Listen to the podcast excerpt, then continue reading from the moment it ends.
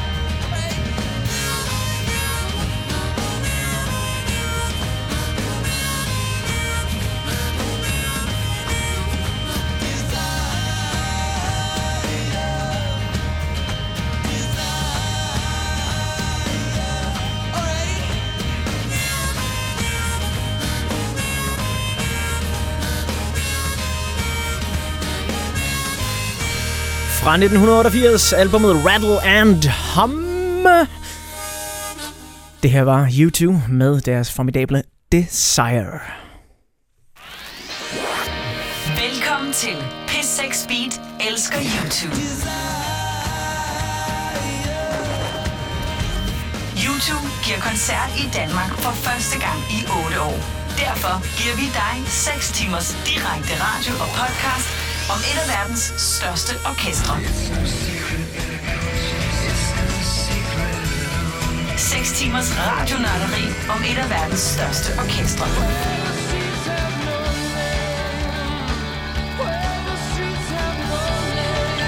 Velkommen til P6 Beat elsker YouTube.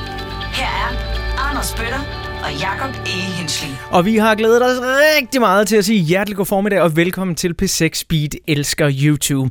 Mit navn det er Anders Bøtter, og min medvært i de næste 6 timer, det er P6 Speed kollega Jakob E. Hensley.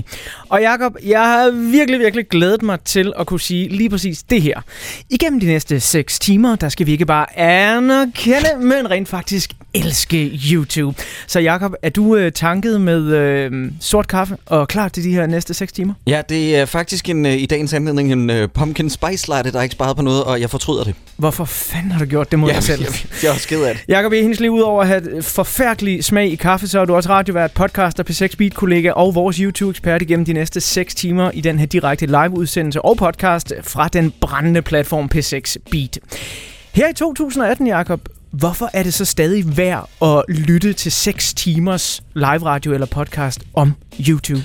Og der er rigtig mange årsager. Jeg kan ikke kondensere det ned til et svar, men hvis jeg skal prøve med en pistol mod Henningen, Bøtter, mm. så kan jeg fortælle dig, at det er simpelthen fordi, at uh, YouTube er stadig et af verdens største bands, og vi skal for helvede bevare rocken. Vi skal huske at hylde rocken, og vi skal huske at tage ind og se rocken, når et af verdens største orkester kommer forbi Danmark, og det gør de faktisk ikke bare en, men to gange i den her weekend. Og så synes jeg også, at det er værd at bemærke, at det jo faktisk er et aktivt band, der laver stadig, mener jeg i min optik, du er velkommen til at være uenig, mm. stadig laver musik af ret høj kvalitet.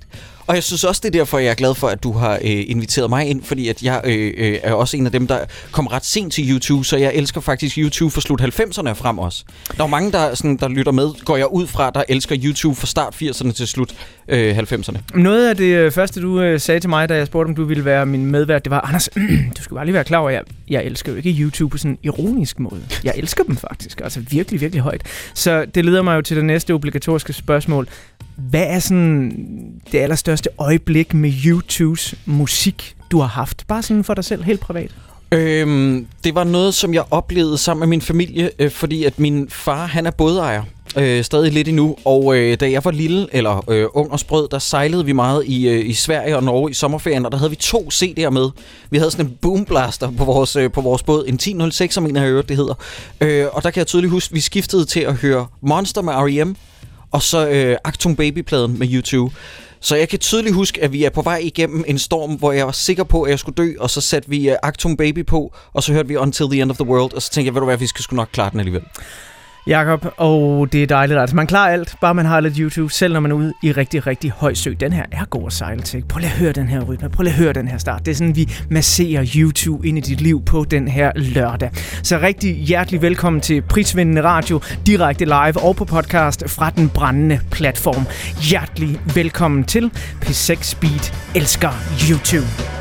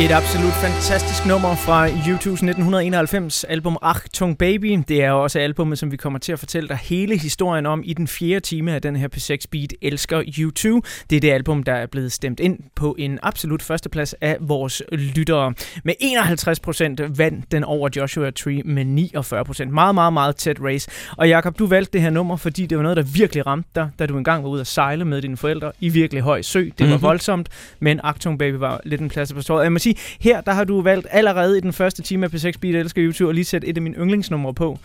Jeg ved ikke, hvor mange gange jeg som teenager har prøvet at øh, tage mig sammen til at få tatoveret en linje som Waves of regret and waves of joy. I reached out for the one I tried to destroy. Ja, men det er jo bibelsk. Det er så fedt skrevet, altså. Og apropos det der med at øh, være teenager og stemme på album, stemme på sange, så vil vi gerne høre dine minder om YouTube. Dem øh, skal du levere til os på p6beatsnabelag.dr.dk, eller også skal du bruge de sociale medier, hvor hashtagget det er p6beat elsker i et ord. Du kan også skrive en sms ind. Den sender du til 1212, så skriver du på 6 et mellemrum og din YouTube-historie. Det gælder også, hvis du vil stemme på vores lytterbestemte YouTube Top 10, som vi tager i den sidste time af P6 Beat Elsker YouTube. Og jeg skal huske at sige, at alle, som øh, får læst en historie op, alle, som skriver ind hertil, de er med i lodtrækningen om tre vinyler. Nej, fire vinyler er det. War, det er Achtung Baby, det er Joshua Tree, og så er det det nyeste album, Songs of Experience, på sådan noget rigtig lækker 180 grams. Oha. Ja, det er dejligt, ikke? Altså, ude på øhm, Twitter, der har Hans Peter allerede meldt ind. Han skriver, kaffe, check. Ungerne ud af huset, check. Konen væk, check.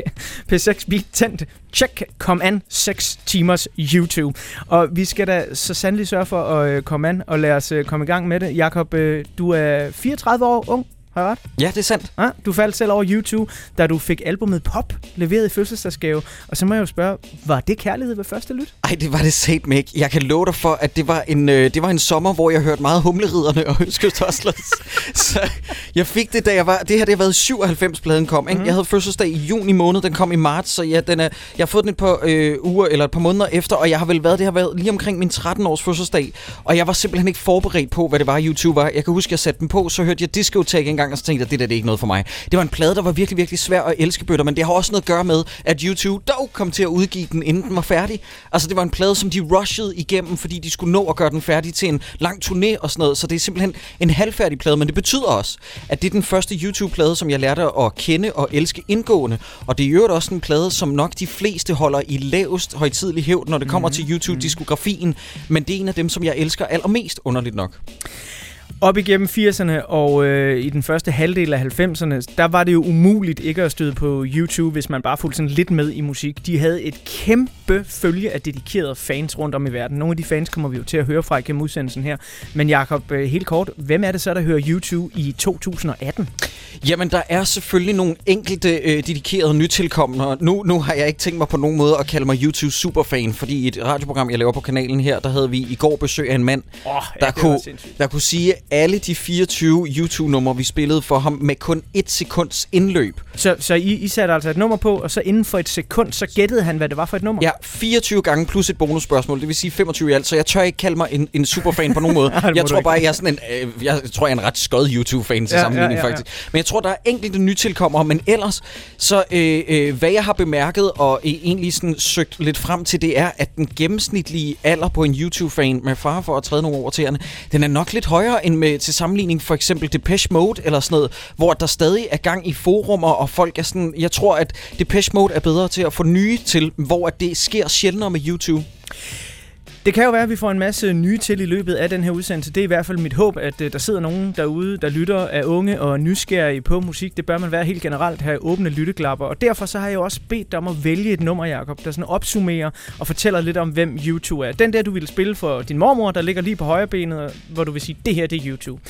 Du har valgt, synes jeg, ikke at nummeret er lidt sjovt. I Will Follow. Det, er, det er meget, meget fint, men du har valgt liveudgaven for Under a Blood Red Sky. Hvorfor lige den? Ja, og det synes jeg faktisk også er en del af vores public service kontrakt med det her, øh, det her program det er, at vi skal overbevise folk om, at U2, de måske ikke stadig er super cool. Det kan jeg godt forstå, hvis der er nogen, der vil mene, de ikke er. Men at U2 var på et tidspunkt det cooleste goddamn band i verden. Mm. Og det kommer især til udtryk på et live-album som Under a Blood Red Sky. Og jeg har valgt, at vi skal høre I Will Follow. Og det er også meget passende at spille det for ens mormor, fordi det er jo faktisk sådan lidt et øh, nummer, der er skrevet af Bono til sin afdøde mor på det her tidspunkt.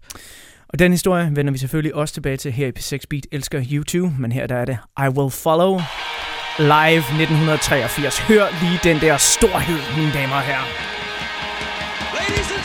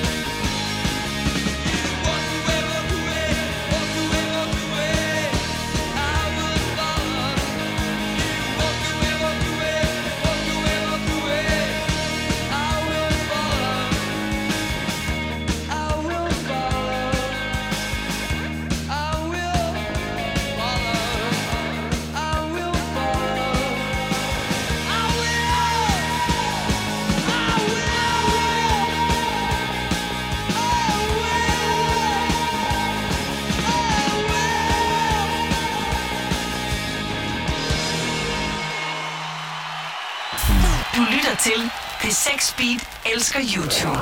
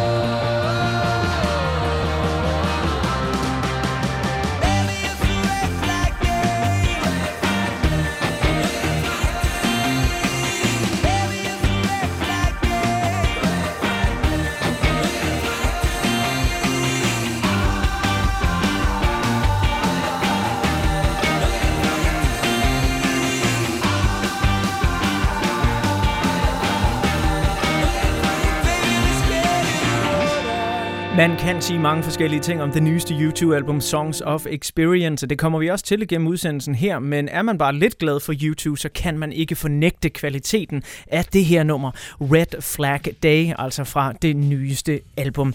Du lytter til P6 Beat Elsker YouTube. Det her det er 6 timer om det lille irske band, som startede med at spille koncerter på lokale irske pops, men hurtigt krævede verdensherredømme og endte med at blive alle tiders verdens største orkester. Vi fortæller alle de bedste, de mest interessante og de sjoveste historier om YouTube her i 2018. Udover at vi i albumteamen fortæller hele historien om mesterværket Achtung Baby fra 1991, så bliver udsendelsen her også gæstet af blandt andet komikeren Geo, som har været glødende YouTube-fan det meste af hans liv. Vi skal også dissekere lyden af YouTube, når gitarristen Søren Andersen og filmlyddesigneren Peter Albrechtsen forklarer præcis, hvad det er, der gør, at YouTube lyder, som de nu gør, igennem deres meget forskellige perioder. Og så skal du høre en helt unik optagelse af YouTubes første indendørs koncert i Danmark, som fandt sted i Falconersalen i København i 1982. Du skal høre den første gang Sunday Bloody Sunday nogensinde bliver spillet på dansk grund. Sidst men ikke mindst, så slutter vi jo af med jeres YouTube Top 10 i den sidste time af den her liveudsendelse og podcast. Vil du gerne stemme på Top 10, så sender du en sms til 1212. Du laver et mellemrum, skriver P6, og så de tre numre, du gerne vil have ind på Top 10. Du kan også sende din stemme til p6beatsnabelag.dr.dk eller også inde på Facebook, der er det allerøverste opslag, vores YouTube Top 10. Alle, der skriver ind, enten med historier eller stemmer på Top, top 10, er med i en vinyl lodtrækning, hvor blandt andet det nyeste album er på højkant sammen med Achtung Baby og Joshua Tree og War. Men altså senere, der skal du som sagt høre fra komikeren Geo, som har været glødende YouTube-fan igennem livet. Geo han blev blandt andet bedt om at vælge sit favoritnummer med YouTube.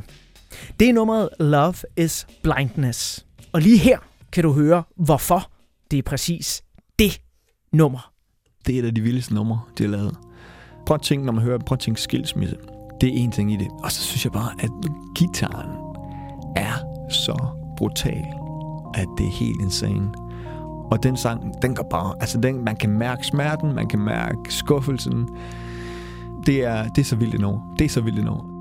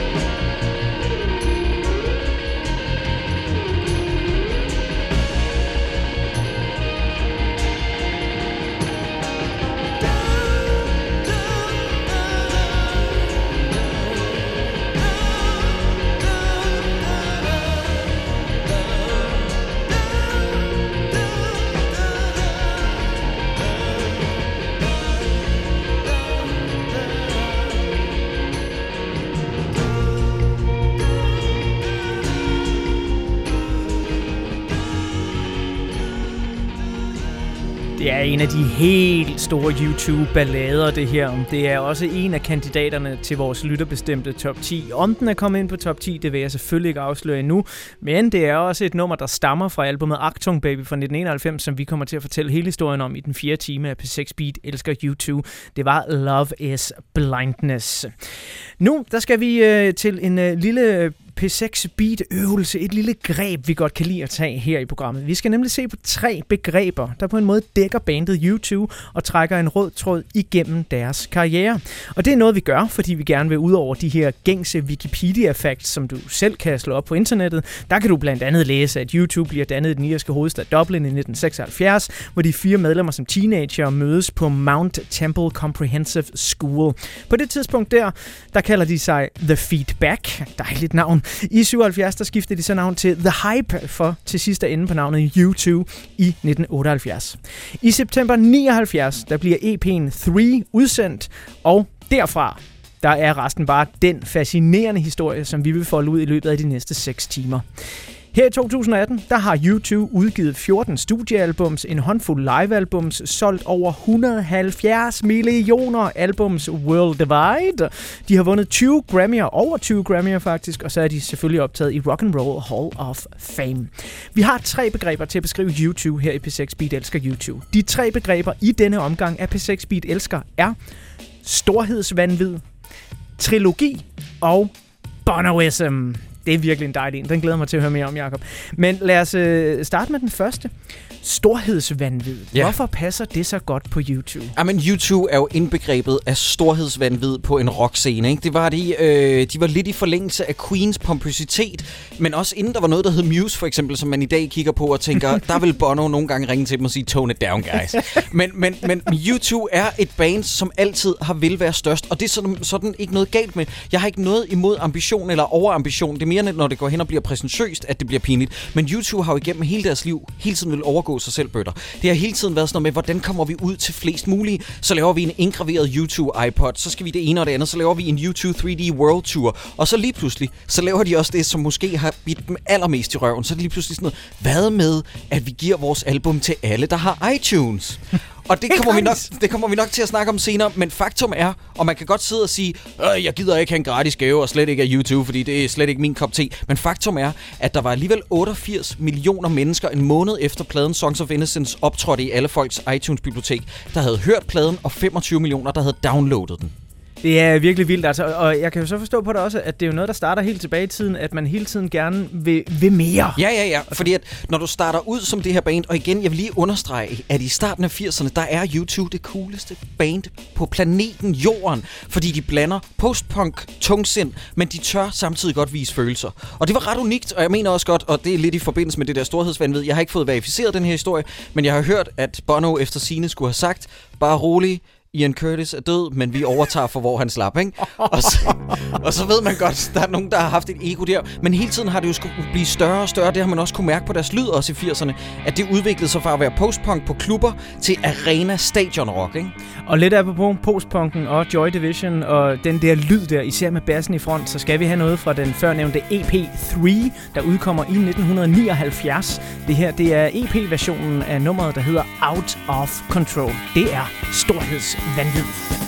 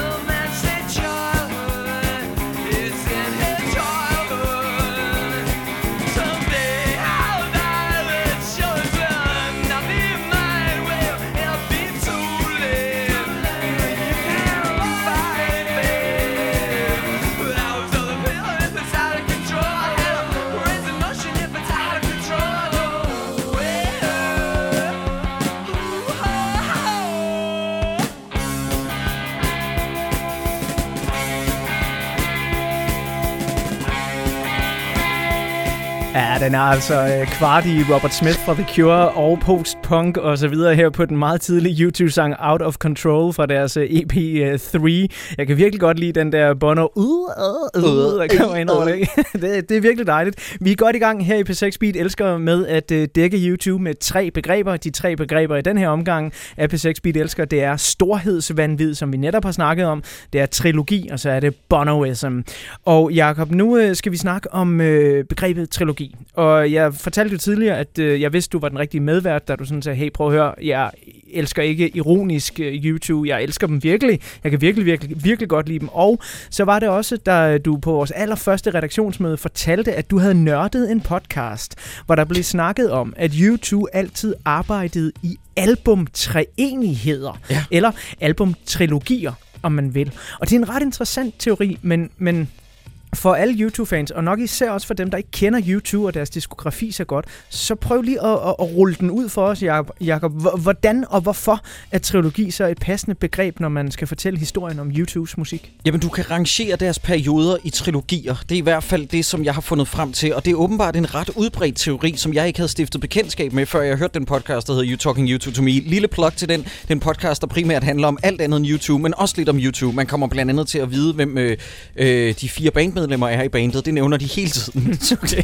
Så når man er færdig med det, så er man i hvert fald klar over det. Men hvis vi lige skal starte helt fra starten af, gå tilbage til 1980 til deres spæde start, ikke? der kan man kalde den for, øh, og nu kommer du til at grine, fordi jeg har kaldt de øh, perioderne noget forskelligt, og det er nogle rigtig dumme navne.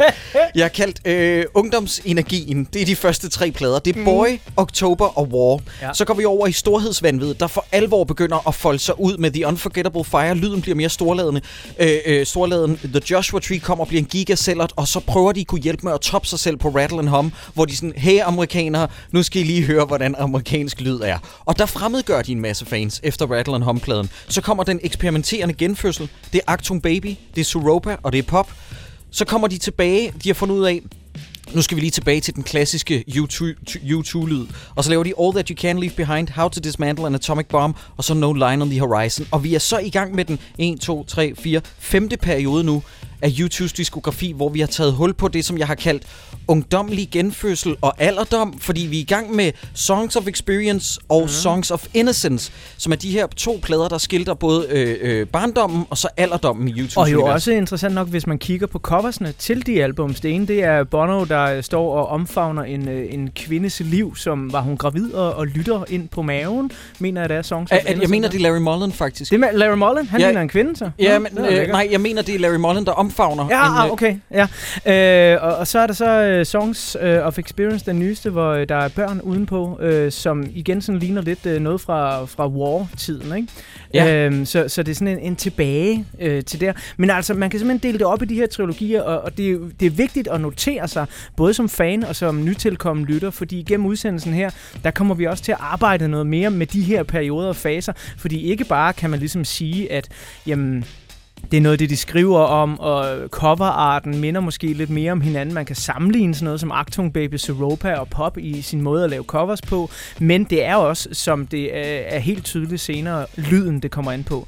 Men helt kort, Jacob, hvis man så er YouTube-fan, hvis ja. man nu hoppede på allerede ved Oktober eller Boy eller et eller andet, har det så ikke været mega svært for de her fans at holde ved deres fanskab og deres begejstring, når, når bandet sådan cirka hver kvartal siger, nu gider vi sgu ikke lyde sådan her mere? Jo, men jeg tror også, at der er nogen, som er på i starten af storhedsvanvidsperioden med Unforgettable Fire, og så simpelthen kaster håndklædet i ringen, når det når til Rattle and Hum, hvor at igen, prøv at høre, vi elsker YouTube i det her program, men jeg kan godt se, hvorfor folk får lidt for meget Bono, når han laver en fortsættelse til en John Lennon-sang, som han gør på det album, mm. hvor han laver God Part 2, ikke? hvor det er sådan, hey John Lennon, jeg overtager lige for, hvor du slap. Ikke? Jeg kan godt forstå, at der er nogen, og så tror jeg, at folk hægter sig på igen, fordi det er jo en karriere, der sp- altså, øh, spinner over fire årtier mindst indtil videre. Ja. Senere i øh, udsendelsen her, der skal øh, du høre fra filmlyddesigneren Peter Albrechtsen. Han elsker også YouTube og er meget inspireret af deres lyd, så han går jo især meget op i, hvordan de lyder på de her meget forskelligt lydende albums i de forskellige trilogiperioder. Og her skal du lige kort høre Peter Albrechtsen forklare, hvordan Bono meget bevidst valgte, at han ville have en helt ny lyd til YouTube, dengang i 1984, da albumet The Unforgettable Fire skulle indspilles. Og det var især producerne Brian Eno og Daniel Lanois fortjeneste, at det album kom til at lyde, som det nu gjorde. Brian Eno og Daniel Lanois revolutionerede simpelthen lyden af YouTube. Og øh, Brian Eno har fortalt, at da de skulle lave deres første plade sammen, øh, The Unforgettable Fire, så øh, kontaktede de Brian Eno til at starte med. Og så øh, sagde han, øh, jeg laver ikke rockmusik. I kommer til at lyde helt anderledes. Hvor til Bono svarede, det er det, vi gerne vil. Vi vil gerne lyde helt anderledes.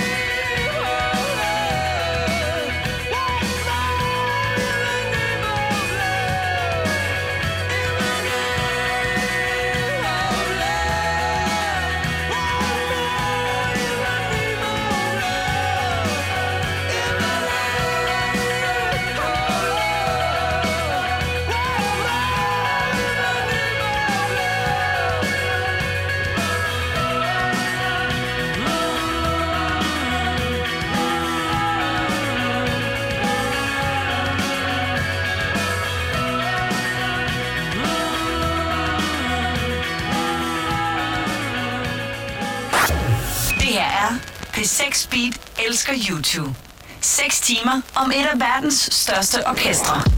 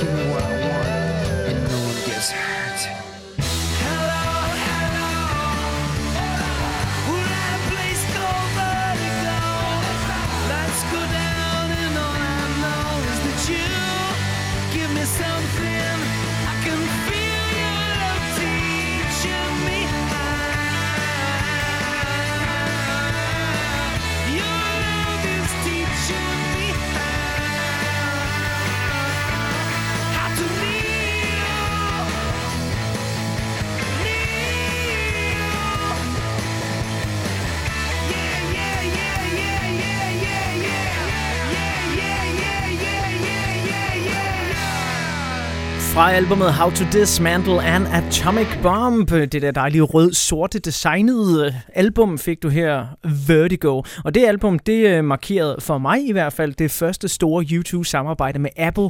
Det gav mig nemlig min allerførste iPod. Ikke iPhone, iPod. Det var en aluminiumsting, tung som en halv mursten, men virkelig, virkelig lækker. Man følte, man havde et øh, B&O-produkt i hånden. Bagpå, der var den autograferet, signeret af YouTube, og så hed den simpelthen Apple YouTube Special iPod, og med den, der fulgte sådan en øh, lille øh, ting, man kunne gå ind på internettet, iTunes Store, og så kunne man købe YouTube samlede værker til meget rabatpris, hvilket jeg jo selvfølgelig gjorde, ikke? Ja, det er klart. Det var altså et lækkert produkt. Jeg ville så gerne have haft den. Jeg var dødsjaloux. Ja. Jeg havde ingen penge dengang. Jeg var fattig, fattig, fattig.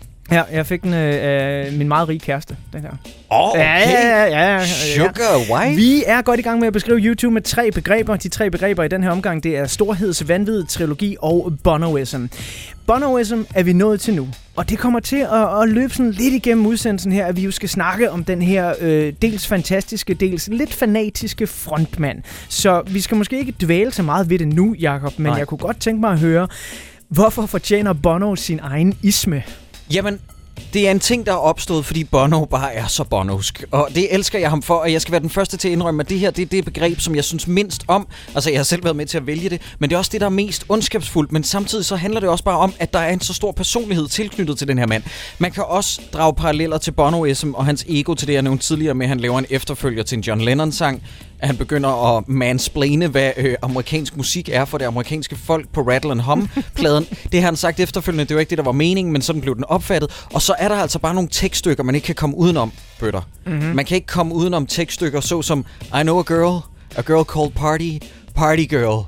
Altså, og så er der også titlen øh, Grace, hvor han synger Grace, it's the name of the girl of a girl, hvor der nogle gange er nogle tekster, som er så Jo. Ja, bunden naive Ja. og klæbrige og sentimentale, hvor der ikke er nogen undskyldning for det. Og prøv at høre, YouTube er også rigtig gode, når de er sentimentale. Altså, du kan ikke øh, lave one uden at være sentimental. Og for helvede, hvor det svinger der. Men nogle gange bliver det bare for meget. Og det er en bonoism.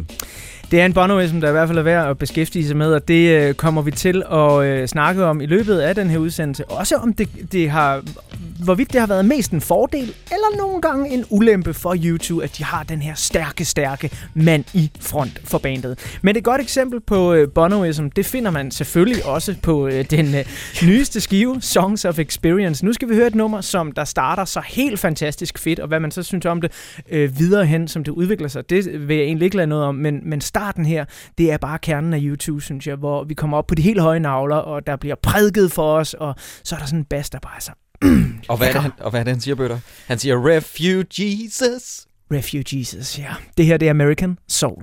Blessed are the bullies, for one day they will have to stand up to themselves. Blessed are the liars, for the truth can be awkward.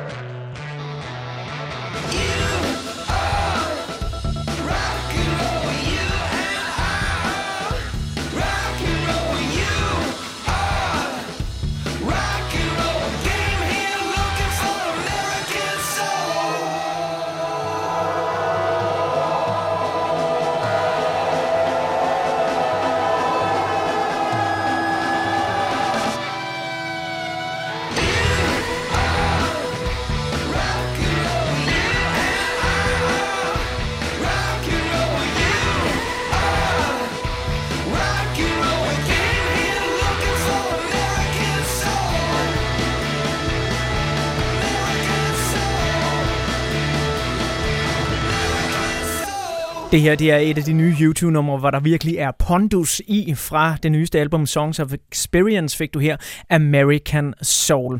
Vi fortsætter vores snak om YouTube, om Bono, om Irland, om den samtid, de voksede op i, og beskriver også resten af bandmedlemmerne og lyden af YouTube i den næste time af P6 Beat elsker YouTube. Og vi skal jo også huske at sige, når vi øh, laver et begreb som Bonoism, så er det ikke for at pille YouTubes frontmand ned. Nej, det er vældig kærligt ment, og vi vil gerne melde andet om, at altså uden Bono, ingen YouTube. Manden, han har skrevet nogle af de bedste sange, som du kommer til at høre i løbet af de her resterende 5 timer af P6 Speed elsker YouTube. Vi har også fået rigtig mange dejlige lytterbeskeder ud på de sociale medier, og en sms fra Emil på 16. Emil skriver, kære Anders og Jakob, tusind tak for den her P6 Speed udsendelse. Nu kom den endelig, og så på det helt rigtige tidspunkt. I aften bliver min første YouTube-koncert. Jeg er blevet fortalt, at jeg har siddet to år gammel og scrollet med på Beautiful Day. Siden da har YouTube ligget dybt i mig, og endelig, endelig skal de opleves live. De varmeste hilsner fra Emil på 16. Tusind tak for den besked, Emil. P6 Speed elsker YouTube.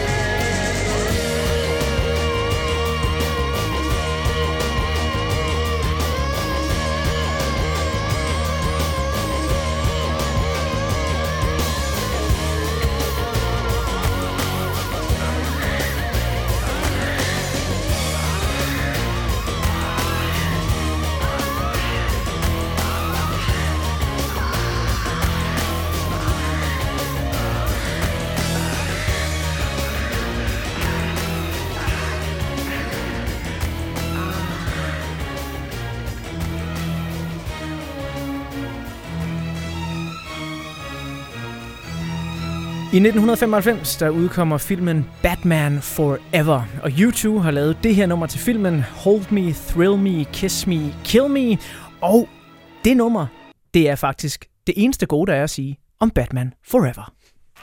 Du lytter til P6 Speed elsker YouTube.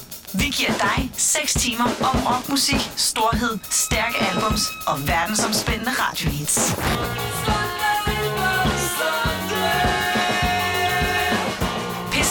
P6 elsker YouTube. Mærk lyden.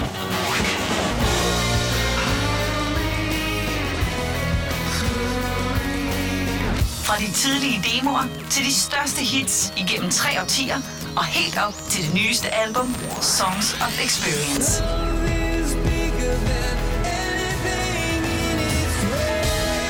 Seks timers direkte live radio om U2.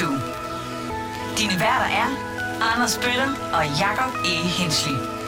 Og vi står klar til at levere mere P6 Beat elsker YouTube til dig. Rigtig hjertelig velkommen til, hvis du lige er steget på radioen her. Er du gået glip af noget, så kan programmet her også podcastes umiddelbart efter vi er færdige med at sende. Den finder du på dr.dk-podcast, og så skriver du bare P6 Beat elsker YouTube.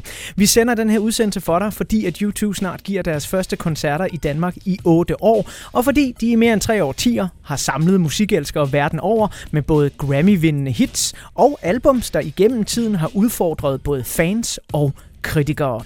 I løbet af udsendelsen her, der kommer du til at høre fra forskellige fans, blandt andet komikeren Geo, og så skal vi også høre fra dig. Det er meget vigtigt.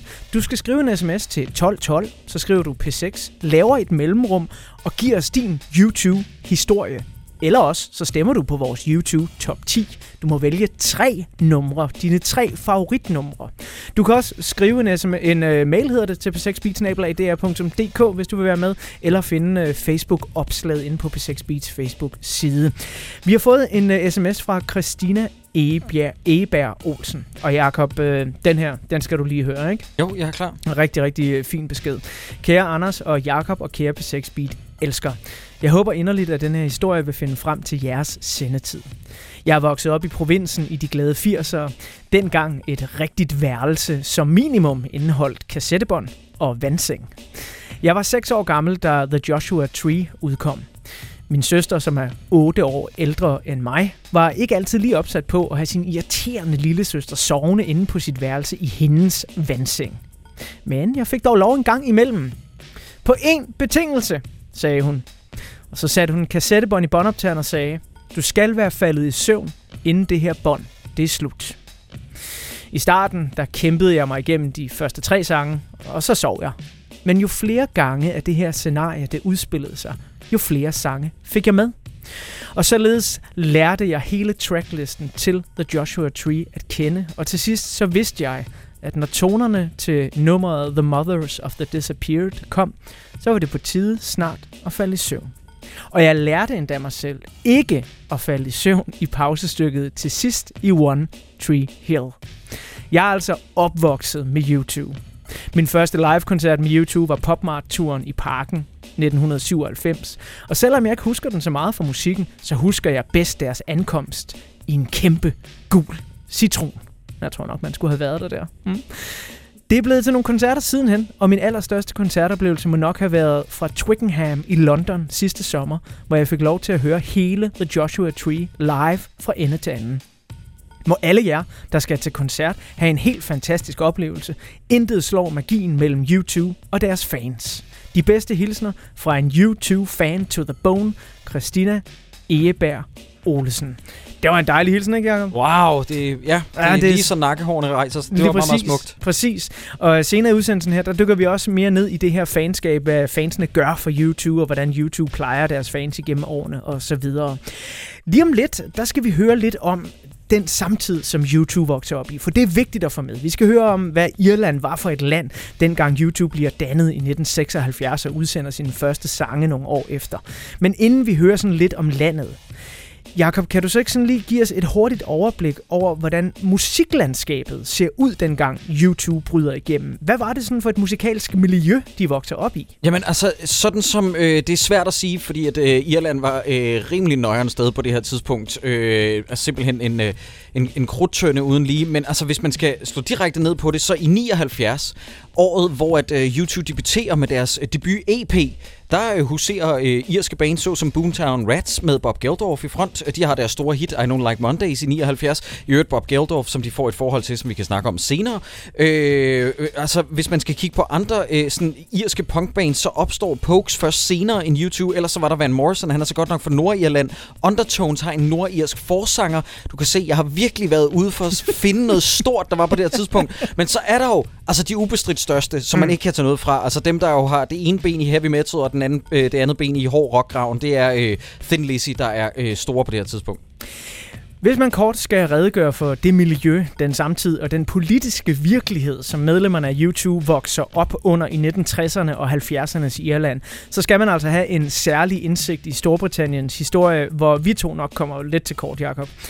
Derfor så har jeg tidligere i dag ringet op til DR's udenlandskorrespondent i Storbritannien, Kim Bilsø Lassen. Og han vil her fortælle kort om det Irland, U2 blev dannet i tilbage i 1976. Og jeg startede med at spørge Kim Bilsø Lassen. Medlemmerne af U2 vokser op i 1960'erne og 70'erne. Hvad er det for en tid for Irland? Det var jo et, et, et tid, hvor Irland var et land, som var udfordret på alle mulige måder. Altså økonomien gik ikke særlig godt. Øh, man kaldte det faktisk Europas syge mand. Landet var elendigt ledet.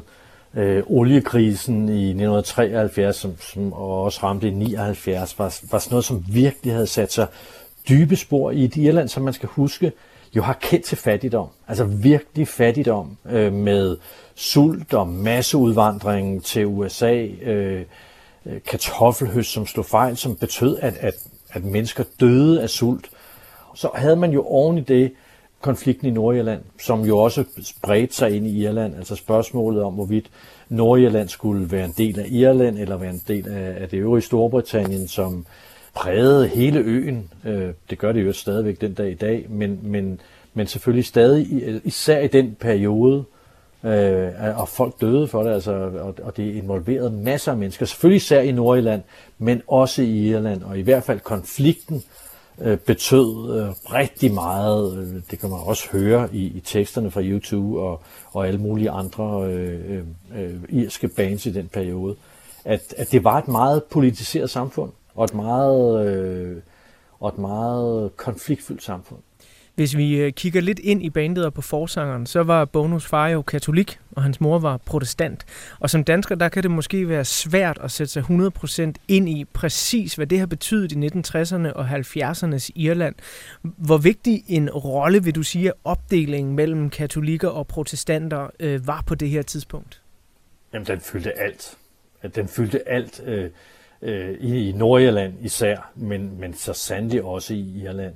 Altså den dag i dag, hvis du er i, i Nordirland, i, i Belfast, så børn, som er, er af det samme, altså det man kalder blandet ægteskab hvor, i Irland, altså hvor en er katolik, øh, en af forældrene er katolik, en anden protestant, er stadigvæk sådan, at det er en, en, en enorm udfordring. Der er vist stadig i byen, man ikke går hen.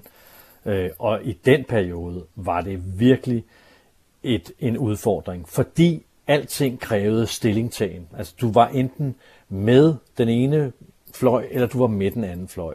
Og dem, der befandt sig inde i midten, havde det virkelig, virkelig vanskeligt, fordi jamen, alle krævede på en eller anden måde, at du tog stilling i den konflikt.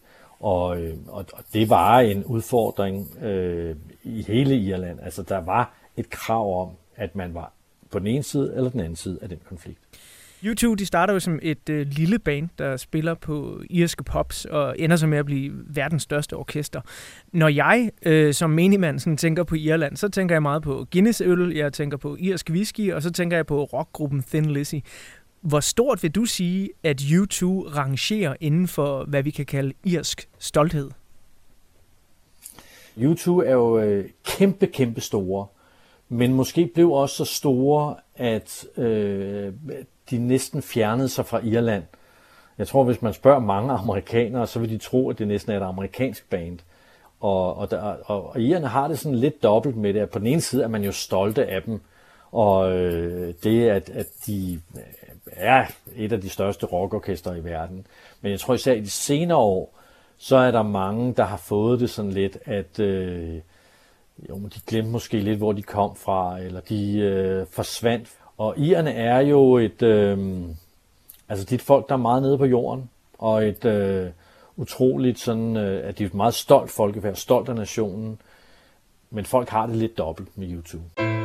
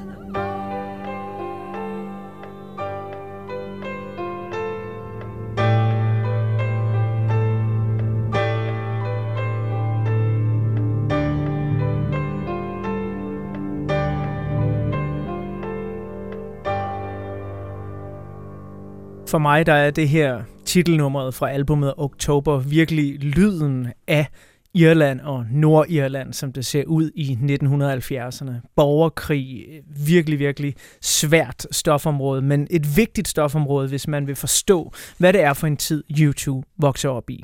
Vi har jo nævnt tidligere, at øh, de fire bandmedlemmer i U2, de mødes i 1976 på deres daværende skole, og de har holdt sammen siden 1976. Det er ikke mange bands, der kan sige, at de ikke har haft nogen udskiftninger overhovedet.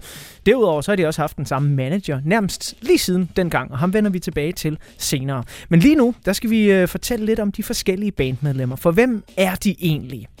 Vi starter helt bagerst på scenen. Manden, der spiller trommer, han hedder Larry Mullen Jr. Jakob, hvad er han for en øh, type? Jamen, han er en øh, ung og sprudlende type, der gerne vil være med i et cool band, og så ser han lige pludselig på, øh, på gangene og i lokalmiljøet, så ser han den cooleste type, han nogensinde har set. Og den mand er Adam Clayton, der render rundt med en kæmpe, stor, øh, hvad hedder sådan noget, øh, et stort krøllet, øh, lyst blond manke, faktisk. Det er jo ham, der bliver bassisten i YouTube senere hen. Jeg, Ja. jeg havde troet det, at du ville sige, det var Bono, han Nej, så. nej, nej han, okay. øh, han bliver helt vild i det, han ser, øh, i det, han ser Adam Clayton og tænker, jeg skal være i band med ham der, og så gik det jo hverken værre eller bedre, end det skete i sidste ende, men han sætter jo han sætter til at begynde med faktisk bare en bandindkaldelse op, fordi han gerne vil lave et band, og det skal starte som et coverband, og de finder hurtigt ud af, at de spiller ikke engang godt nok.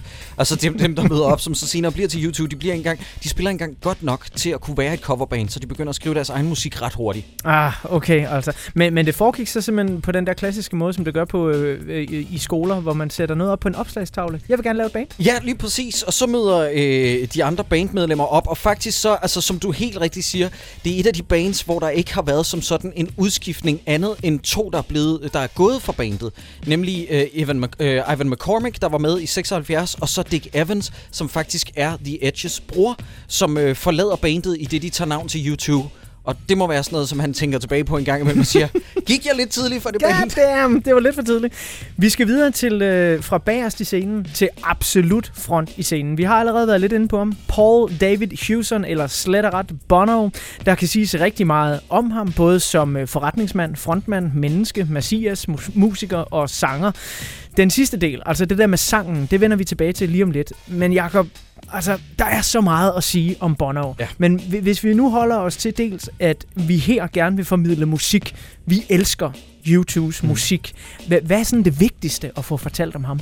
Det vigtigste er, at han er i virkeligheden, og det kan man aldrig tage fra ham, øh, dybt passioneret. Han er jo en mand, som har lagt enten sin vrede, når det kommer til det politiske klima, som Irland er i, til verdensfreden, til hungersnød, til AIDS. Han har hele tiden lagt sin energi i at gøre verden til et bedre sted.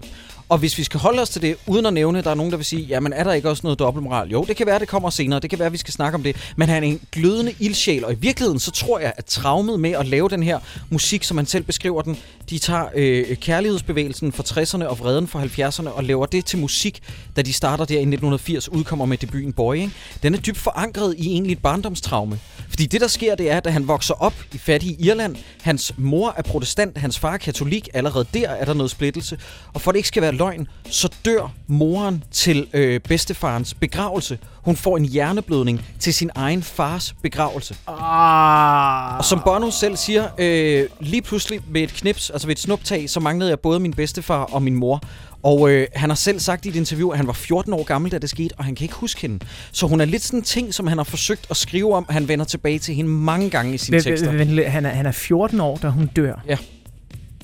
Og de er til bedstefars begravelse. Ja. Og Bono kan stadig den dag i dag ikke huske sin egen mor. Nej, han siger selv, at han har virkelig, virkelig svært ved at huske hende, selvom altså, det må være så dybt traumatiserende. Ikke? Nærmest noget, der har sat sig i kroppen. Mm. Senere i den her udsendelse, der øh, vender vi blandt andet tilbage til nogle af de velgørenhedsprojekter, du nævnte, Jakob, som øh, YouTube og jo i særdeleshed Bono har stået for verden over. Og så har vi også et øh, punkt på dagsordenen øh, i øh, vores næstsidste team, der simpelthen hedder, der hedder Jakob hader, Bono hader. Øh, den glæder jeg mig meget til at folde ud. Men for mange mennesker, så er Bono jo først og fremmest sanger. Og Bonos vokal, den kan altså lidt af hvert, men alligevel så har den sådan nogle ret specifikke karakteristika. Den anden dag, der havde P6 Beat-programmet Musiktjenesten, hvor du er vært sammen med Rune, Jakob. I havde besøg af sangcoachen Kåre Tøresen. Ja.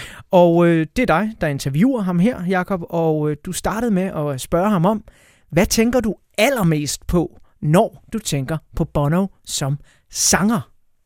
Jeg vil sige, måske er det primært udtrykket, jeg tænker på, når jeg tænker på Bono. Han er øh, ekstremt ud, udtryksfuld. Ja. Altid i mange facetteret. Øh, har enormt meget dynamik, leger med effekter.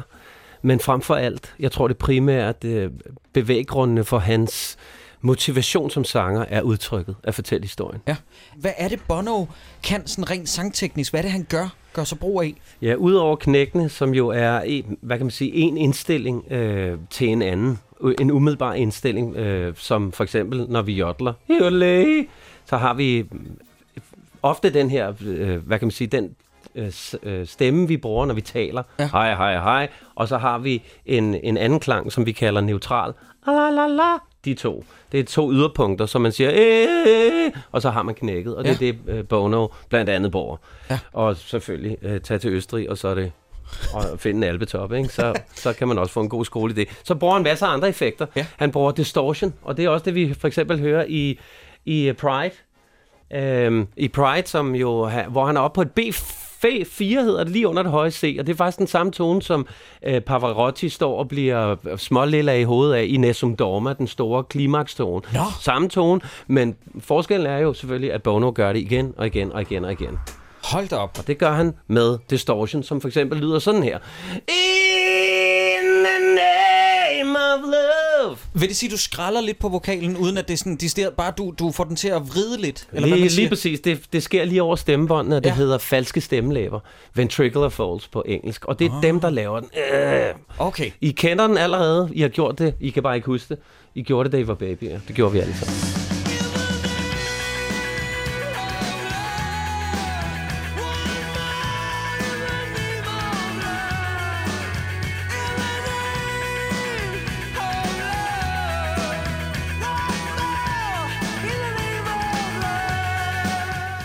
Altså, jeg ved godt, at jeg er totalt partisk her, fordi jeg er kæmpe fan af YouTube, og især i den her periode, og jeg synes jo, det lyder mesterligt. Jeg synes om muligt, nogle gange han lyder endnu bedre live. Hvordan vil du beskrive Bonos øh, sangstemme på det her tidspunkt i YouTubes historik? Øhm, den, er, den er meget præget, vil jeg sige, af, af live-erfaringen, som han allerede og YouTube allerede har opbygget på, det, Ja. ja. på daværende tidspunkt. De har jo turneret enormt meget, og, og forskellen fra, fra dengang til i dag, det er jo også, at der er nogle medhørsforhold, der har ændret sig. Og det kan man høre i trenden i dag, når folk synger, at det er, der, det, der er blevet fremelsket en eller anden lidt mere tilbageholdt, mindre voluminøs lyd, eller Bruno Mars eller sådan noget. Ja, ja. Her, den her gang, er du nødt til, som sanger, at kunne fyre den af. Ja. Så frem for alt det, jeg hører her, det er, øh, du vil ikke stå lige foran ham, når han fyrer øh, omkvædet her. Vil man ikke det? Det tror jeg ikke, for jeg tror, at øh, man, vil, man vil få selskab af nogle hyldetoner for et lille stykke tid. Ja, okay. Der er knald på.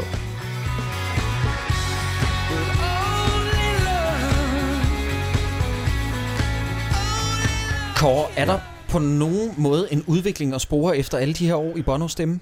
Puh, det er jo svært at sidde og spå om, eller, eller gisne om. Altså, det, det er klart, der er en udvikling. Han er mere sikker. Ja, Men jeg synes, det overordnede øh, element, som jeg forbinder øh, Bono med, som er det stærke udtryk, er ikke forsvundet. Og sangteknisk, så har han igen, man hører det igen i dynamikken. Only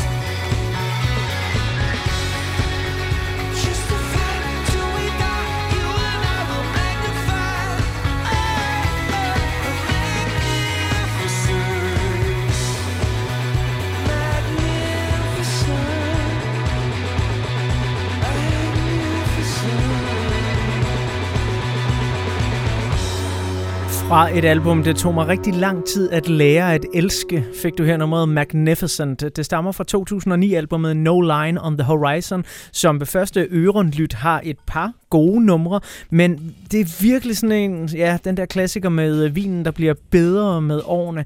Jeg tog den til mig igen her i løbet af den her uge, hvor vi har lavet research til P6 Beat Elsker YouTube. Og det er nok sådan lige omkring en 8-9 år siden, jeg har hørt den sidst. Og jeg vil sige, den, den vinder virkelig. Især de sidste numre, som er sådan nogle meget stille ballader. Wow, hvor er de flotte, Ja, altså. det er sjovt, fordi det er jo faktisk et album, som Larry Mullen Jr., som vi snakkede om for et øjeblik siden, ikke er særlig tilfreds med. Han har været ude for et par år siden og sige, at det var en lorteplade at lave. Det var ikke sjovt. Bandet havde det ikke godt. Men det er sådan en plade. Det er lidt sådan noget vokserock, ikke? Ja. Jeg synes, den var sådan, jeg synes, den var alt for... Jeg Jeg synes, ikke er at forveksle med voksenrock. Nej, nej, nej, lige præcis. Men det er sådan noget, som man vender tilbage til, og så finder ud af, at der er nogle gode her. Der er nogle Mm. steder, hvor der er sådan lidt referencer til Sonic Youth, og så afslutningsnummeret. Jeg mener, det er Cedars of Lebanon. Det er pissegodt. Ja, vildt godt. Vi er i gang med øh, en beskrivelse af de forskellige fire bandmedlemmer i YouTube her i P6 Beat Elsker YouTube. Er du gået glip af noget? Det er DK-podcast. Der kan hele den her udsendelse podcastes umiddelbart efter vi er færdige. Vi skal øh, lande ned midt på øh, koncertscenen lige nu og kigge på bassisten. Adam Charles Clayton. Manden med den ungdomlige hårpragt, i hvert fald i de tidlige år. Ikke? Hvad er han for en fyr? Jamen, han er, tro det eller ej, når man kigger på sådan et billede, ikke? jeg glemmer aldrig en billedtekst, hvor man ser de unge YouTube i et øh, Q-magazine, jeg var lille, og så står der bare sådan helt sarkastisk nede i bunden, tro det eller ej, men ham fyren med brillerne, altså Adam Clayton, endte med at gifte sig med Naomi Campbell. Og man Modellen. Også, modellen, ja. Supermodellen. Hvor man sidder og tænker, what? Og der tænkte jeg i mine unge år, jeg skal være musiker, jeg skal være bassist, hvad som helst er bedre end det, jeg laver lige nu. Adam Clayton er, tro det eller ej, når man ser bandfotos, han er bad boyen i bandet. Det er så mærkeligt, det er ham, der har været øh, på kant med loven flere gange, fragtet marijuana er blevet taget for spritkørsel, og jeg ved ikke hvad. Han er i virkeligheden, han har også været den bøtter, som har været tættest på at forlade bandet op til flere gange. Uff. Ja, han har fået sig en heart-to-heart med Bono af flere omgange. Det var blandt andet fordi, at da de blev born again Christians, øh, da de fandt troen og Jesus, der var Adam Clayton det er ikke noget for mig, det her. Nej. Og han har været på vej væk flere gange, men han er, øh, altså, han er jo, øh, udover at være pisse cool bassist, så er han også sådan lidt den der rigtige rock and rolleren, der er i Han bandet. er, han er lidt YouTubes Keith Richards, ikke? Det er han, tro det eller ej, for man tror det ikke, når man ser et billede af dem. Nej. Vi skal øh, videre i øh, de her bandmedlemmer. Nu er vi jo nået til, øh, hvad skal vi sige, ja, det som nogle fans måske vil mene, at øh, YouTube, de har nærmest to frontmænd. Ja. Der er sangeren Bono, og så er der gitarristen David Howell Evans, eller iblandt venner, slet ret, The Edge. Ja. Hvem er han, og, og lige kort helt først, hvorfor bliver han kaldt The Edge? Jamen, han hedder øh, David Evans, ja, og han hedder The Edge på grund af hagen. Han havde åbenbart et voldsomt kæbeparti, men det sjove er, at kulturen dengang, det skal lige siges, at Bono, og, øh, da de var helt unge, han var en del af øh, et, øh, en bande, der hed The Lipton Village Gang. Mm. Og øh, der var det en del af kulturen at give hinanden ørenavn, øh, øgenavne, og øh, Bono bliver kaldt for øh, Bono, på grund af, at det er en omskrivning af Bono Vox, som er oversat fra latin betyder Guds stemme, og det tog de efter en høreapparatsbutik, der lå i nabolaget. Ja vel ja. Så øh, det er derfor, han hedder The Edge. Man gav hinanden øgenavne dengang, hvis man var i en irsk slem bande. Simpelthen. Vi skal lige om lidt høre fra guitaristen Søren Andersen, som går sådan meget teknisk til værks med, øh, hvordan The Edge han lyder. Men for dig som YouTube-fan, hvad, hvad, hvad betyder han så øh, for dig og YouTubes lyd? Jamen, som du selv siger, der er næsten to frontmænd i det her band. The Edge og Bono er dem, der har absolut mest at skulle have sagt. Man siger det groft set, at der er to frontfigurer i bandet, og så er der maskinrummet. Maskinrummet er Larry og Adam, og så de to frontmænd, det er Edge og Bono. Strengt taget, jeg vil ikke have det, men strengt taget kunne bandet godt fortsætte, hvis bare de to var i bandet. The Edge uh. er, øh, ja ja, men The Edge er en, han er et etmands orkester i sig selv. Han kan lyde så sindssygt med alle sine guitarpedaler og effekter, jeg skal komme efter dig. Og hvis man virkelig skal beskrive en guitarist, så bliver man jo nødt til netop at gå ned i alle de her pedaler og effekter og vide en masse om spillestil og teknik og alt det her giver. Den danske guitarist Søren Andersen, han har spillet med store navne som blandt andet Deep Purple, og så er han lidt af en guitar-nørd. Vores reporter Robert Havsted, han mødtes med Søren Andersen til en snak om The Edge som guitarist. Og Robert han startede med at spørge Søren Andersen om, hvad er det specielle ved The Edge som guitarist? Hvad kan du allerbedst lide ved ham? Hvis man skal sige, at han har en, en, en, en, en ting, eller noget, noget, noget, som jeg altid bare har godt kunne lide ved ham, det er jo ligesom, han, man har altid sig selv med i alt det her elektronik. Altså, du kan altid høre den der mand inde bag ved alt det hele, som er ret fint. Øh, Det der med, at han ikke er bange for gear og forandring. Altså sådan et gear run med, med The Edge på YouTube, ikke? det tager jo 45 minutter, når du skal have det forklaret. Ikke? Men der er jo ikke nogen tilfældigheder. Jeg kan godt lide det der med, at han ligesom perfe- perfektionistiske, lækre, sådan, det er sådan her, det er. Det lyder mærkeligt at sige, for jeg kender ikke manden. Jeg ved ikke, om han har et kæmpe ego, men det virker ikke som om, at hele det der I'm the best guitar player in the world, det interesserer ham ikke. Altså han er, han er med i, i The Beatles her. Ikke? De fire mænd, de har aldrig skiftet nogen ud. Det er, det, det, det, det er for sangene og for helhedens skyld. Og det, jeg tror også, det er derfor, han er så ikonisk. Og det er for eksempel nogle valg, han tager. Altså en, en, en guitar solo i YouTube, det er aldrig, nu siger jeg aldrig, men det er meget sjældent sådan en, det vi kalder en pick rock solo.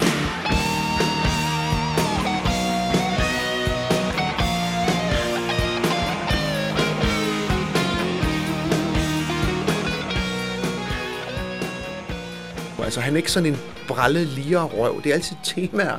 Små temaer eller skematiske ting, han gentager. Øh, øh, det synes jeg er ret charmerende ved ham.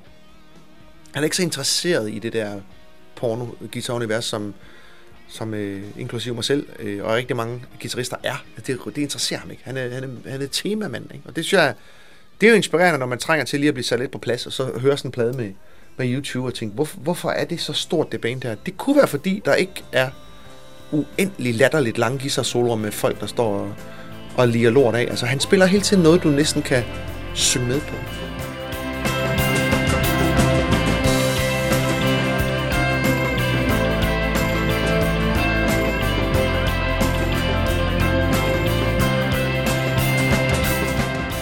Det er som små melodiske øh, øh theme stemme i stedet. det. Synes jeg er fedt.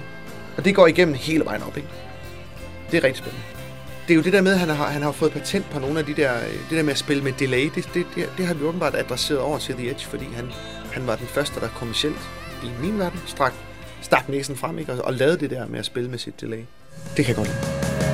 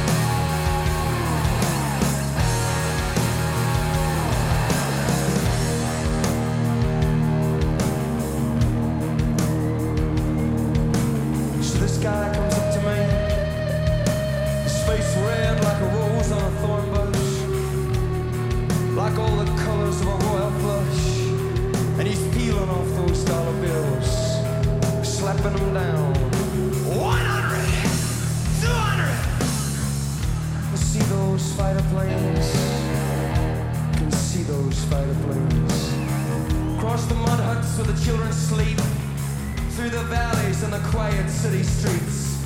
We take the first floor for the first floor. We turn the key and slowly unlock the door. A man breathes into a saxophone. Through the walls, we hear the city groan. Outside, it's America. Outside, it's America.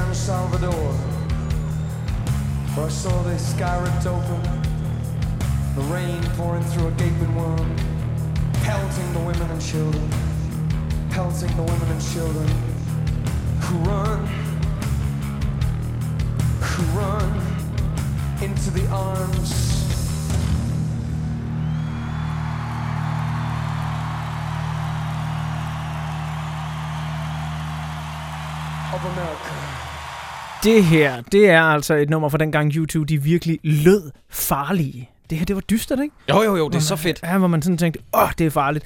Det var en liveudgave af Bullet the Blue Sky fra 1987 af liveoptagelsen optaget. Du kan finde den her optagelse på The Joshua Tree i den 30-års jubilæumsudgave, der udkom i øh, 2017. Virkelig, virkelig, virkelig mega møg hamrende lækkert. Nu har vi hørt lidt om uh, The Edge som guitarist øh, på fantastisk vis udfoldet af guitaristen Søren Andersen. Og nu der bevæger vi os videre til den mere generelle U2-lyd. Vi skal nemlig snakke lidt om, hvordan det er, de lyder igennem deres forskellige perioder, hvordan de fire medlemmer de håndterer deres musikerhåndværk. Og øh, vi hørte dig lige før, Jacob, referere til Bono, der havde sagt, jamen vi fandt vores lyd ved at kombinere hippietidens øh, peace and love med punkens sådan virkelig krassende, anarkistiske fuckfinger til det hele. Og det er jo Bono, der har sagt det her, ja. ikke sandt? Ja. Jo. Det er ham, ham, der har formuleret det på den måde. Det synes jeg virkelig er en, er en, er en god ting. Synes du, at, at, at øh, Bono, når, når han siger det her, altså rammer han øh, øh, sømmet på hovedet? Ja, og det igen, jeg kan godt forstå, hvorfor der er nogle YouTube-fans, der er faldet fra, og der er nogen, der sværger til, at det eneste rigtige YouTube det er 80'erne, fordi det var virkelig lyden af YouTube i 80. Jeg mener, det her citat, han kommer med her, det er for et interview for 87, 84, 88 måske, mm. noget af den stil. Det er i hvert fald 80'er Bono, der siger det her, og der synes jeg, det rammer sømmet på hovedet. Man kan groft inddele YouTubes lyd i tre kategorier. Det er den tidlige postpunk, det er den storladende stadionrock, og så er det sådan den mere eksperimenterende elektroniske fase. Ikke? Og jeg synes, sgu, øh, jeg synes sgu, det passer enormt godt på den førstnævnte fase. Jeg kan så også godt forstå, at der er nogen, der mener, at de savner lidt den der farlighed, som de har i dag. Det er blevet mm. en anelse mere poleret. Jeg synes stadig ikke, de har mistet den melodiske sans eller form for storladenhed. Men øh, måske savner man lidt af den der farlighed. Til gengæld, hvis jeg lige må sige det til- afslutningsvis, til gengæld så synes jeg, at de har genfundet meget af den politiske spirende kommentar på de sidste to album. Den er genfundet på Experience og Songs of Innocence. Vi er jo begge to øh, musikformidlere, Jakob, og når det sådan kommer til at gå ned i detaljerne af sådan noget som albummixning, lydproduktion og instrumenteffekter, så er vi nok sådan lidt øh, som folk af flest øh, lægemænd, som ikke kan smage forskel på leverpostej og paté. Ja. Derfor så skal vi lige om lidt have hjælp til at beskrive YouTubes lyd af en professionel. Det er film øh, lyddesigneren Peter Albrechtsen, vi vender tilbage til. Men inden jeg giver ordet til ham, så kunne jeg godt lige tænke mig at høre dig, Jacob, sådan helt, helt personligt. Hvad er det så i YouTubes lyd, der rammer dig allermest, når du sådan skal høre dine favoritnumre? Det er en rebelsk fornemmelse. Igen, for at vende tilbage til det, Bono var den cooleste og smukkeste mand på jorden i start 80'erne, og når man hører en live-optagelse som Under a Blood Red Sky, eller bare klæderne derfra, så bliver man ramt, ramt af sådan en uretfærdighedsfornemmelse, og så er der sådan lidt punkens spirende oprør. Og det, jeg synes, der er så fedt fedt ved YouTube. Ligesom med Radiohead og R.E.M. Og jeg glæder mig til, at vi laver på 6 Beat Elsker R.E.M. på et tidspunkt i Eurobøtter. Noteret. Ja, så er det, at lige så snart du hører YouTube slå en tone an, så kan du genkende, det der det er en YouTube-sang. Som sagt, så har øh, film-lyddesigneren Peter Albrechtsen brugt overvis på at nørde lyden af YouTube. Og han går altså meget op, øh, selvfølgelig i sangene og kompositionerne, men især i produktionen af de her forskellige albums. Og der er meget at fortælle, når man vil forsøge at sætte de rigtige overskrifter på lyden af YouTube. Men jeg startede med at prøve at spørge Peter Albrechtsen, sådan helt generelt Peter, hvad er lyden af YouTube? Lyden af YouTube er jo noget helt særligt. Det er jo popmusik, det er rockmusik, men det er i høj grad også sværisk musik. På den led skiller det sig ud fra rigtig mange andre rock- og popbands, hvor der meget ofte ligesom bliver skåret ind til kernen. YouTube er i en lidt anden sfære, hvor tingene gerne må være vægtløse. Selv de mere rockede, groovede sange har masser af sådan stemningsmæssige lag, som man kan gå på opdagelse i. Og selvom Bono er ofte en hej til at frasere, og øh, formår at lave virkelig sådan fængende omkvæd, så øh, er en stor del af det særlige ved YouTube også, at de samtidig rummer de her lag, hvor man kan høre deres plader mange gange og blive ved med at finde nye detaljer. Nogle af dem, man jo ikke kan komme udenom, det er producer-teamet Brian Eno og Daniel Lanois. Hvorfor bliver de så vigtige for YouTubes lyd igennem tiden? Brian Eno og Daniel Lanois revolution, revolutionerede simpelthen lyden af YouTube. Brian Eno har fortalt, at øh, da de skulle lave deres første plade sammen, øh, The Unforgettable Fire, så øh, kontaktede de Brian Eno til at starte med. Og så øh, sagde han, øh, jeg, jeg laver ikke rockmusik. I kommer til at lyde helt anderledes. Hvor til Bono svarede, det er det, vi gerne vil. Vi vil gerne lyde helt anderledes. Og Brian Eno allierede sig så med Daniel Lanois, som han havde lavet nogle ambient-plader sammen med, som er sådan en kanadisk øh, guitar-tekstur-guru, som kan alt muligt spændende med lyd. Og Brian Eno kan selvfølgelig også alt muligt spændende med lyd. Og øh, Brian Eno følte, at Daniel Lanois kunne noget særligt med rockbands, som Brian Eno ikke kunne før. Så derfor slog de sig sammen, og altså, de to er på mange måder sådan lidt ligesom George Martin var for The Beatles. Altså det her med at finde, en, finde nogle lydmager, som er så meget med til at skabe et bands karakter. Hvis jeg skulle nævne en lydfavorit, så er det øhm, det nummer fra Pop, der hedder Wake Up Dead Man, som er sådan en fuldstændig vild sådan collage af mærkelige, distante, fjerne, forvrængede stemmer, som ligger og sidrer og syder, samtidig med, at Bono banner for en af, en af de få gange i nogen som helst YouTube-sang, så øh, banner manden. Og der er noget sådan noget øh, power og pondus i det der, samtidig med, at lyduniverset bare er så vildt. Og jeg har ligesom øh, brugt 20 år af min karriere på at prøve at efterligne det der. Jeg prøver stadigvæk. Jesus, help me. I'm world, and a fucked up world it is too. Tell me, tell me the story, the one about eternity and the way it's all gonna be. Wake up, dead man. Wake up, wake up, dead man.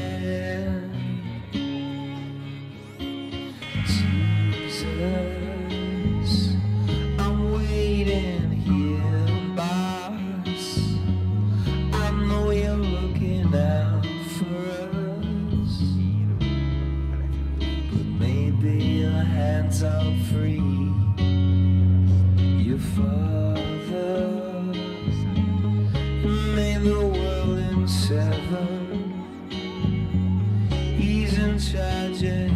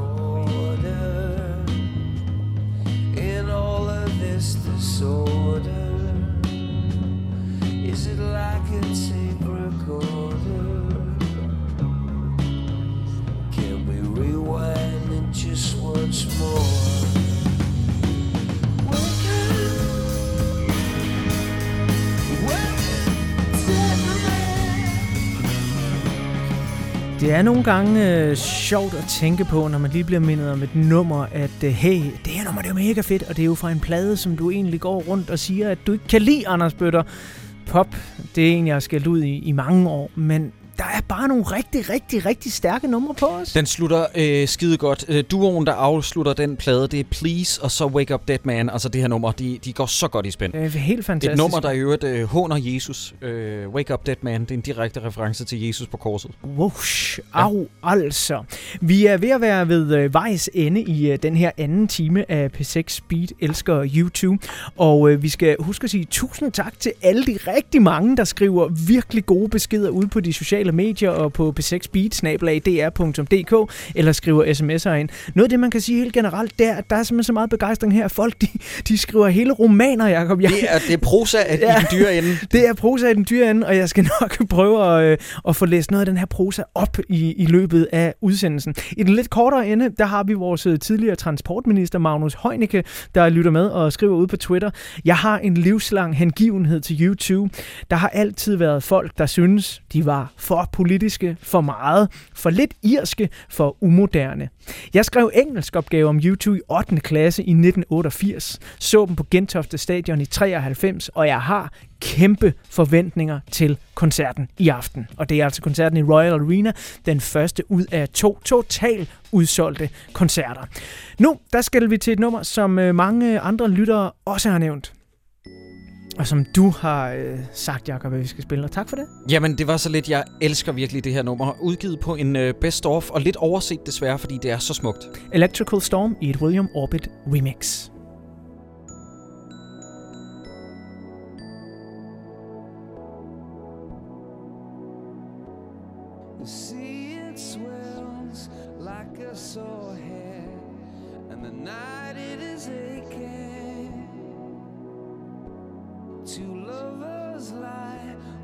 Sheets on their bed, and the day it is breaking. On rainy days we'd go swimming out. On rainy days, swimming in the sand. On rainy days, we'd go swimming out.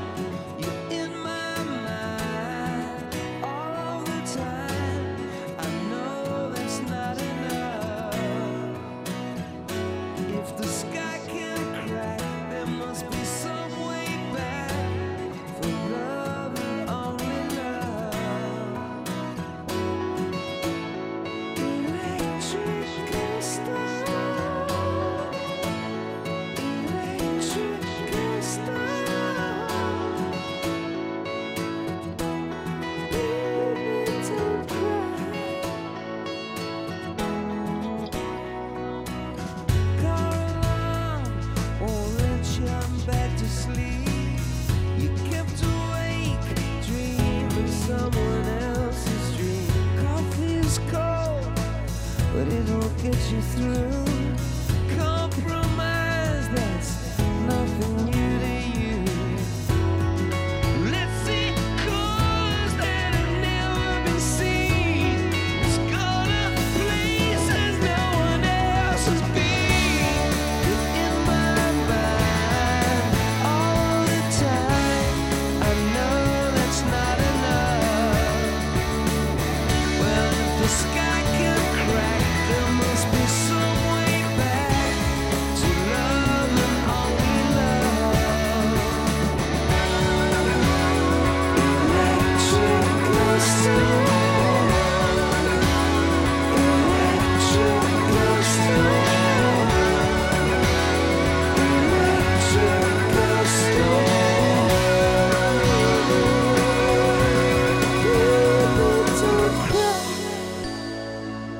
Det her dejlige nummer, det hedder Electrical Storm og bliver her leveret i et William Orbit mix. Den findes på den compilation, der hedder The Best of 1990 to 2000, hvor der også var sådan en B-side version med, som virkelig kan anbefales. En helt formidabel sæt af opsamlinger fra YouTube.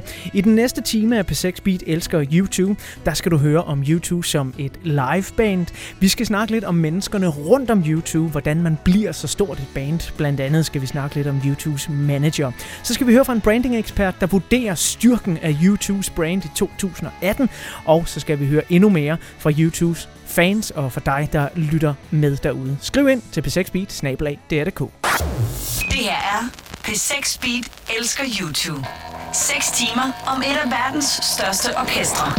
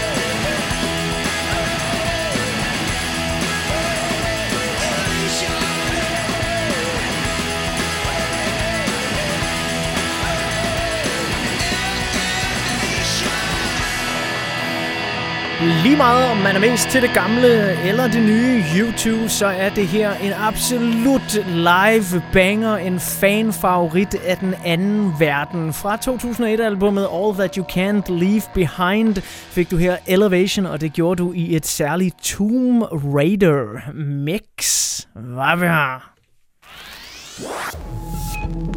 Det her er P6 Beat elsker YouTube.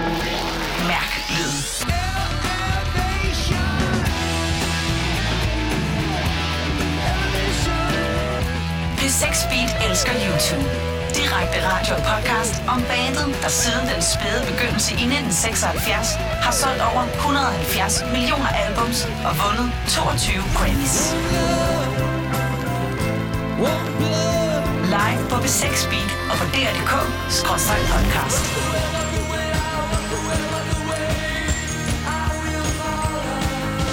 Speed elsker YouTube. 6 timer om et af verdens største orkestre. Med Anders Bøtter og Jakob E. Hensley. Og vi er klar her på den tredje time af P6 Beat Elsker YouTube, klar til at give dig endnu mere om det her fantastiske band. I den her time, der skal vi som snak, sagt snakke lidt om YouTube som live band. Vi skal høre lidt om, hvem de har rundt om bandet igennem årene til at hjælpe dem til at blive verdens største band. Og så skal vi ikke mindst høre fra en branding-ekspert, der vurderer YouTubes brand styrke her i 2018. Men du skal også være med til at fortælle historien om YouTube. Du skal nemlig skrive en mail med din YouTube-historie til P6 Speed, snabelag, dr.dk, eller brug de sociale medier, hvor hashtagget det er P6 Speed elsker i et ord. Du kan også skrive en sms ind til 1212, så skriver du P6, mellemrum og din YouTube-historie, eller de tre numre, som du gerne vil stemme på, når vi går igennem vores YouTube-lytterbestemte top 10 i den sidste time af P6 Beat elsker YouTube. Martin Sønder, han har skrevet til os, og øhm, han skriver, i 1988, der tog jeg som 18-årig en pige med i biografen på vores allerførste date. Vi havde begge YouTube som favoritmusik på det tidspunkt, så vi valgte at gå ind og se Rattle and Hum. Fed film. Siden der har YouTube ligget som baggrundsmusik til en hel del ting igennem årene, uden at jeg sådan har været kæmpe fan. Jeg har faktisk ikke været til en koncert endnu, men det skal jeg på søndag. Jeg skal i Royal Arena. Nå ja, med den samme pige, som jeg var i biffen med for 30 år siden. Åh. Vi er gift og har to børn. Nej, hvor er jo. Ej, ja, det er ikke skønt altså. Og apropos den her Royal Arena, eller de her Royal Arena-koncerter, som vi skal til, Jakob, kan du så ikke lige fortælle os lidt om, hvad for en type liveband er YouTube? Hvis man nu, som Martin Sønder her, aldrig har set dem før, han har sikkert set nogle optagelser, han var jo inde se Rattle and Hum, kan man sige, ikke? Ja. Men der er altså langt fra Rattle and Hum til, hvad de er nu. Hvad er YouTube for en type liveband? De er den type liveband, hvor at Bono han indskriver sig i rockens analer side om side med frontfigurer, såsom øh, Mick Jagger og øh, andre fuldstændig vanvittige live-performer. Bruce Dickinson for eksempel. Altså kunstnere, som gerne vil have det intime rum, selvom de står på en arena eller en stadion rock scene. Kan det lade sig gøre? Ja, altså, jeg skal være ærlig og indrømme at lægge hovedet på blokken. Jeg elsker, at du spiller indledningsvis Tomb Raider mix fra øh, Elevation, øh, øh, eller Elevation fra Elevation Tour faktisk. Og det er sidste gang, jeg har set YouTube live, og det er jo små 20 år siden, vi har regnet ud, inden vi stillede os herind, mm. Bøtter, at det er i 2001, vi har været inde og se ja. YouTube. I forum. Men U2 er jo et band, som, øh, jamen for at vende tilbage til, hvad jeg sagde øh, indledningsvis, at Bono gerne vil skabe et intimt rum, og det er derfor, han gør noget til Live Aid i 85.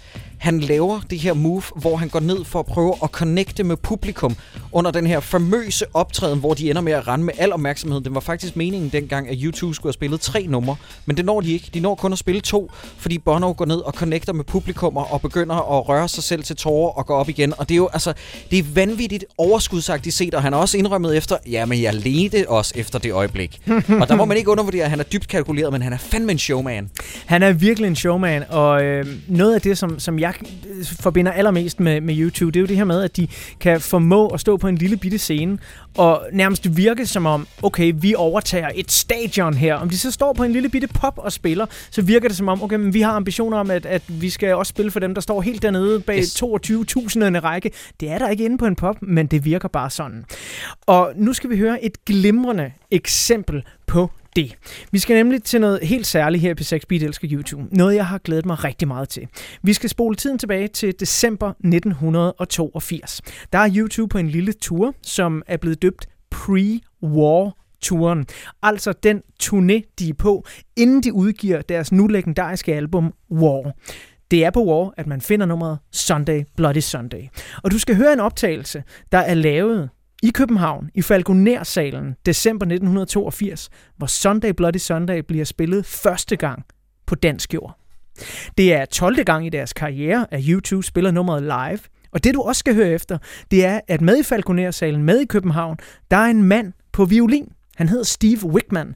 Han er gademusiker fra Irland, og angiveligt så mødte The Edge ham her gademusikanten ved et busstopsted, da YouTube var i gang med at indspille War-albummet, og Steve øh, Wickham, han spørger bare The Edge, hvad, skal I ikke have noget violin med på et af jeres numre? Jo, det skal vi da. Vi er altså i Falconer-salen, og derinde i menneskemængden, der står en ung mand, bum stille. Jeg ved ikke, hvem han er, Men den her unge mand, han har besluttet sig for, at han vil optage koncerten. Og det vil han gøre på hans to medbragte Sony ECM 150 mikrofoner. Den optagelse, den kommer her, over 35 år efter, os alle sammen til gode. Vi stiller om til den første gang, at Sunday Bloody Sunday bliver spillet i Danmark nogensinde. Uh, for a long time, I wanted to write a song about the country I live in, about Dublin, about Ireland, about about things that are going on, about people's impression of Ireland and Irish. And for this, I want to introduce an Irishman. His name is Steve. And he is a string musician. A musician. A musician that found his way into our studio about two months ago. Somebody we've got very attached to, somebody we love very much.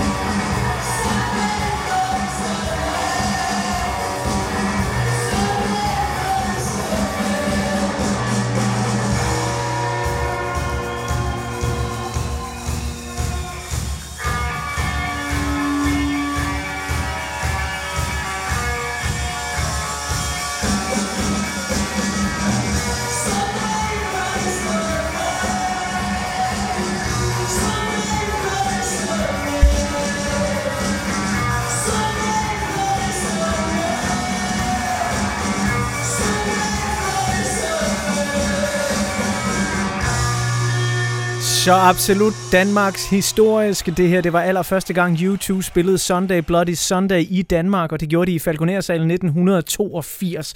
Ude på P6 Beats Facebook-side, der har vi efterspurgt vidner til den her koncert, og der er mange, der har meldt ind med rigtig gode historier. Til fælles for dem alle er jo, at der er ikke rigtig nogen, der kan huske, at de spillede Sunday Bloody Sunday.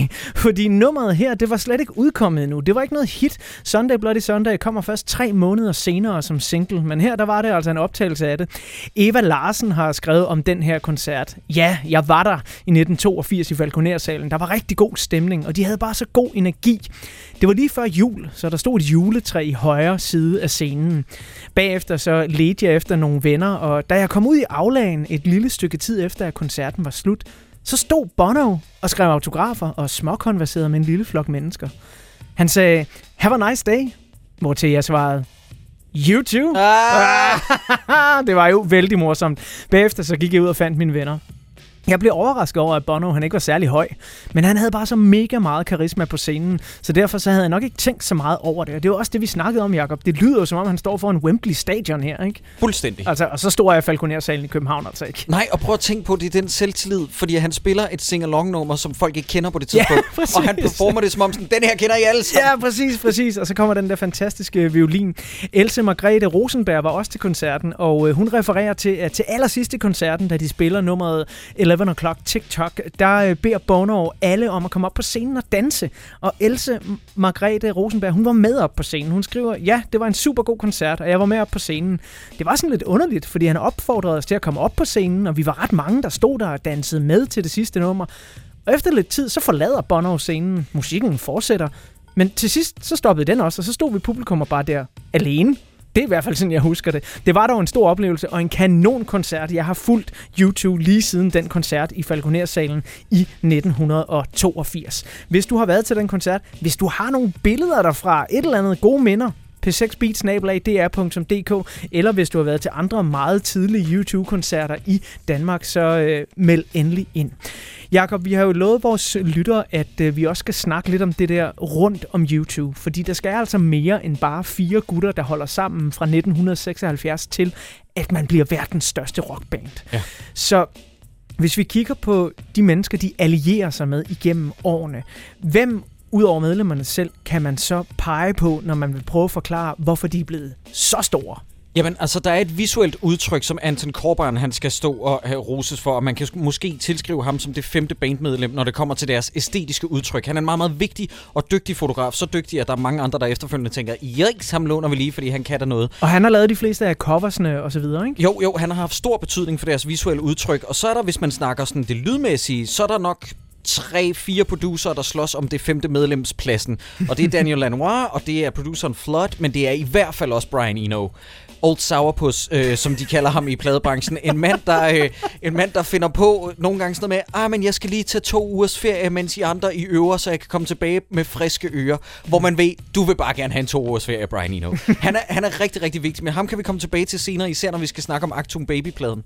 Og så er der altså en mand, som vi ikke kommer udenom. Det var en mand, der var deres manager fra 78 frem til 2013, Paul McGuinness, som var deres manager i, ja, jeg kan ikke regne, i 34 år må det være, øh, og har betydet sindssygt meget for dem. Han blev betragtet af det femte bandmedlem som U2, selvom da han blev spurgt om det, hvordan er det at være det femte bandmedlem af U2, så sagde han, det femte bandmedlem af U2, det er Adam Claytons bukser.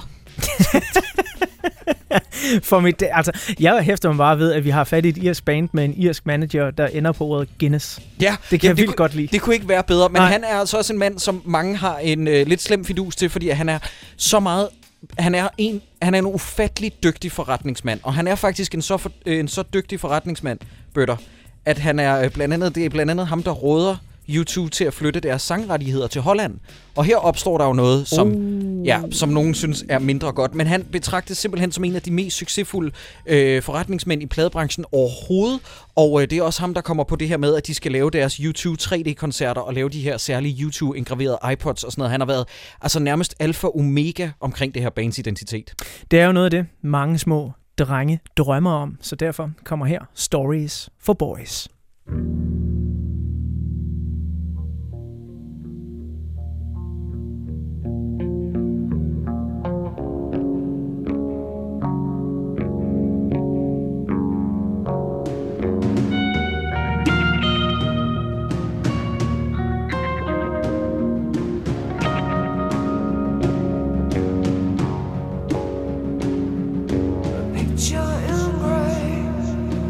Oh.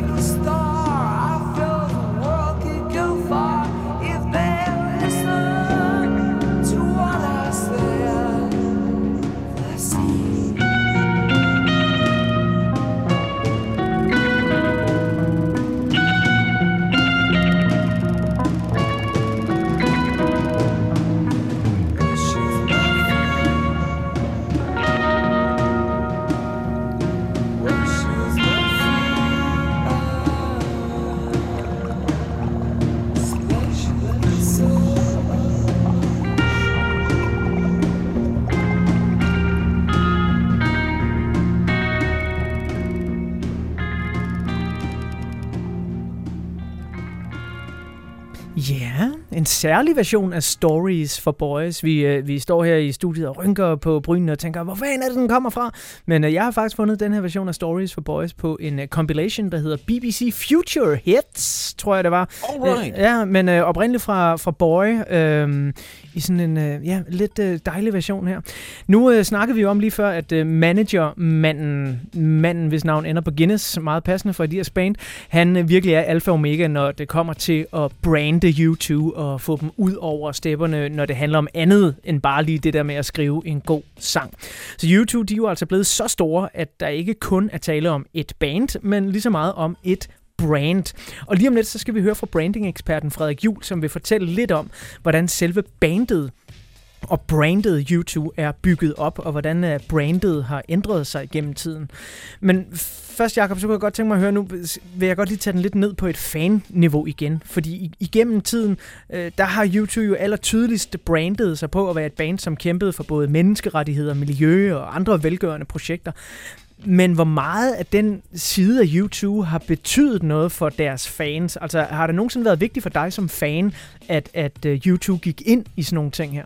Ja, især fordi, at når man så møder øh, fjendskab over for YouTubes projekter, på grund af, at hvad fanden bilder de sig ind og rende rundt og øh, prædike om øh, humanitært arbejde, samtidig med, at han har dyre solbriller på og sådan noget, så bliver det opildner bare til en endnu større vrede for min vedkommende, over at folk kan være så øh, øh, endimensionelle og ensporede, hvad det angår, og især faktisk bøtter for, det ikke skal være løgn. Jeg har taget mange kampe med folk, der var utilfredse med Songs of Innocence, og mange anmeldere, som jeg respekterede, der anmeldte Songs of Innocence på baggrund af pladeudgivelsesmetoden. Og det synes jeg ikke er en måde, man skal vurdere et, et, et album på. Så prøv at høre, jeg har været, øh, øh, jeg har været proben fra start af. Jeg kan godt se, at der er noget hykleri og noget dobbeltmoral en gang imellem, men faktisk så er jeg bare blevet endnu mere vred, når folk bliver provokeret over deres humanitære arbejde. Jeg har altid haft det sådan, at hey, det er da federe at gøre noget, end ikke at gøre noget. Præcis. Og skal vi lige tage listen af bands, der intet gør Ja. for velgørenhed, og bare grabber alle deres penge for sig selv og så videre, ikke? Det er jo, altså, den er stor, ikke? Lige om lidt, der skal vi som sagt høre fra branding-eksperten Frederik Juhl, og lidt senere skal vi også høre fra Geo, som er superfaner. De taler alle sammen om nogle af de her velgørenhedsprojekter, og nogle af de ting, der måske er gået lidt galt. Og...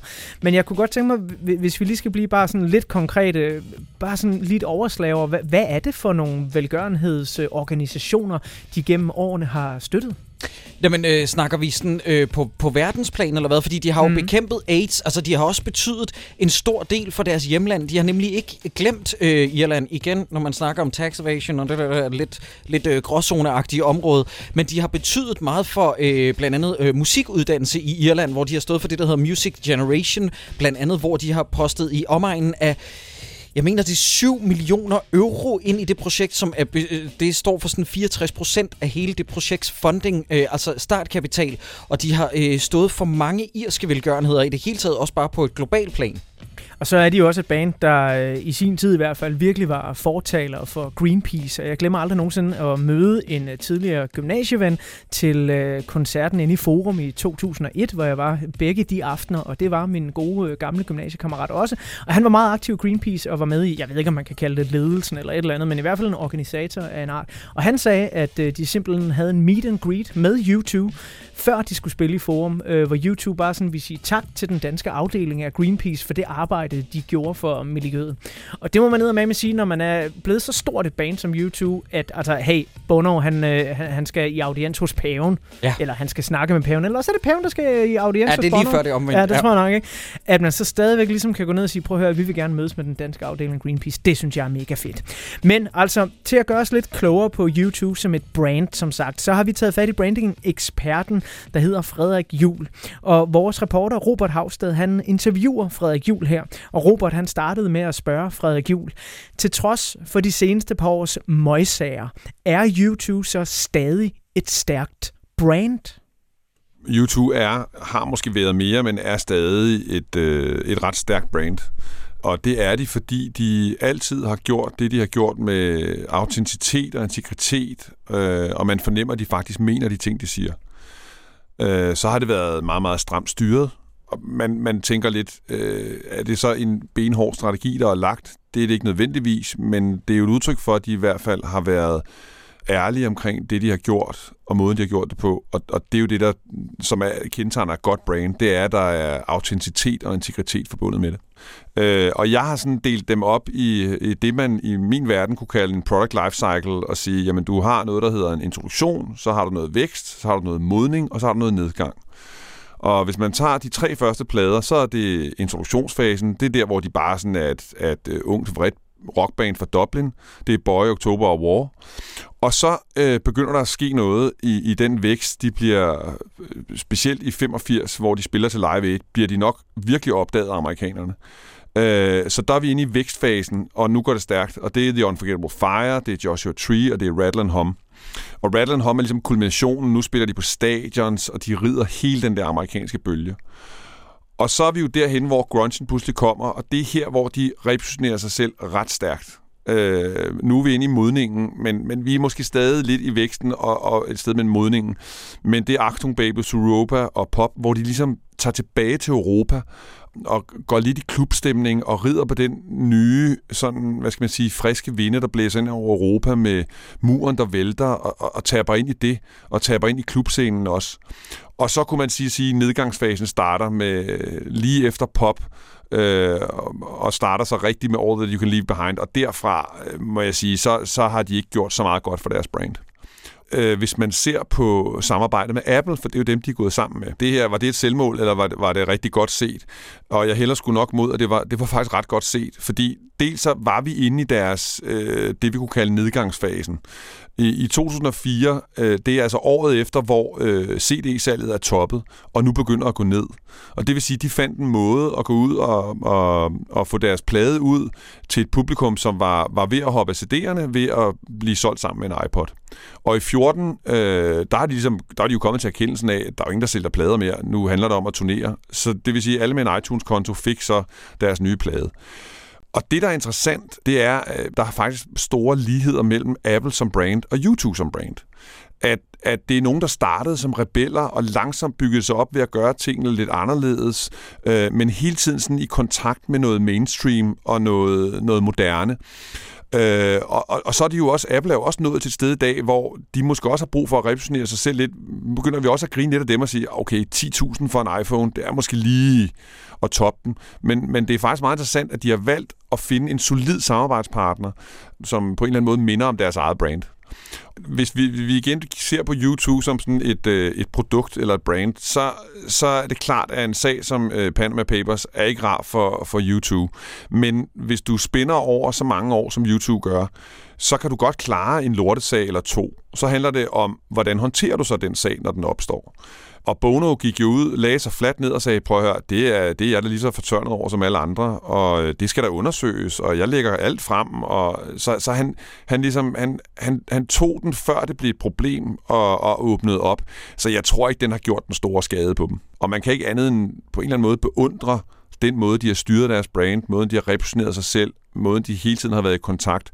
Og så kan man sige i dag, jamen altså, når man tager til koncert, så vil man nok hellere høre nogle af, af de første tre faser af deres arbejde, mere end man kommer for at høre det sidste.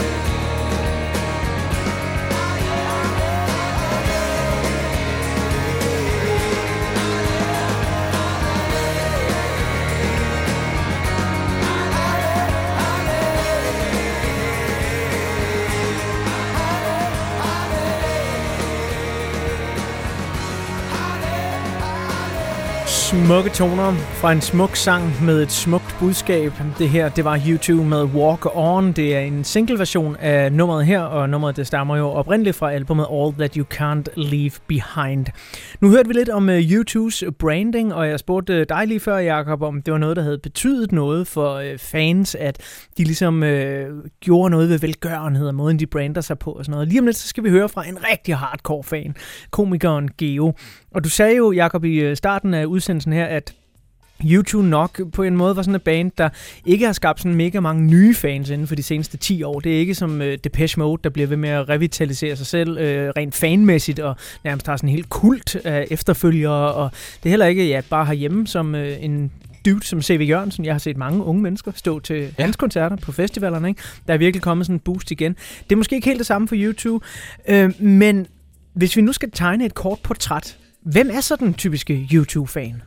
Jamen, jeg vil tro, at en YouTube-fan er en blanding af at være en god gammel rockist, sådan en, som øh, godt kan lide det der øh, klassiske Heartland rock, øh, og som nok hoppede på enten i Joshua Tree-fasen, eller hvis det ikke var tidligere det, så var det i hvert fald lige omkring Actung Baby. Igen, selvfølgelig er der undtagelser, det er der altid, men det er nok de færreste, som sprang på, sådan, da de hørte for første gang Songs of Innocence, og tænkte sådan, det der, det er band, jeg bare skal følge. Jeg tror, den øh, gennemsnitlige YouTube-fan er faktisk ældre end både dig og mig, om det Ja. kunne lade sig gøre, bøtter. Jamen, det, man føler jo sig som en dinosaur, men i dag der er jeg måske lidt ung. Altså, Ja, ja, vi- jeg, okay, jeg er 38, ikke? Jo, Tror men jeg. vi er stadig prime beef. Ja, vi er stadig prime beef. Jeg, jo- men jeg er jo så lige præcis, har jeg altid følt, lige præcis for ung til at have været med YouTube i deres absolute storhedstid. Fordi jeg kan huske, da de spillede Gentofte Stadion i 93, der har jeg kun været 12 år gammel. Mm. Og øh, der hverken var jeg YouTube-fan eller sådan, men, men jeg noterede mig det, og noterede, at de ældre seje drenge fra skolen, de skulle derned. Min ældre fætter, ja. han øh, havde billet til den der koncert, og øh, der har jeg sådan ofte tænkt bagefter sådan, ah,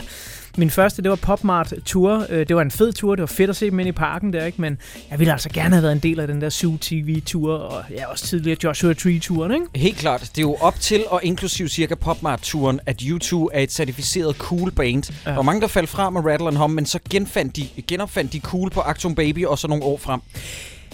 I havde jo i musiktjenesten, programmet her på P6 Beat, øh, besøg af en ultra-fan i går. Det var ham her, der kunne øh, gætte, hvor mange sange var det, han nåede op på? Øh, 25 i alt. 25 Jonathan hedder han. sange. 25 sange kunne Jonathan gætte, efter han havde hørt et sekund af hvert sang. Altså, så var det, det- kom bare som sådan en maskine, ikke? Altså, og YouTube-fans, de er jo super dedikerede. Hvor- hvor- Hvordan øh, kommer det til udtryk? Jamen, det kommer til udtryk på den måde med, at øh, de, er der, de er der stadig i den forstand med, at øh, man skal ikke udtale sig særlig negativt omkring YouTubes kvaliteter i, øh, i selskab med dem for længe af gangen. Altså, og jeg nævner faktisk også mig selv inklusiv. Du fatter ikke, hvor mange privatfester jeg har stået til ude i køkkenet og holdt den store, store skænderi med en øh, øh, musikrockist, der siger sådan, det eneste gode musik, det er My Bloody Valentine og Sonic Youth.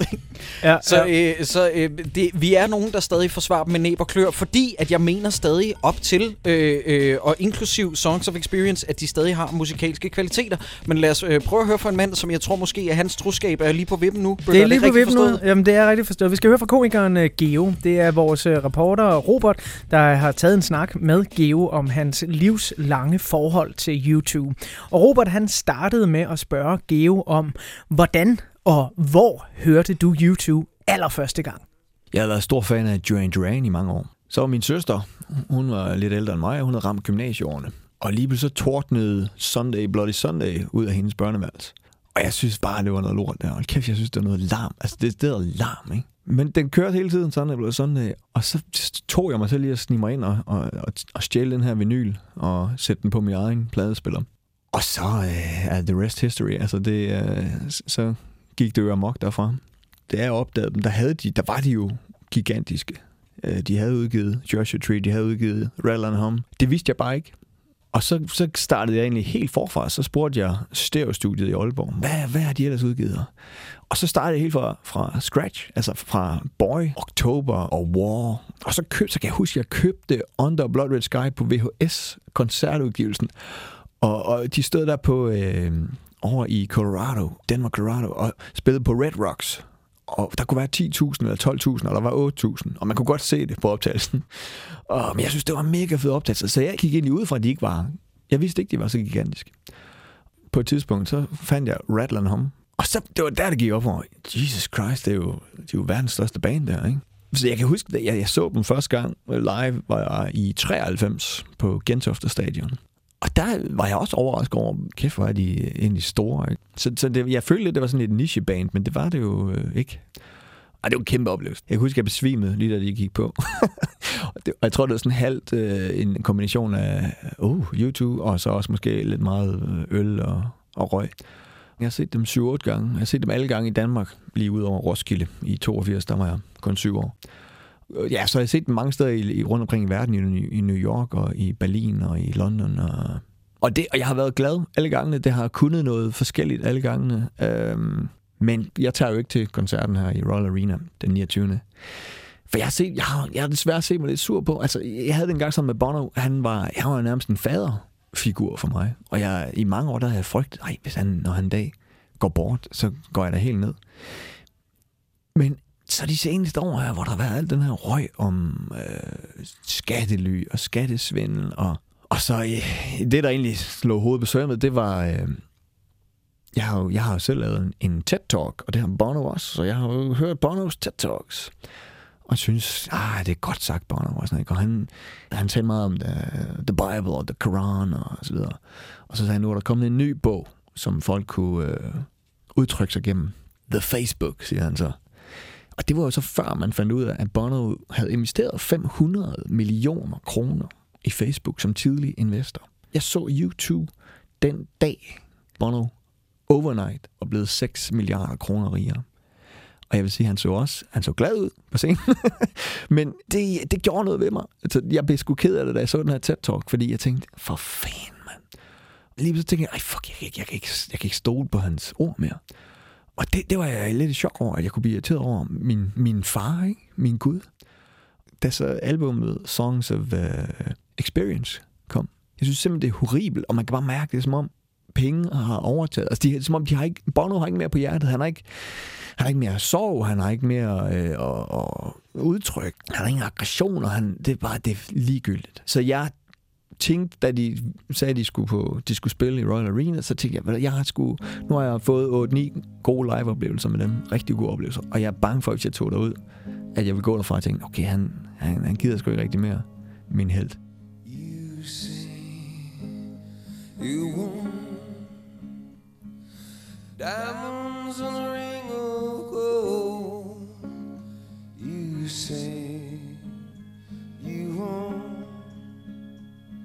Your story to remain untold, but all the promises we made from the cradle to the grave.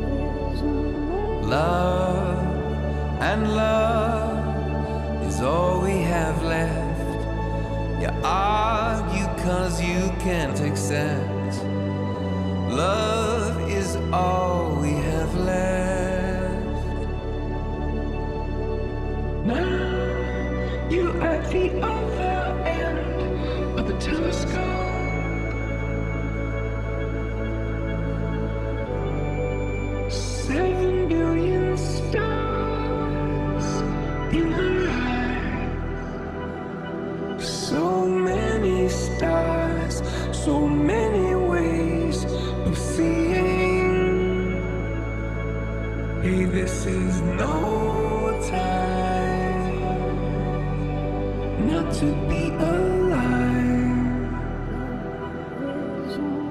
Love and love is all we have left. A baby cries on a doorstep.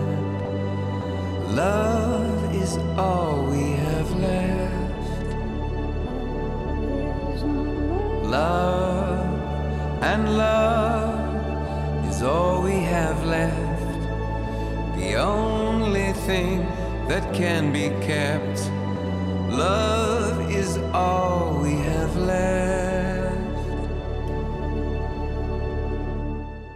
Smukke toner fra U2's nyeste album Songs of Experience. Det her det er nummeret, der åbner albummet Love is All We Have Left. Et uh, to og et halvt minut langt dejlig intro til det her album, som vi kort skal vende nu, og så skal vi lige om lidt høre en hel masse om lyden af albummet, produktionen af det. Men inden jeg giver ordet til filmlyddesigneren Peter Albrechtsen nok en gang her i P6 Beat elsker YouTube, så kan jeg jo passende høre dig, Jakob, fordi du er en af dem, der øh, har øh, forsvaret de to seneste plader sådan med næb og klør også over for mig og sagt, der er gode stunder her på, du skal prøve at høre den på den og den måde. Men hvis vi lige helt kort skal sætte nogle overskrifter på, hvad er det så du som fan helt personligt godt kan lide? Godt. Det her band, det har været i gang i 42 år. 41, da de udgiver den her plade, deres plade nummer 14. Det er altså rimelig godt klaret, for det første. For det andet, Bøtter, jeg synes, du underkender, og jeg synes generelt lytterne derude, jeg synes, øh, Geo, Sjovt udsagn, meget, meget groft udsagn mere, det var horribelt. Det er fantastisk at tænke på, at de bevarer melodierne. Bøtter, i en, i en alder, jeg ved ikke, hvor gamle de er. Som sagt, de har været i gang i 41 år på det her tidspunkt, hvor de udgiver det. Så har de stadig melodier. Det er fandme mere, end man kan sige om den gængse melodi. Trap rapper, øh, face tattoo mand, som bliver spillet nede i Kødbyen en lørdag aften. Altså, de har gang i det her, og jeg vil forsvare det til den dag, jeg dør. Jeg synes, når, når det her nummer stopper, og den går over i Lights of Home, hvor guitarriffet, det er ikke Edges bedste, det indrømmer jeg, og det er lidt svært at nynne. Så tænker jeg, så tænker jeg, godt, det er det der YouTube, jeg godt kan lide. Og sådan nogle stunder er der altså 5-6 af på det her, på det her album. Som sagt, så har filmlyddesigneren Peter Albrechtsen også hørt det nye album, og jeg spurgte Peter Albrechtsen, hvis man nu primært ser på produktionen, hvordan lyder U2 på det nye album så? Det nye YouTube-album lyder jo anderledes, og så alligevel på samme måde. Forstået på den led, at øh, man kan jo sagtens høre, at det her det er YouTube, men man kan også høre, at det er et band, der faktisk stadigvæk er nysgerrigt og gerne vil prøve en masse ting af. Og øhm, det synes jeg er meget forfriskende. Altså, øhm, det er sådan produktionsmæssigt, er det sådan ret eksperimenterende. Der er mange forskellige mærkelige indfald og, og alt muligt lige fra underlige kor og mærkelige elektroniske lyde til klangflader og jeg ved ikke hvad. Men det, jeg synes, man ligesom her savner, det er jo på en eller anden måde de der sådan grundlæggende fremragende sange og bygge de her lyde op omkring. Men det interessante er, at øh, YouTubes proces åbenbart var med det album, at de ville så gerne ligesom prøve at finde ud af, hvad kan vi med de her sange? Hvordan skal de lyde? Og efter sine har de indspillet de her sange flere forskellige gange med flere forskellige producer.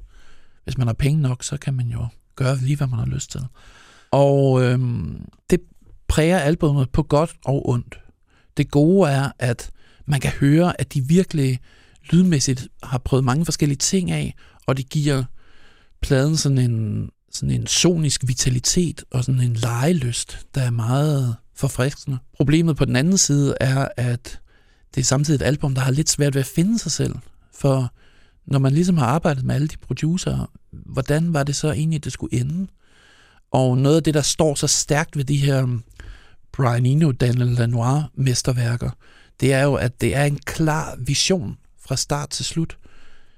Når du sætter Joshua Tree på, og det ligesom lader det køre igennem, så kunne du næsten bare lade det loop. Det er sådan en, det er så raffineret. Det er nærmest en lang symfoni. Den måde, numrene er orkestreret på, og går op og ned i dynamik. Det er ikke bare et band, der tænker på den enkelte sang. Det er et band, der tænker på et helt album som en orkestreret symfoni. Og hvis man kigger på det nye album, så er det jo en noget ujævn symfoni, de har gang i, med mange forskellige mærkelige orkestre. Det er spændende. Det er også lidt en rodbutik. Men det til trods, så er der jo nogle sange, synes jeg i hvert fald, der står lidt ud. Er der nogen, du har bidt specielt mærke i? Noget, noget du har nyttet at lytte til?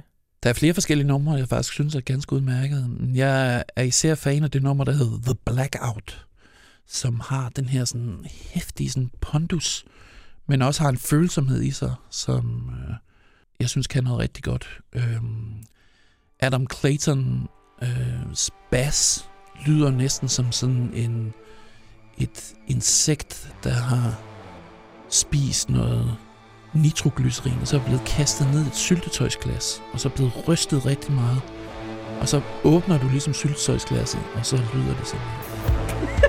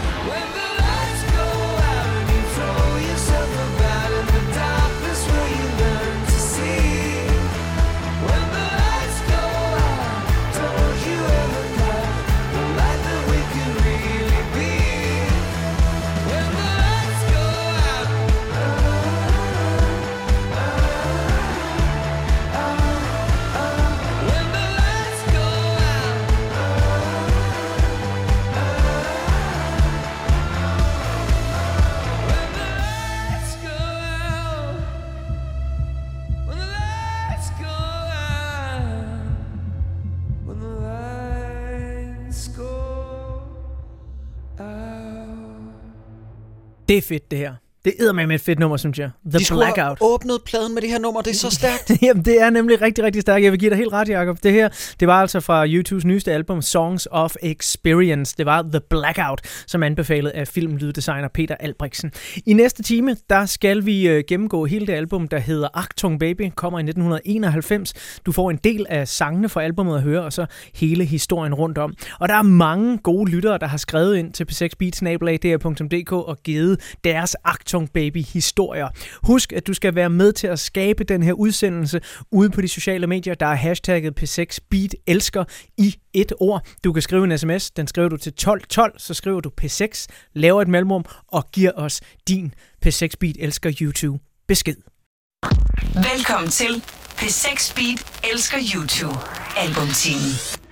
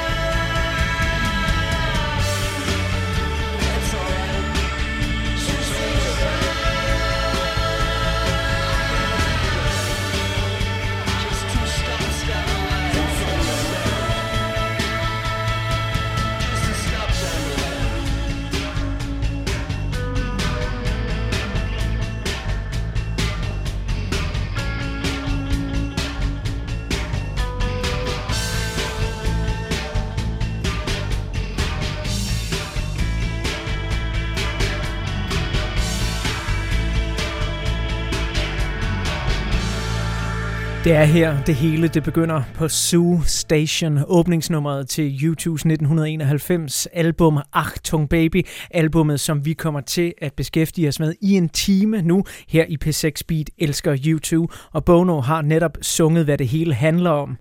I'm ready to let go of the steering wheel. Velkommen til P6 Beat elsker YouTube. YouTube giver koncert i Danmark for første gang i 8 år. Derfor giver vi dig 6 timers direkte radio og podcast om et af verdens største orkestre. 6 timers radionatteri om et af verdens største orkestre.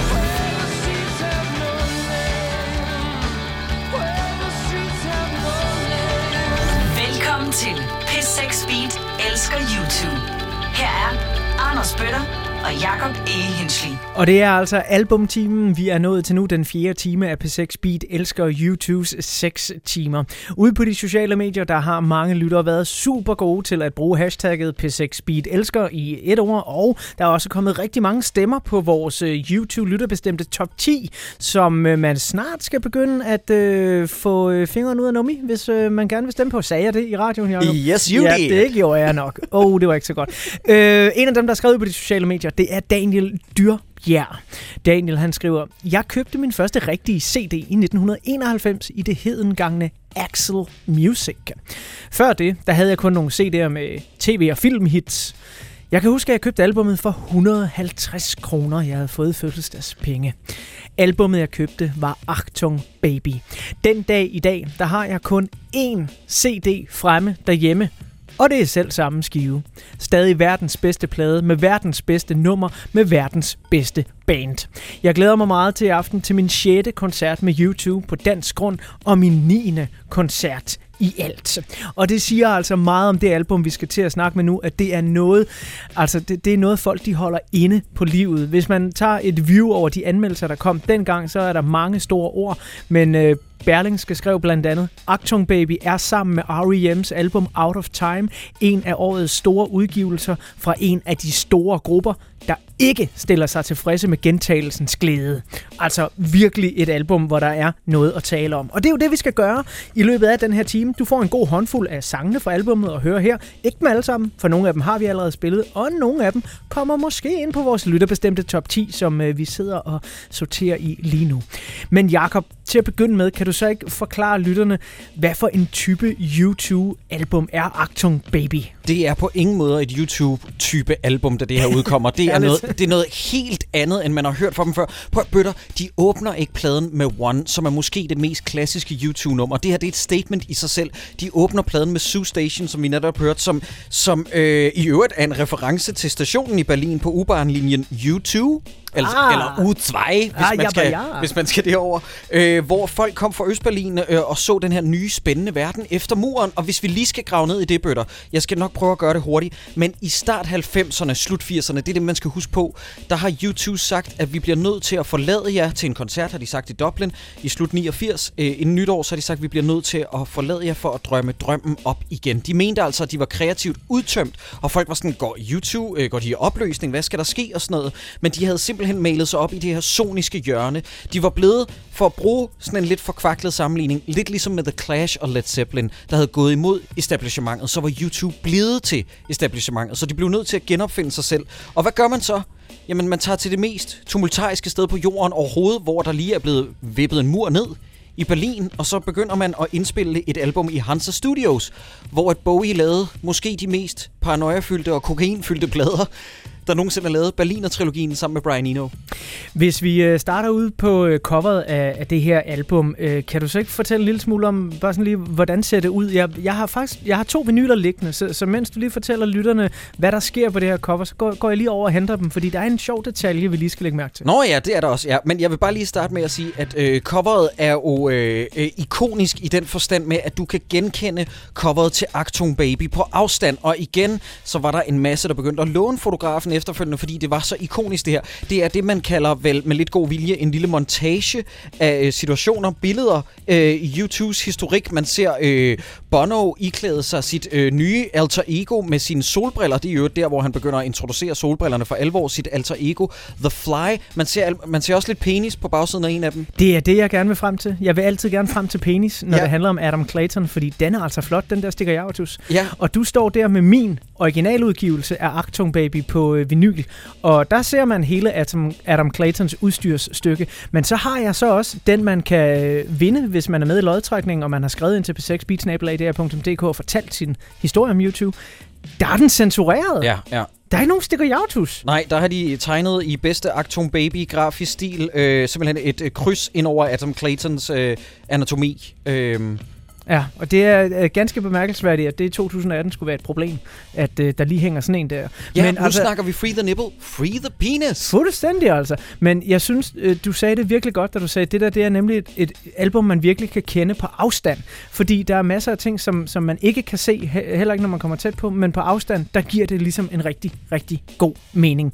Vi øh, snakker videre om det her fantastiske album, som vi kommer ned igennem sangene, og ja, åh, der, hør ham lige, The Edge, ikke? Altså, ja, ja, det der, det er helt nyt. Som radioværter, så burde vi stå og tale hen over det her, fordi det er et indløb, hedder det ikke også? Jeg synes bare, vi skal holde vores kæft og give den over til The Edge nu.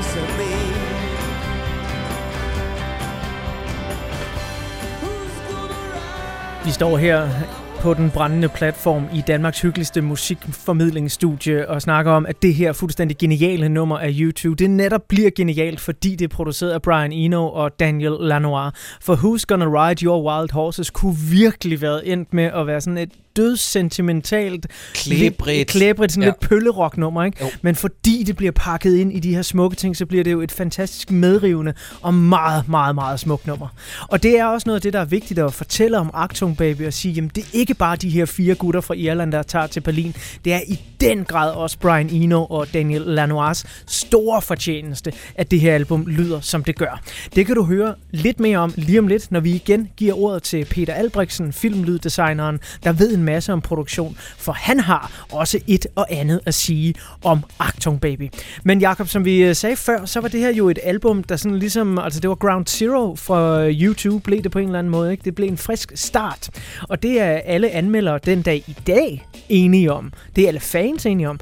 Men hvad med dengang øh, det kom? Altså vi har været ude og søge efter noget. Jeg sagde til vores gode reporter Robert, øh, kan du ikke simpelthen du kan finde en negativ anmeldelse? Og det er ikke lavet sig at gøre. Men hvad siger anmelderne? Jamen, øh, vi har blandt andet fundet en gammel anmeldelse fra Politiken, der skriver, at albumet er stramt, jeg citerer i øvrigt, stiloverlænt og som helhed fremragende. På Actum Baby lyser YouTube af nødvendighed, brøler af sult og stråler af selvfølgelig selvfølgelighed. Det er så politikken det du læste op der. Det er den mest Politiken Anna 91 anmeldelse, jeg nogensinde har hørt.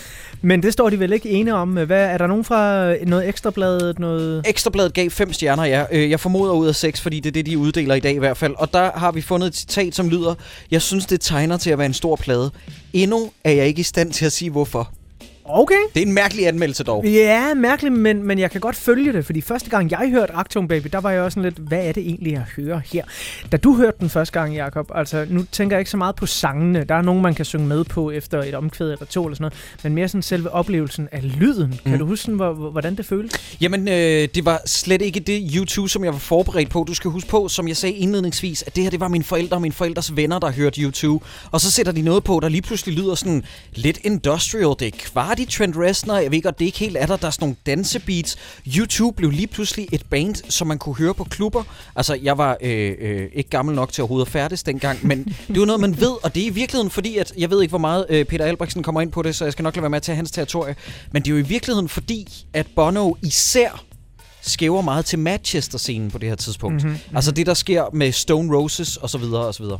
Ja, og så er der jo faktisk også en lille ting, som øh, vi lige skal have spillet et stykke af, fordi prøv lige at høre noget af den her musik.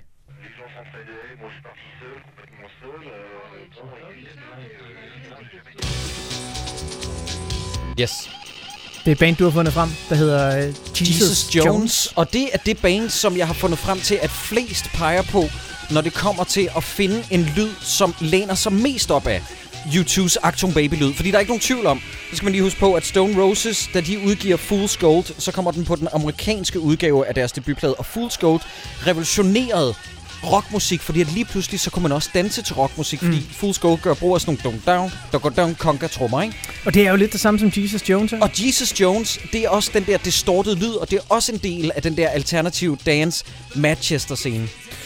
Og nu, der skal vi så øh, videre til Peter Albrechtsen, der netop vil fortælle noget om den her lyd, og hvordan man laver den her lyd. Sådan lidt mere ned i øh, detaljen.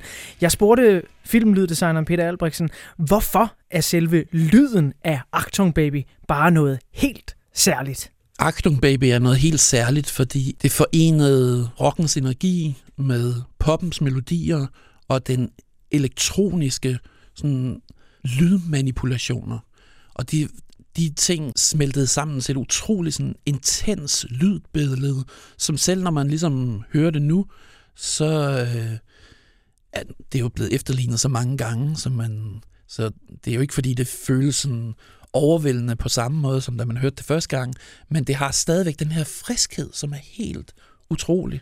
Det her lydunivers er ekstremt detaljebaseret, men sådan hele tiden samtidig bygget op, så de bygger op om sangene. Det handler ikke om, at de skal bygge op og vise, uh, her se, hvad vi kan. Nej, det handler om at bygge dem op omkring sangene og skabe nærmest katedraler af lyd omkring de her meget, meget skarpe sange. Det tror jeg gør, at selv nu, når man hører det, så har det den her, den her sammenhængskraft mellem de soniske eksperimenter og de sådan melodiske raffinementer. Noget af det, som jeg synes YouTube virkelig kan, det er sådan noget med, at numrene nærmest sådan kører i to spor. Der er ligesom et spor, der er sådan det reelle melodiske spor, og så er der et spor nedenunder, der er sådan at det bevidsthedsudvidende, tranceskabende spor. Og på den her plade, der de to spor, de smelter sammen flere steder på sådan en virkelig raffineret måde. Selv i sådan de rockede numre. Men hvis man skal prøve at nørde endnu mere igennem og dykke ned i selve teknikken, hvad er det så for nogle produktionsteknikker, som producer-duoen Brian Eno og Daniel Lanois, de bruger for at opnå den her lyd på Actung Baby? Øh, noget af det, Brian Eno kan, det er at placere musikere i nye rammer, som inspirerer dem på en ny måde. Achtung Baby er indspillet i Berlin, og har en helt anden sådan urban følelse, hvor øh, Joshua Tree er indspillet på et slot eller et kloster eller sådan noget, som Adam Clayton åbenbart købte bagefter. Og ligesom billederne fra ørkenen uden på albummet, så er det et meget sådan åbent, svævende landskab, man drager igennem. Achtung Baby er tæt og urbant, og det sker jo ved, at de øh, opgraderer rigtig meget i forhold til sådan elektroniske øh, elementer, synthesizer. Jeg husker tydeligt at se, øh, se dem live dengang, hvor The Edge lige pludselig havde sådan en maskinpark med, der fyldte hele scenen, og åbenbart efter scene tog lige så meget strøm som en lille dansk landsby. Og det kommer jo fra, at de virkelig integrerede alle de her elektroniske eksper- eksperimenter meget, meget hæftigt ind i deres lyd. thank you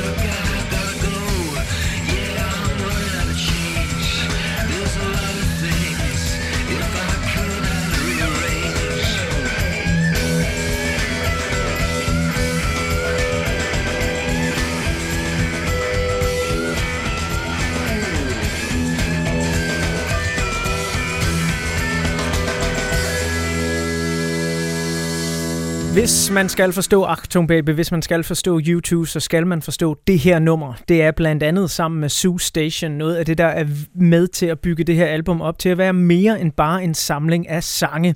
YouTube de tager på tur med Achtung Baby, en verdensomspændende tur, hvor Bono igennem koncerten skifter kostyme flere gange. Han bruger forskellige personligheder på scenen, og en af de personligheder, det er ham, som man husker allerbedst med flue solbrillerne på, og det her, det er altså hans sang. Det her, det var The Fly. Og det er noget af det, som Actum Baby virkelig kan, og som øh, du skal undersøge endnu mere om. Du skal se koncertfilmen fra den gang, hvis du virkelig vil forstå, hvor stort og massivt det her album var. Fordi det er ikke bare lige de her sange, som sagt. Det kan så meget mere end det. Men en ting det er at skrive gode kompositioner, en ting det er at lave en form for koncept, et multimediekoncept vil jeg næsten sige, at YouTube lavede i den her tid rundt om det, og som blev taget videre med ud on the road på den store Zoo TV Tour. Noget andet, det er jo så, hvad der rent faktisk bliver skrevet om, fordi det er meget forskellige tekster. Vi hørte lige før huskerne Ride Your Wild Horses, og du og jeg, Jacob, blev enige om, det kunne let have endt i en eller anden sukkersød sentimental ting. Og så er vi herover i noget totalt abstrakt, The Fly, som er sådan en underlig summende ting, ikke? og Zoo Station, også et ja. mega abstrakt nummer. Så det er et stort spørgsmål, men altså, hvad skriver Bono om her på Achtung Baby? Han skriver om en lang række ting. Altså kort fortalt, så kan man sige, selvfølgelig er der altid noget politisk dybt forankret i YouTubes tekster. Der er noget samfundskritisk. Der er en besked om red verden, hvor banalt det end må lyde for lyttere. Jeg synes egentlig, at Bono han serverer det som oftest ret smagfuldt. Men der er en lille udvikling i YouTubes øh, soniske landskab, eller tekstunivers på det her tidspunkt. Fra, øh, de går fra Sunday Bloody Sunday, I Threw a Brick, og jeg skal komme efter jer til at blive sådan mere... Øh, øh, der er mere om kærlighedstemaer, der er noget uforløst, og er også noget omkring øh, de bibelske temaer. Han, han bruger jo for helvede, undskyld jeg banner, øh, det skal jeg måske ikke i den her forbindelse, han bruger jo billedsproget Mysterious Ways, som man jo siger om Gud, om en kvinde i den her forbindelse. If you want to touch the sky, you better learn how to kneel. Er der noget seksuelt ind over det, bøtter? On your knees, boy. On your knees, boy. Måske, jeg ved det ikke. Og så øh, er der jo så også det ved, ved netop, som du selv siger, jamen, de går meget langt væk fra, fra det her konkrete politiske I threw a brick through a window tekster og Sunday Bloody Sunday til noget, der jo er helt abstrakt her. Og jeg har jo lyttet til det her album på et tidspunkt, hvor mit engelske måske ikke var, var mega godt, så jeg har sådan fået bits and pieces med hele tiden. Så er der sådan en linje, jeg har forstået sådan noget. Har du nogle sådan personlige tekstfavoritter på Achtung Baby? Altså er der et Ja. eller andet, du husker? Jeg har citeret det mange gange, og folk har sat med grint mange gange, når jeg har citeret Bono i et selskab. Men every artist is a cannibal, every poet is a thief. Jeg elsker det citat. Og det er jo kvart i, øh, altså øh, amatører de låner, og professionelle de stjæler. Ikke? Ja. Jeg elsker det citat, fordi det opsummerer så meget det der med, at vi står på skuldrene af hinanden, og det skal vi bare anerkende. Måske er der en slet skjult reference til, at Bono også selv låner til det her album fra Trent Reznor, en lille tidlig Trent Reznor selvfølgelig, Jesus Jones, øh, Stone Roses, og så alligevel formår at skabe noget, der er fuldstændig idiosynkratisk og selvstændig. Altså, der er jo mange, der begynder at efterligne den her plade efterfølgende. Ja, så skal vi jo heller ikke glemme et nummer, som øh, vi ikke kommer ind på i den her time, fordi den måske har snedet sig ind i top 10. Sådan et nummer som One, der jo bare er en straight-up liarbowl sang. Altså, ja. den er fortolket af Johnny Cash, ikke? Ja. Altså, det, det kan næsten ikke blive sådan mere oplagt til en jeg skulle lige til at sige banal sang. Det er det ikke. Den er måske bare blevet spillet lidt for mange gange på Ja, lidt det er for mange ligesom forskellige... Wonderwall. Vi har hørt den for meget. Ja, præcis. Ikke? Og det er egentlig synd, fordi det æder spark med et godt nummer. Ja. Også en god tekst, ikke også?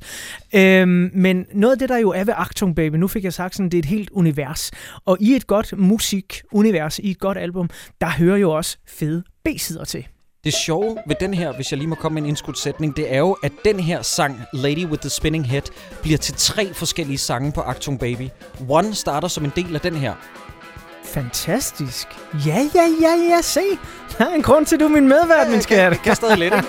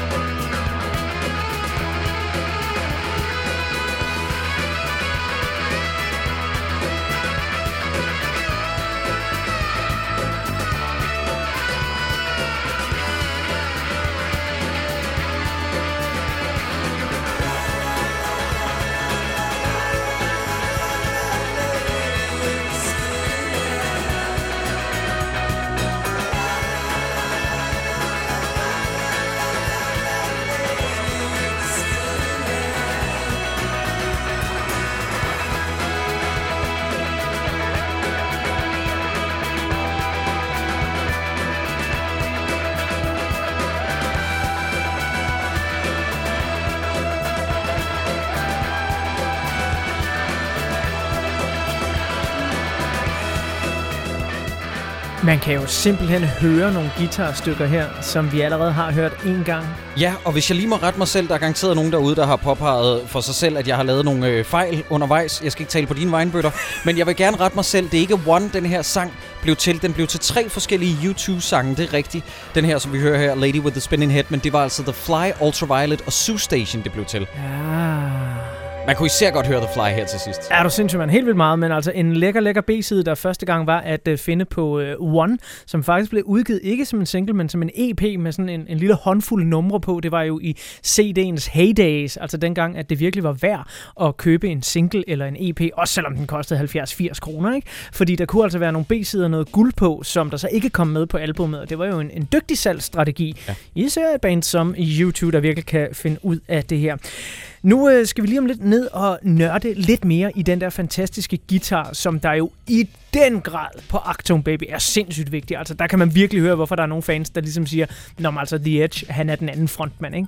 Men først må jeg lige spørge Jakob, kan du huske som, som lille knight at have siddet og set uh, musikvideoen til Mysterious Ways? Ja, jeg kan huske, jeg synes, den var meget interessant. Det der er en Ja, hvorfor var den det? Jamen, det, jeg ved det ikke. Det var da bare en dejlig sang om øh, seksualitet, og måske var den lidt spændende Mm. øh, for, for øh, den unge øh, Jakob Hinchely. Men, men, men Bøtter, det, det vigtigste, synes jeg egentlig at pointere, at den danserinde, mavedanserinde, de havde med under liveshowsene til Zoo TV, Ja. der ligesom øh, Genner Bono prøver at, øh, øh, hvad hedder sådan noget, tempte ham Mhm. mm-hmm. i, øh, ud i seksualitet, øh, som når de, når de optrådte live. Det endte jo med, at hun øh, giftede sig med The Edge. Så, nej, er det rigtigt? Ja, de er, de er gift mig bekendt stadig den dag i dag. Så der var noget spirende kærlighed. Der er jo en conspiracy... Nå, ja, okay, altså fordi Adam Clayton, nævnte vi tidligere, bassisten, han øh, øh, var ligesom i færd med Naomi Campbell, Yes. som jo er med i musikvideoen, som Ja. mavedanserinde. Ja. Og så den real life mavedanserinde, der er med på Zoo TV-turen, Yes. Tager The Edge. Ja. Hold op, drenge. De er nogle hound dogs. Ja, goddamn, altså. Inde på øh, P6 Beats Facebook-side, der har Peter Sø- øh, Søfort skrevet om netop Zoo TV-turen. Jeg havde ikke lige hørt Actung Baby, men øh, så stod jeg på Gentofte Stadion. Dengang, der The Edge flænser hul i himlen med fed tråd. Fedeste koncert ever 1993. Og det er netop gitaren, det skal handle om endnu en gang nu.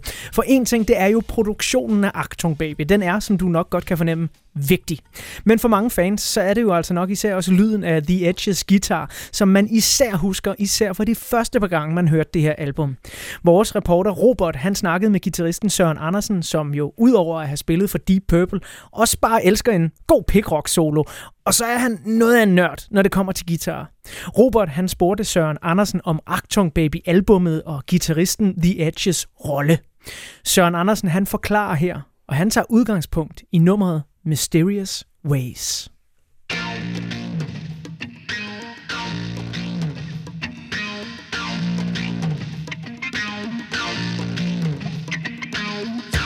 Mysterious Ways er et rigtig godt eksempel på, på Edges måde at tænke på. Det, igen, der, det, der, det, der ligesom fylder her, synes jeg, er, at de rykker sig sindssygt meget op til Acton Baby-pladen. Øh, og ikke mindst The Edge, fordi hele det her med, at de jo er jo sådan et ørkenorkester i min bog, Rattle and Hum og Joshua Tree, Cowboy Hat og Støvler og sådan noget. De rykker sig sindssygt her, ikke?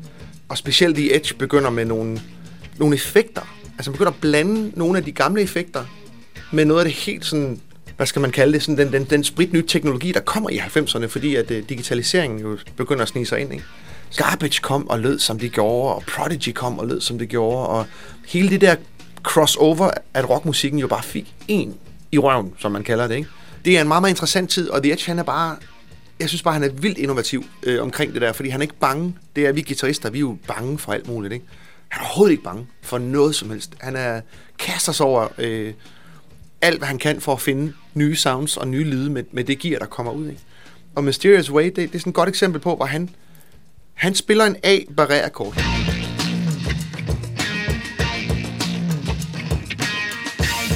Det er alt, hvad han spiller. Wow. Og så lyden laver det der. Wow. Wow. Wow. Det vil sige, at han står lige og chopper det lidt. Det gør han så med det, der hedder en envelope filter, som er sådan en lille wow-pedal, der bevæger sig, når man slår på strengen. Så siger han, wow, så slår han. Så laver den lille pedal et, et wah, kan man sige. Wow, siger den så, ikke?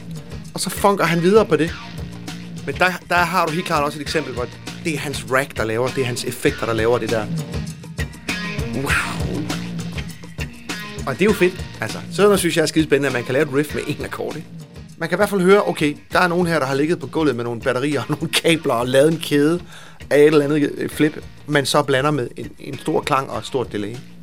Og så får de den her sound, som de så, øh, så smukt mixer med, med, med en ret ny sound af YouTube derudaf. Øh, og så er jeg kommet frem til, at han spiller det på en Rickenbacker, øh, som er et, et lidt weird valg til sådan et riff, men omvendt så, det er ikke så meget guitar, der har, der, der, der, der har noget at sige her. Altså, den sound her kan du lave med hvad som helst, vil jeg næsten våge pelsen at sige. Han har sikkert sin grunde til at stå med, med en, en Rickenbacker og gøre det, men øh, normalt så kender man Rickenbackeren fra øh, rigtig meget Beatles. It's been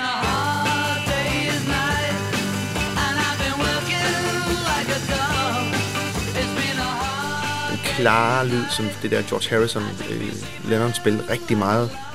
Øh, den der lidt 60'er strumming lyd.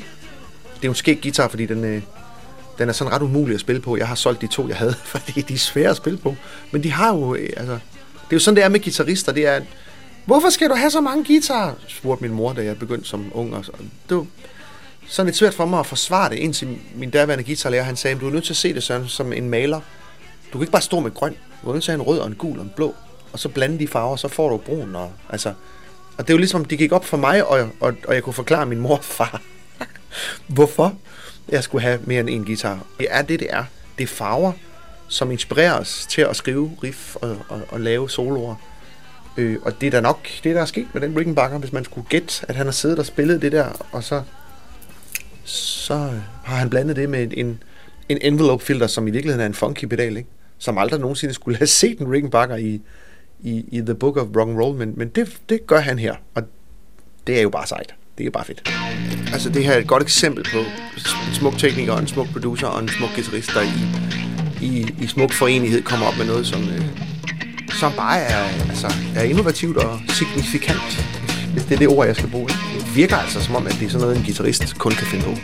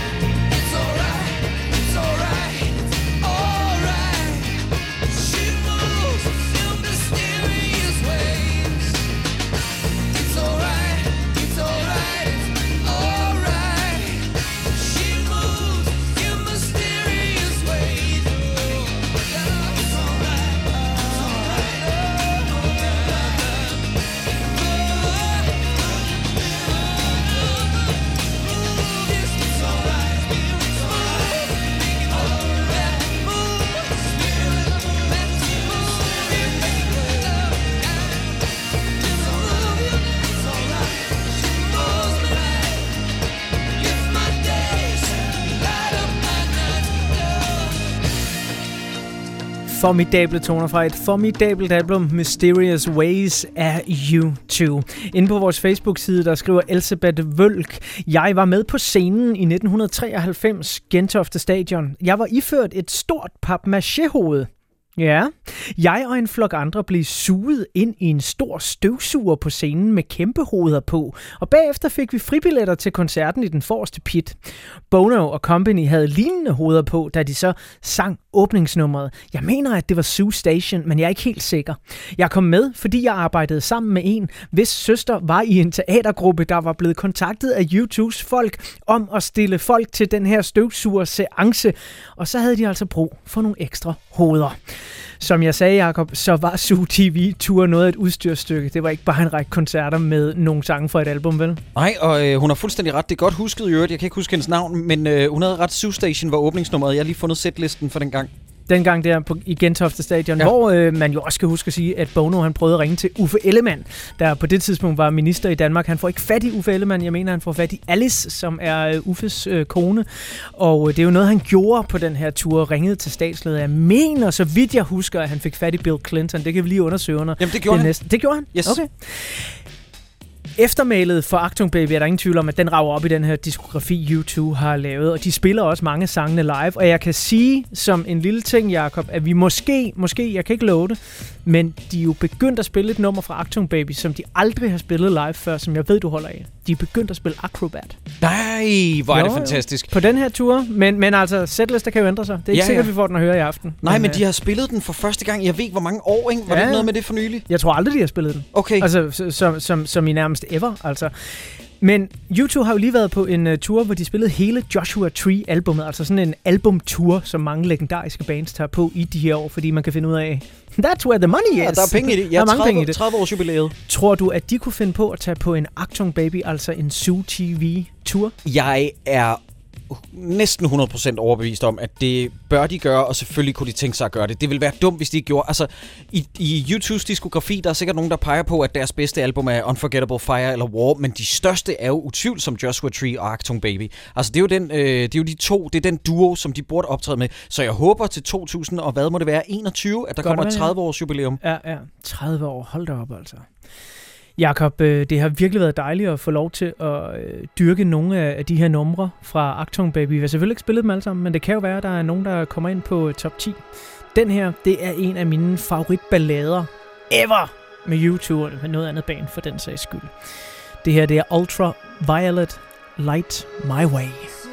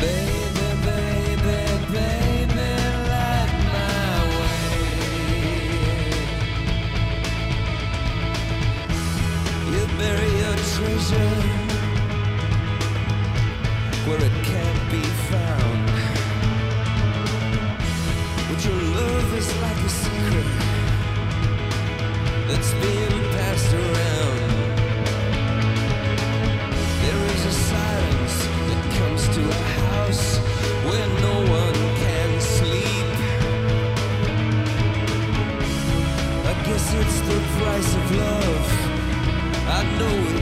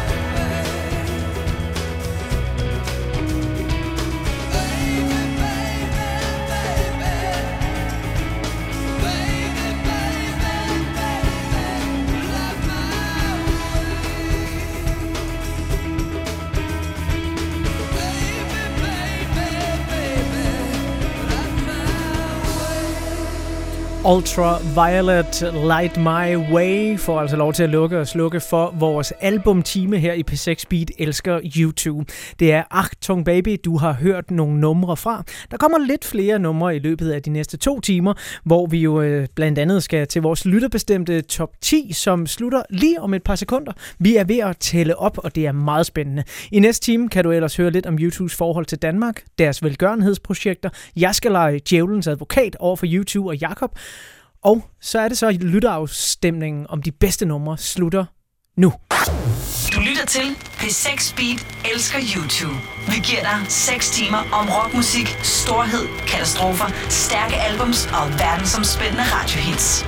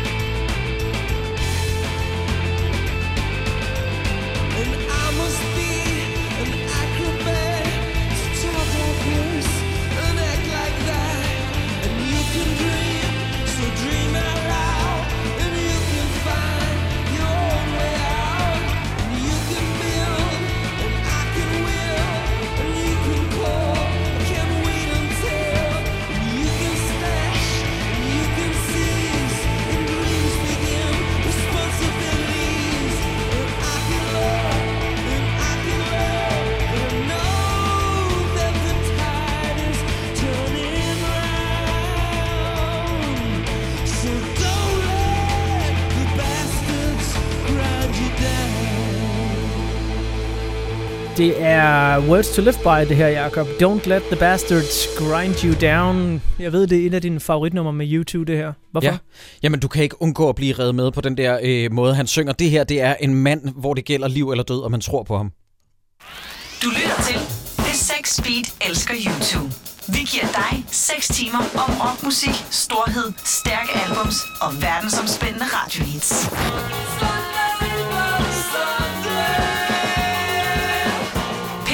Vi elsker YouTube. Mærk lyden.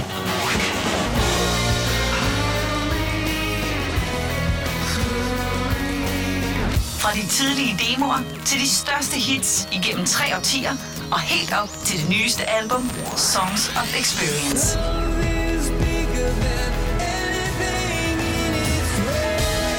Seks timers direkte live radio om YouTube. Dine værter er Anders Bøtter og Jakob E. Hensli.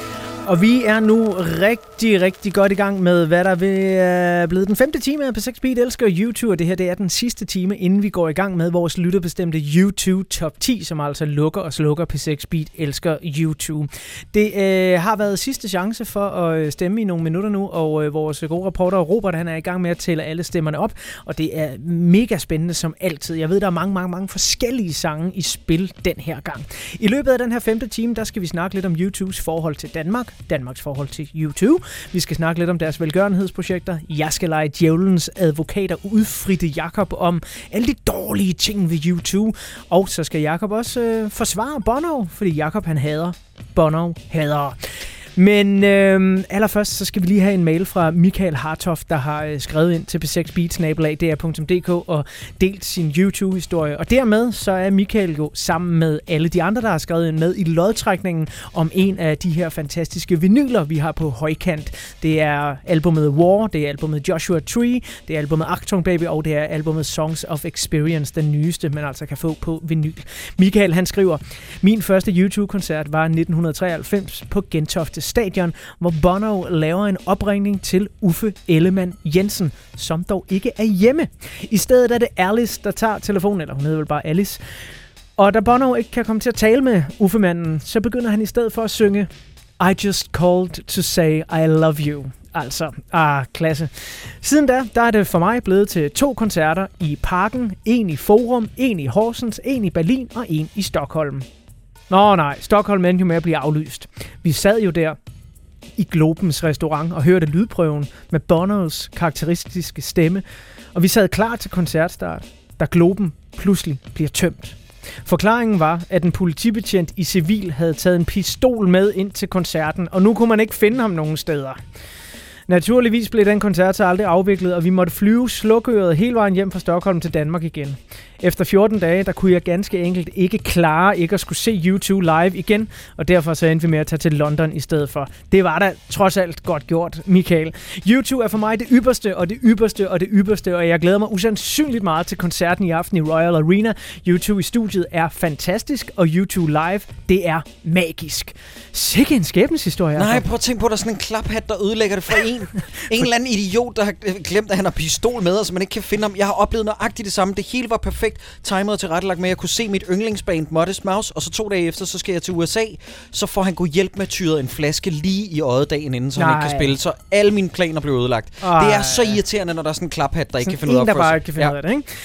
Og øhm, YouTube, de får jo deres øh, debut på Roskilde Festival 1982. Sej debut at få jo øvrigt på orange scene. Og den koncert var Henriette Lungholdt til, og hun skriver, jeg var både til koncerten i Falconersalen i 1982, det var den koncert, vi hørte Sunday Bloody Sunday fra øh, tidligere i programmet her, og så var jeg også at se YouTube på Roskilde. Bagefter Roskilde-koncerten, så var jeg hen ved hegnet til Orange Scene, og der hentede jeg min daværende venindes paraply, som Bono havde snuppet. Bono beklagede, at den var gået lidt i stykker. Always the gentleman. Men altså, øh, når U2 de giver deres to koncerter her i Royal Arena, så er det altså første gang i otte år, at de giver koncerter i Danmark. Kan man sige, at U2 har sådan et eller andet særligt forhold til, til Danmark, Jakob? Altså det er nu, jeg rigtig gerne vil øh, prædike til den danske nationalitetsfornemmelse og snakke om, åh, oh, den danske vinkel og sådan noget. Men, men rent udsagt, så tror jeg egentlig ikke, at de holder øh, Danmark i særlig højtidlig hævd. Jeg ved, de har et godt forhold. Stort set alle, inklusiv meget, hvis man kigger på øh, særlige fotografier med paparazzi-fotografer, nemlig øh, til Helena Christensen. Det ligner, at fotomodellen, den danske fotomodel Helena Christensen, har et ret godt forhold til flere af bandmedlemmerne, men især Bono og The Edge. Og så ved jeg, som du også nævnte tidligere, at de har mødtes med den danske filial af Greenpeace, og så ved jeg også, Øh, dengang jeg interviewede IO Interactive, som er det der danske spilfirma, Ja, der har stået for med, ja. Hitman-serien, mm-hmm. at han har været og besøgt dem flere gange, fordi at der var penge i et spilfirma, der ejede det dengang, som han havde investeret, øh, investeret penge i. Eidos eller Square Enix, så jeg ved, at han har også været på besøg i danske spilstudier. Men det er sådan, der har jeg virkelig gravet efter et forsøg på at finde en dansk vinkel. Ikke? Ja, ja, ja, det var ellers et opkald, man godt gad have. Hej, spilfirma, øh, jeg hedder Bono. Ja, må jeg komme på besøg? Må jeg komme på besøg bare lige en af dagene?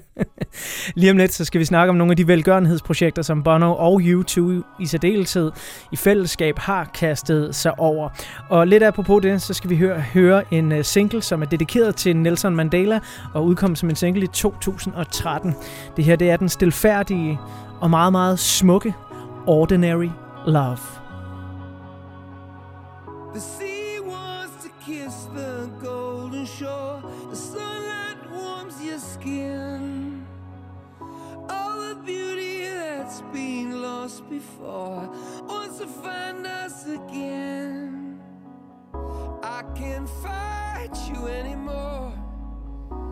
I'm fighting for.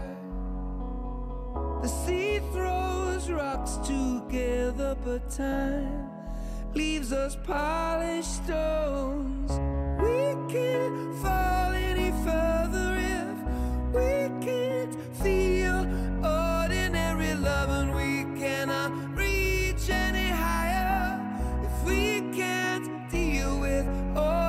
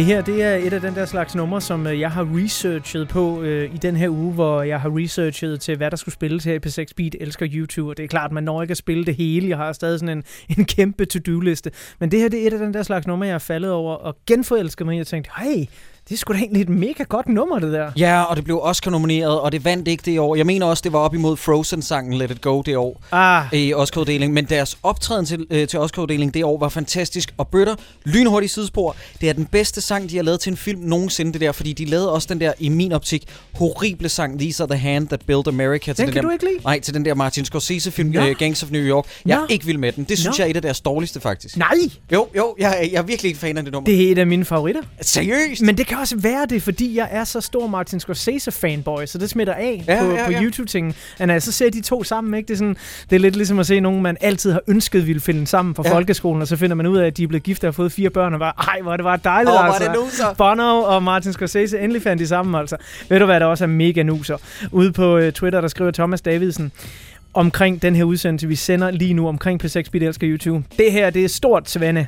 Der er en reel risiko for, at dagens udsendelse faktisk bliver federe end den YouTube-koncert, jeg skal til i morgen. Åh, det er sødt. Det, det tror jeg nu næppe, men, tror det, men det er virkelig sødt. Det er virkelig sødt. Vi øh, er i gang med at fortælle lidt om øh, YouTubes forskellige velgørenhedsprojekter. Og det her, vi lige hørte, det var altså singlen Ordinary Love, der var blevet brugt i en film om Nelson Mandela tilbage i 2013.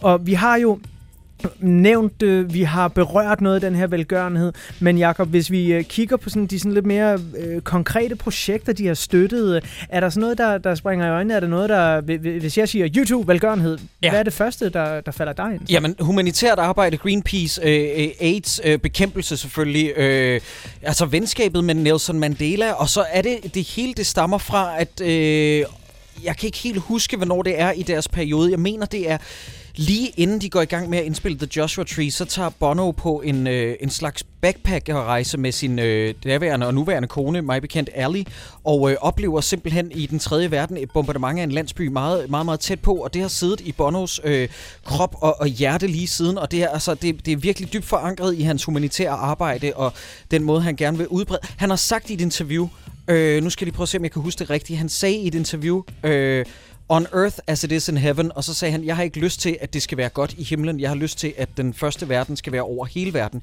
Jeg har lyst til, at skal- det skal være himlen på jord nu. Og det er det, han kæmper for. Det er hans mærkesag. Han er en korsfar i den forstand. Og en ting, man skal bide mærke i, når vi sidder her som danskere, der, der virkelig ikke har det store forhold til religion. Folk, de valgfatter ud af folkekirken i de her år, og vi er ikke så tæt på vores religiøse ophav, kan man sige. Bono, han kommer fra Irland. Han Mm. mm. kommer fra en mor og far, der er delvis katolsk og protestansk. Når, når Bono, han siger sådan nogle ting her, så øh, bliver det altså taget med en vis tyngde af Ja. religiøse mennesker. Ikke? Fordi det her, det er en mand, der har en religiøs baggrund, der ligesom siger, prøv at høre, det der med himlen, det der med, at vi skal vente med at have det godt, det er ikke det, det handler om. Og det bliver altså en stærk udtalelse, synes jeg. Man kan altid sige, åh ja, men øh, og sådan, det, det er sådan lidt øh, pladerromantisk, og Jesus, der redder jorden. Men prøv at høre, det, det er virkelig vigtigt, at der er nogen, der gør det. Specielt når det er en irsk mand med det ophav, ja, der siger det til... Øh, jamen, jeg er fuldstændig enig. Det er meget, meget rigtigt. I den grad. Og nu vi øh, taler om det her med øh, bekæmpelsen mod AIDS, den har øh, YouTube jo også gået enormt meget ind i igennem årene. De har faktisk medvirket på flere opsamlinger til fordel for AIDS-ofre og givet rigtig, rigtig, rigtig store beløber til AIDS-forskning verden over. Og vi gennemgik jo øh, albumet Actung Baby i sidste time, og faktisk så er der en forløber for nogle af de ting, der sker på Actung Baby. Et nummer, hvor de begynder at eksperimentere med beats. Det er et nummer, der bliver lavet i øh, 1990. Det er en coverversion af Cole Porter, som kommer på den opsamling, der hedder Red Hot and Blue. Og alle de sange, der er herpå, de går altså til AIDS-forskning. Så det her er også et interessant YouTube-nummer, hvis man vil vide en lille smule om, jamen hvor er de sådan lige før, at de træder ind i studiet og laver Actung Baby. Det her er en, øh, ja, til fordel for AIDS-forskning, og derfor nok også den dystre undertone. Rigtig, rigtig lækkert nummer, man ikke må glemme som YouTube-fan. Night and Day.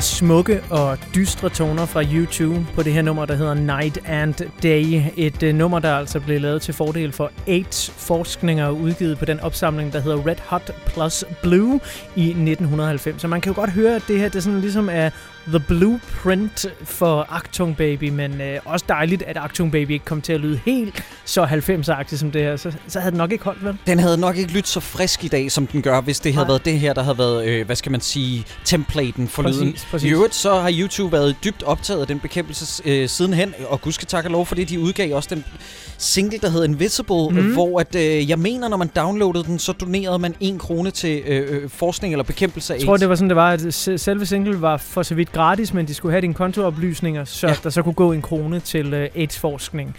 Og øh, det afrunder ligesom vores lille snak om velgørenhed og gør, at vi nu skal øh, bevæge os over til noget helt, helt andet. Fordi at, altså, vi elsker jo YouTube. Det kan der ikke være nogen tvivl om, efter vi snart har sendt det i fem timer for dig her på P6 Beat. Men selvom man elsker noget, så må man også gerne nogle gange tage de kritiske briller på og af med boksehandskerne og så ligesom sige, prøv at høre, nu vil vi gerne lige lege djævelens advokat lidt. Og det er den øvelse, vi skal i gang med nu.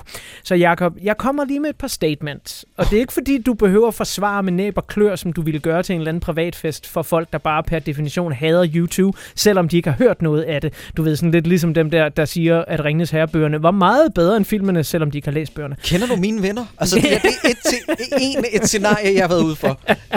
Lige præcis, ikke? Men hvis vi nu bare starter med ham der, der er i front for, ikke? Bono, vi har snakket meget om ham. Jeg har bare en ting, som jeg så dog faktisk synes, og det mener jeg er et oprigtigt hjerte, at når jeg ser på YouTube, når jeg ser på, hvordan det var i starten af det her band, så synes jeg, at Bono han var det stærkeste led i kæden. Han var det, som jeg kiggede mod som det store guidende lys i det her band. Den dag i dag, især når jeg hører de seneste to plader, så er Bono det svageste led i kæden. Han fylder for meget, hans vokal er alt, alt for langt frem i lydbilledet. Han er simpelthen blevet en egoist, også musikalsk. Okay, jeg har lidt svært ved at forsvare det. Du ligger ud med de, med de tungeste skytsbøtter, og der, Ja. der, der tager du måske lidt på sengekanten. Jeg, jeg bliver nødt til at indrømme, at du har sgu nok delvist ret. Jeg elsker stadig Bono, men hvor vil jeg bare ønske, at han var vredere igen? Hvor vil jeg ønske, at han var mere inspireret igen? Der er ikke nogen tvivl om, at jeg er den i det her lokale, måske øh, den på den her redaktion, måske den på den her radiokanal, der elsker YouTube i deres nuværende form mest. Måske på hele DR. Må, måske på hele DR. Men øh, jeg vil give dig ret i, at Bono er ikke længere det, som jeg synes er det stærkeste led i kæden. Jeg vil ønske, at han blev vred igen, så han havde noget mere inspiration. Så langt Mhm. vil jeg gå. Ja, okay. Jamen, det kan jo være, der skal ske et eller andet øh, dramatisk, øh, gud forbyder, der sker ham eller hans elskede noget, men altså, nogle gange så kan det jo være en katalysator. Så har jeg også en ting, der ligesom hedder, prøv høre, altså YouTube, de er et ultrakalkulerende band. De beslutter sig for, at nu er vi inde i en rå og politisk periode, og så beslutter de sig bagefter for, at nu skal vi være voksne og følsomme, så vi kan sælge nogle flere plader. Men det her, det er altså ikke oprigtigt følt. Det er en del af en større masterplan for at sælge flere albums og give flere kæmpe beløber til velgørenhed, som de så kan trække fra i skat i øvrigt. Med andre ord, der er simpelthen ikke nogen følelse bag den her velgørenhed, som de poster ud. Det er en skattefidus. Ja, jamen igen er det sgu svært at forsvare på dig. Jeg kan godt se, jeg kan godt se, hvor du kommer fra. Øh, jeg synes igen, det er vigtigt at understrege, at YouTube er i sidste ende et øh, band, og nogle gange er der et fræk lille R mellem B'et og A'et i det ord. Nogle gange er de, kan man også sige, at de er et brand. Det er det, jeg Ja, prøver at sige. ja. Og øh, jeg synes også, at vi skal, vi skal heller ikke underkende, som øh, jeg hørte en klog mand sige tidligere i det her program, jeg tror, at hans navn øh, rimede på Schmanner Schmøtter. Han sagde det der med, at men de gør, jo, de gør jo heldigvis meget mere godt, end de gør skadeligt i sidste ende. Mm. Så har jeg også en ting med, med det her med hyggeleriet. Prøv at høre, altså samtidig med, at de igennem 90'erne kæmper med Greenpeace for miljøet, de mødes med den danske Greenpeace-afdeling osv., så sætter de altså også Zoo TV-turen op, og efterfølgende endnu værre, endnu mere svinsk, Popmart-turen, som jo må have brugt hele Asiens CO2-forbrug på en måned, måske bare en aften i København. Så altså YouTube, de er nogle selvmodsigende hyggelere. Hvordan kan man forsvare miljøet og støtte Greenpeace, samtidig med, at man bare brænder CO2 af? Ja, yeah, men det er også for dårligt. men jeg, jeg synes Kom nu, Jacob, jeg synes også, det er dem, ikke? vigtigt at huske på, at man kan ikke blive ved med at sætte alting ind i en, i en samtid, hvor vi er nu i forhold til noget, der er sket for 20-30 år siden. Det kan vi ikke blive ved med at veje alt op imod. Der er jo også nogle film, der ikke er ældet med øne. Mm. Tintin i Kongo er ikke en tegneserie, man læser med super meget øh, velbehag i dag. Vel, man kan godt mærke, at den er lidt lakrids, den her, Heshe. Mm, mm. Men det var en anden tid for mm. delen, og vi er heldigvis blevet så meget klogere. Man skal huske på, at man også kan sætte det ind i den forbindelse, og de har heldigvis Gud skal takke lov, skruet ned for det der. Mm. Jeg siger ikke, at deres, øh, øh, at deres turnéer fuldstændig er, er glatbarberet for alt, hvad der øh, minder om teknologi og øh, prangende overdådig øh, visualitet, men der er skruet ned for det. Mm. Og altså, hvis man er i tvivl, og hvis man ikke har set noget fra for eksempel PopMart-turen, så prøv bare lige at google eller søge ud på nettet helt generelt, og skrive PopMart-turen 1997, og så se de billeder, der er derfra. Bare se scenen. Det burde være nok til, at man ligesom siger, wow, hvad, hvad er det her for noget? Altså, det er sådan en halvt McDonald's M, der står op af scenen, og så havde de verdens største tv-skærm på det tidspunkt. En skærm, de påstod, man kunne se fra det ydre rum. Jeg kan huske, der kom sådan en pressemeddelelse, hvor der stod, der er så og så mange objekter, man kan se fra det ydre rum. Nilen, øh, den kinesiske mur og YouTubes skærm. Uh. Uh, goddamn, altså. Men det er jo en ting, der er ved at være YouTube-fan. Det er også en udfordring, og har været det inden for de seneste par år. Nu træder jeg lige ud af den her djævelens advokatstøvle og taler et helt oprigtigt hjerte. At jeg tror, mit største problem med det her, med for eksempel skattely, med Panama Papers, med alle sådan nogle ting der, med at investere i Facebook den dag, man holder en TED-talk om den. Det er det der med practice what you preach. Mm-hmm. Walk the walk, talk the talk. Altså, hvis nu Kanye West, han havde lavet et eller andet med Panama Papers, så havde folk været pisse ligeglade. Fordi det er Kanye West. Altså, men YouTube, de har igennem en, en hel menneskealder sagt, at øh, sådan noget her skal man ikke gøre, vi skal kæmpe for miljøet osv. Og det er nok derfor, det går ondt, er det ikke? Jo, jo, jo, helt klart. Altså, men jeg synes også, at argumentet med, at øh, jamen, de er gode for 4 milliarder, hvorfor bruger de ikke bare deres formue? Altså, jeg tror heller ikke, at det... Jeg synes ikke, at argumentet er så nemt. Det er, sådan noget med, det er jo Mm. lidt som at sige, hvorfor redder de ikke bare verden i stedet for mig? Ja. Det, det, argument, det argument har altid irriteret mig, men det kan vi snakke om senere. det, det kan vi da helt bestemt. Øhm, som et godt dansk band engang sagde, vi redder verden i næste sang. Det var bandet, der hed Tristan T. Det var et dejligt band. Her, der kommer YouTube helt op på de høje navler på et nummer fra Joshua Tree. Fantastisk sang. In God's Country.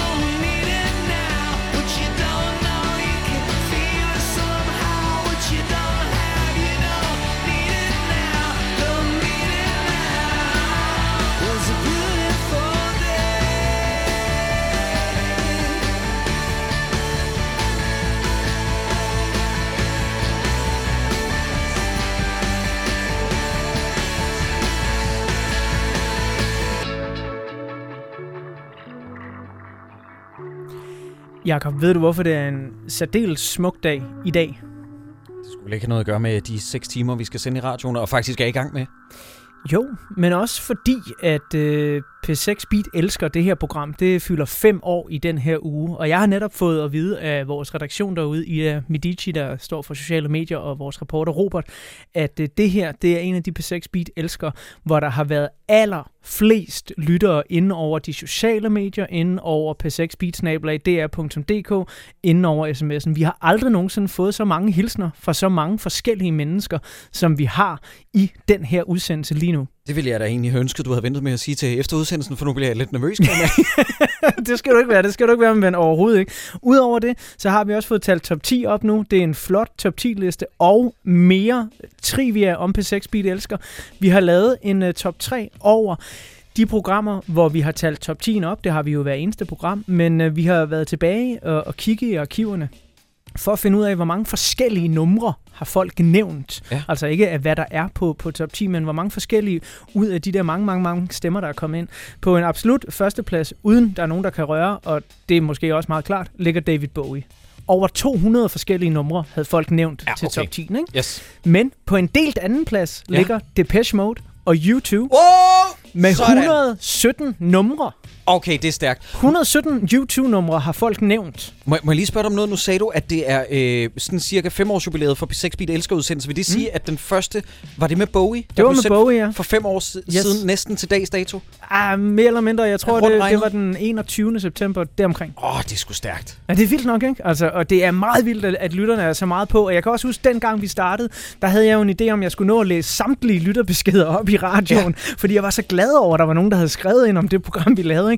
Det er simpelthen ikke fysisk eller psykisk muligt længere, fordi der er så mange. Og til alle, der har skrevet ind, tusind mange gange tak. Lige meget om vi har læst dem op her i radioen eller ej, så skal I have en kæmpe stor tak. Nu skal vi til øh, en lille kort ting, som jeg har glædet mig meget til, øh, Jakob, fordi øh, vi har jo gennem udsendelsen her sagt, at øh, du hader Bono hader. Ja. Og jeg må først og fremmest lige høre, altså, hvad handler det om det her med? Altså, er der mange i sådan, øh, dit nærområde eller din vennekreds, der bare hader Bono? Ja, der er, det er det nemmeste i verden efterhånden, det er at være det, som populært bliver kaldt for en Bono-basher. Det er, når du ikke har andet at gå efter, så basher du lige Bono. Og det er sådan noget, altså den ligger lige til højre skinken. Den er efterhånden mere øh, populær og oplagt, end det er øh, end at svine, det ved jeg snart ikke, Sting eller Volbeat eller Creed. Det er så dovent, og det er så opfindsomt, og jeg bliver bare nødt til at sige, Bøtter, at i løbet af, af, af den her tid, som jeg har gjort mig, er en bare en lille smule minimal research, som du også sagde så fint tidligere, det der med, at det er folk, der ikke har lyttet til YouTube nogensinde. Jo, de har hørt Pride in the Name of Love på et tidspunkt i radioen, og så er de skruet videre, fordi det ikke var noget trap rap, der lød sådan baba da baba da baba da da og så er de gået ned og fået en face tattoo. Men jeg vil bare lige sige til alle de Bono bashers derude, bøtter, i 98, der gav YouTube en gratis koncert i Belfast for at skabe opmærksomhed i Nordirland omkring fredstraktaten.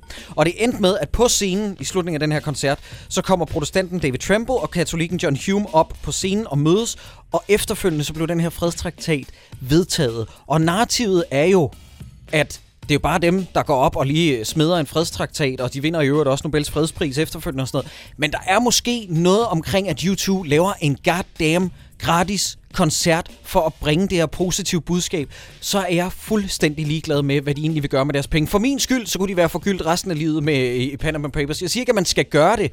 Jeg siger bare, at vi skal huske at rette vores vrede mod noget, hvor det, øh, hvor det er velfortjent. Og jeg vil 100 gange hellere 100 gange hellere høre en YouTube-koncert, end jeg vil høre en eller anden med pagekort nede i Kødbyen spille mig noget for sin MacBook. Jeg siger det bare.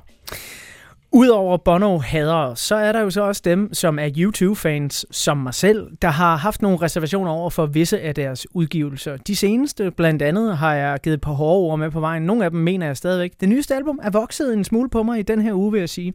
Et af de album, som der altid har fået mange skal ud, det er Pop fra 1997. Men det album, det er faktisk, ifølge flere af vores lyttere, som vi har hørt fra igennem programmet her, og filmlyddesigneren Peter Albrechtsen, et ret undervurderet album. Pop er et album, som måske tåler en revurdering, og som måske tåler at blive taget til noget her i 2018. Jeg spurgte Peter Albrechtsen, hvorfor er Pop det mest undervurderede album med YouTube? Pop er på mange måder sådan en plade, som øh, blev sådan lidt en overgangsplade fra, øhm, da de hittede med øh, Achtung Baby, og så gik videre på Suropa, så var det som om, hvordan går vi videre derfra? Og øh, Pop er faktisk en plade uden Brian Eno og Daniel Lanois, men med Howie B og Flood. Der er bestemt nogle svage sange, men der er også rigtig mange sange, som kan noget helt særligt, det der sådan grænseland mellem popmusik og det eksperimenterende. Og så synes jeg, der er nogle af de smukkeste ballader på, som de har lavet. Og øh, så synes jeg faktisk, at de der Discotek og Mofo, hvor øh, på Mofo, der er Howie B er krediteret som at spille på Larry Mullen. Og det synes jeg jo er så fantastisk. Og når man hører nummeret, så giver det faktisk mening. Jeg ved, øh, du skrev til mig, at du, du snakkede med Howie B om den her popudgivelse. Hvad, hvad var det for en uh, samtale? Hvad havde han at sige? Lige de par år efter Pop udkom, der jeg var tæt på ligesom at skulle lave et samarbejde med Howie B på en film, og derfor havde jeg nogle forskellige, en masse snak med ham om lyd og så videre. Og han fortalte så om arbejdet på Pop, fordi jeg sagde, at jeg synes, det var en vild, vildt inspirerende lydbilleder. Og så øh, snakkede vi blandt andet om det at optage et instrument, hvor Howie B sagde, jamen for ham så handler det ikke op, om at optage en guitar. Det handler om at optage en guitar spillet af et menneske, der opholder sig i et rum. Og det vil sige, at det er virkelig lidt den samme idé, som Brian Eno har, at du sætter en mikrofon op og optager en aura frem for at du bare optager et instrument. Og det lyder jo som sådan lidt noget intellektuelt pop, pop, pop, hovski, snovski. Men i virkeligheden, når man så hører YouTubes musik, så synes jeg bare, det giver mening, fordi at det er netop, der er sådan en rummelighed i musikken, hvor det handler ikke bare om, at man lige skal have den rigtige guitartone, eller lige det rigtige slagbeat. Det handler lige så meget om den rummelighed, der er omkring hver tone, omkring hver beat. You can read. But you can't grab it. You can't hold it, control it. You can't bag it. You can push, but you can't direct it. Circulate, regulate, oh no, you cannot connect it.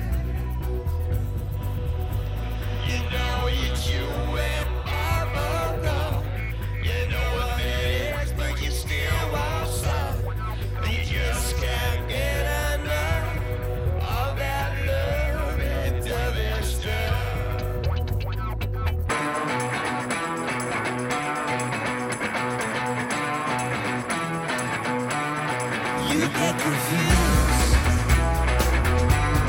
but you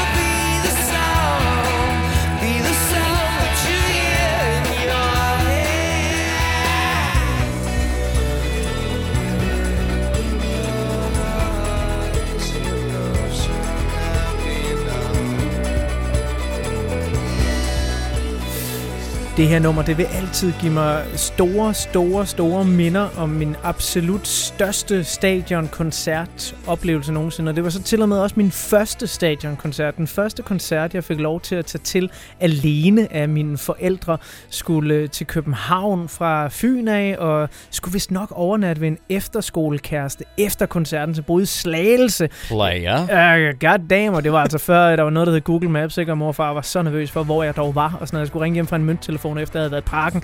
Men at se det her nummer blive blæst ud over parken.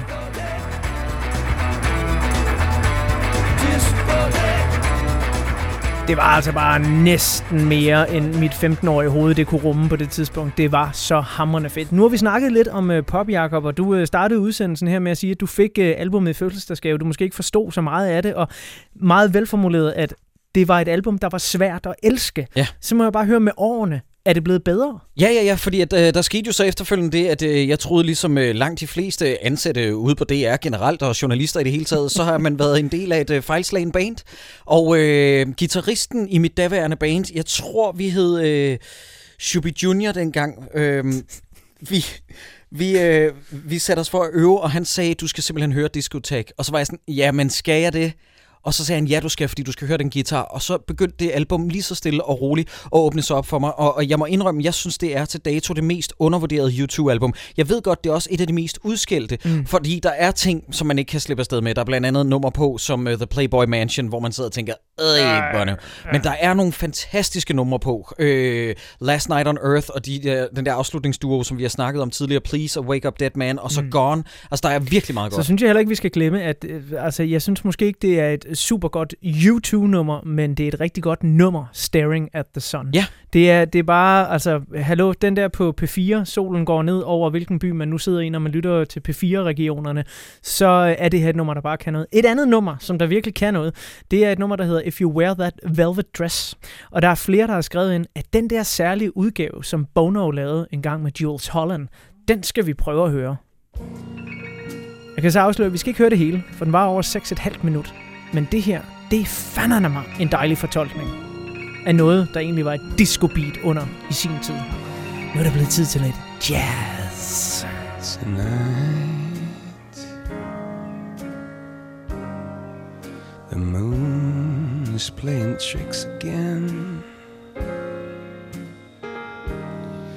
I'm feeling seasick again, and the whole world could just dissolve into a glass of water.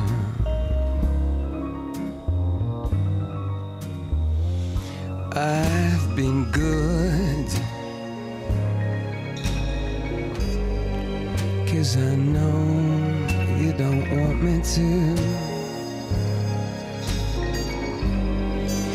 Do you really want me to be blue It's the daylight that gets me through. Yeah. We've been here before. Last time you scratched at my door.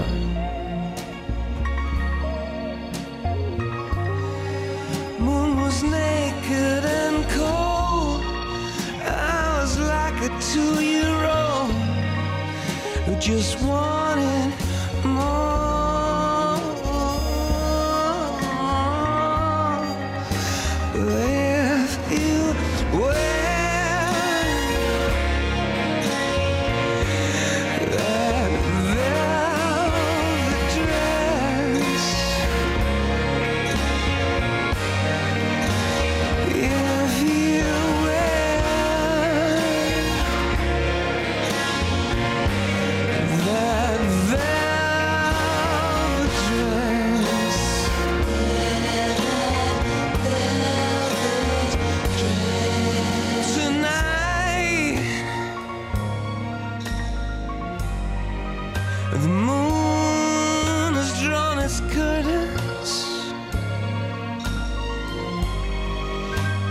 Private show. No one else gonna know.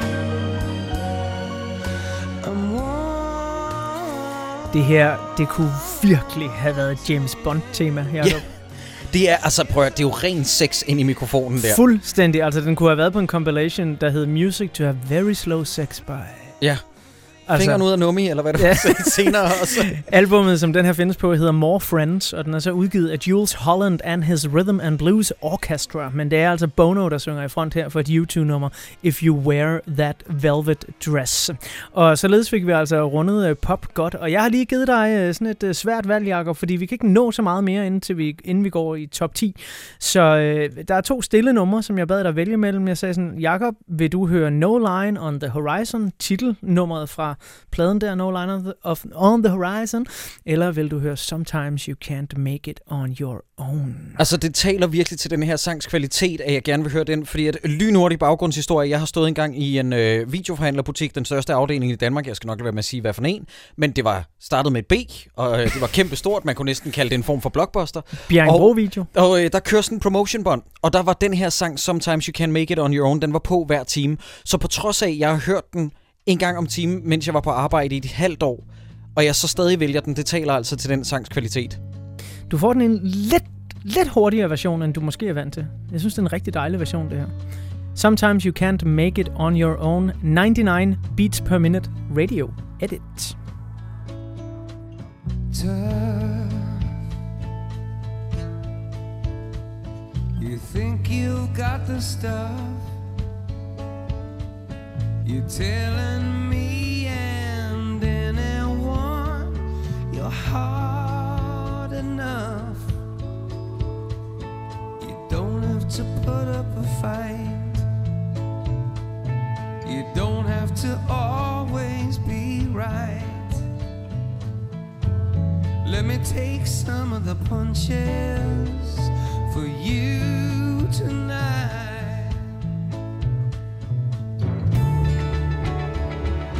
Listen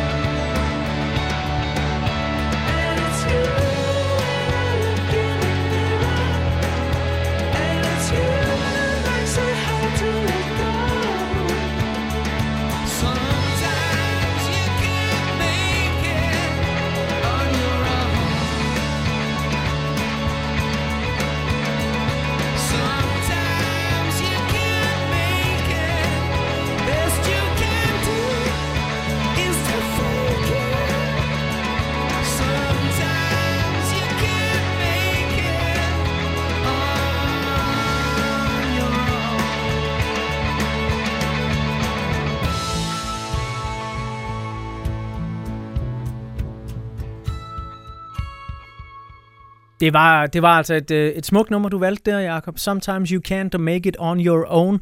Fra øh, den der dejlige øh, sort-røde plade, How to Dismantle an Atomic Bomb. Godt valgt. Lige om lidt, lige om et minut, så skal vi i gang med den lytterbestemte YouTube Top 10. Jeg har givet dig sedlen, hvor der står, hvad der er kommet ind på Top 10. Du må ikke afsløre noget over for lytterne, men jeg må bare spørge sådan helt generelt. Hvordan er humøret over for den? Er du overrasket? Er du skuffet? Er der nogle ting, hvor du siger, hvorfor fanden er den på? Og... Top 3 er pitch perfect. Okay. Det er fuldstændig ligesom det skal være. Jeg vil faktisk gå så langt som at sige top 5 af det. Der er en enkelt, et enkelt nummer, hvor det undrer mig lidt, men jeg er samtidig glad for at se et deep cut, som er afslutningsnummeret på en plade, at det øh, har øh, opnået en... Øh, en 8. plads placering. Men der er, som sagt, vi kommer til at snakke om det lige om lidt, mm-hmm. at øh, i næste time, Jamen. At der er altså et enkelt nummer, som jeg ikke helt forstår. Det, ja, og jeg er jo lidt enig. Altså, det er ikke, fordi det er et dårligt nummer, Nej, men det er ikke. bare i forhold til, at der er blevet stemt på 117 nummer, at lige præcis det nummer, det skulle ende i uh, top 10. Det synes jeg er er meget, meget spændende. Præcis hvad det er for et nummer, og hvad de uh, ni andre numre er på den lytterbestemte YouTube top 10, det kan du høre lige om lidt. P6 Beat elsker YouTube. Her er lytternes top 10.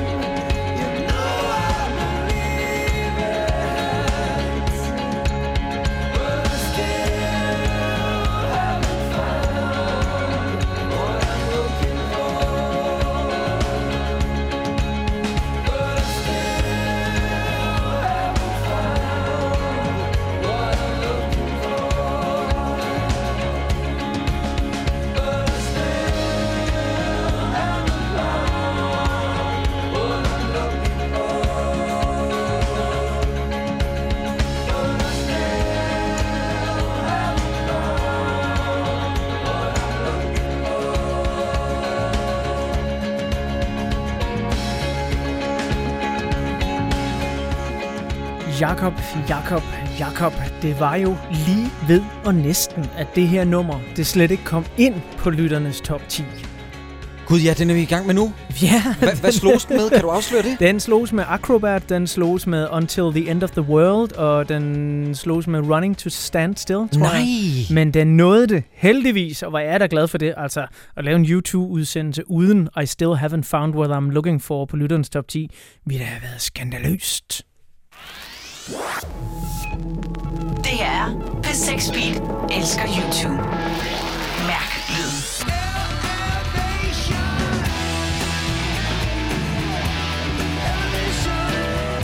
P6 Beat elsker YouTube. Direkte radio og podcast om bandet, der siden den spæde begyndelse i 1976 har solgt over 170 millioner albums og vundet 22 Grammys. Live på B6 Beat og på dr.dk-podcast.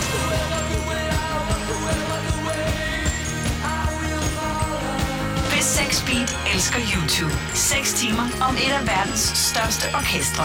Med Anders Bøtter og Jakob E. Hensley. Og så er vi godt i gang med den lytternes top 10 af U2-sange, og vi fik altså I Still Haven't Found What I'm Looking For fra albumet Joshua Tree. Det var på en 10. plads. Og nu skal vi til øh, en 9. plads, og det er jo et nummer, som vi har snakket meget om, Jakob, fordi at det sådan, det er ikke et dårligt nummer overhovedet. Det er en god plade. Den er fra 1984. Den hedder The Unforgettable Fire. Men flere lyttere har uafhængigt af hinanden, skrevet ud på de sociale medier, når vi sådan har udtalt os om, ah, hvad er det bedste? Og der ja. var sådan et billede af din uh, proto-playliste, ja. og alle var sådan, hvor er nummeret? The Unforgettable Fire. Og der skal jeg være helt ærlig og indrømme, at prøv at høre, selvom jeg elsker den plade, som man jo skal, den er jo på enhver YouTube elskers øh, album top 5, en med respekt for sig selv i hvert fald. Øh, jeg elsker A Sort of Homecoming, Pride, altså jeg elsker 4th of July, Bad. Jeg, jeg er imponeret over, at der er så mange, der elsker titelnummeret for den plade. Mhm. Det havde jeg sgu ikke set komme. Nej, det havde jeg faktisk heller ikke. Så det er altså sådan, at på en 9. plads på vores lytterbestemte YouTube Top 10, der ligger titelnummeret til 1984 albummet The Unforgettable Fire. Og som vi også lige sagde, Jacob, det er jo ikke fordi, det er et dårligt nummer. Nej, det er et fantastisk nummer. Det er et fantastisk nummer. Men jeg gik hjem og lyttede det, efter jeg læste alle de kommentarer og fandt ud af, sådan, er det mig, der har overset noget? Nej, jeg kan bare rigtig godt lide det her nummer. Ja, ja, lige præcis. Jamen, Jeg har det på samme måde. Hvis nogen sådan sagde til mig, nævn lige din tre yndling med YouTube, så, ja, så ville den ikke komme. Men det er os, der skal holde kæft i den her Ja. team, Jacob. Ja, og så så. er det lytterne, der styrer, og det er dem, vi elsker, når vi elsker YouTube her i P6 Beat. Elsker YouTube. Lytternes YouTube Top 10. Det her er nummer 9, The Unforgettable Fire.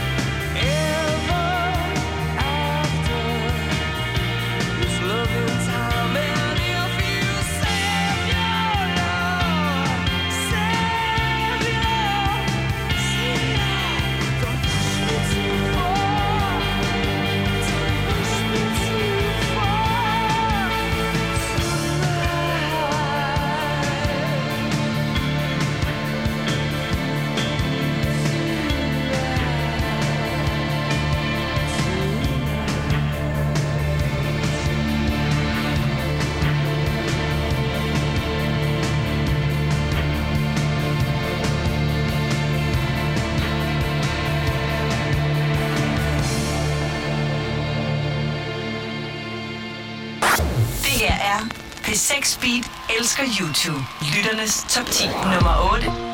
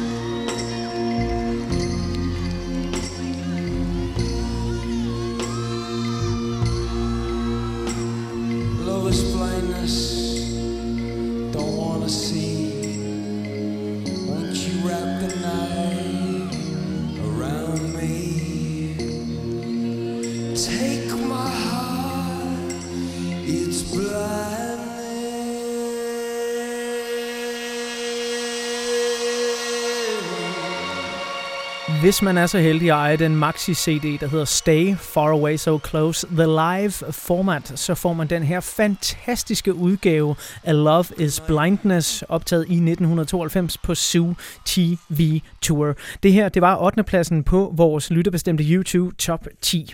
Nu, der øh, suser vi videre til 7. pladsen, og med den, der følger en rigtig, rigtig fin og smuk hilsen.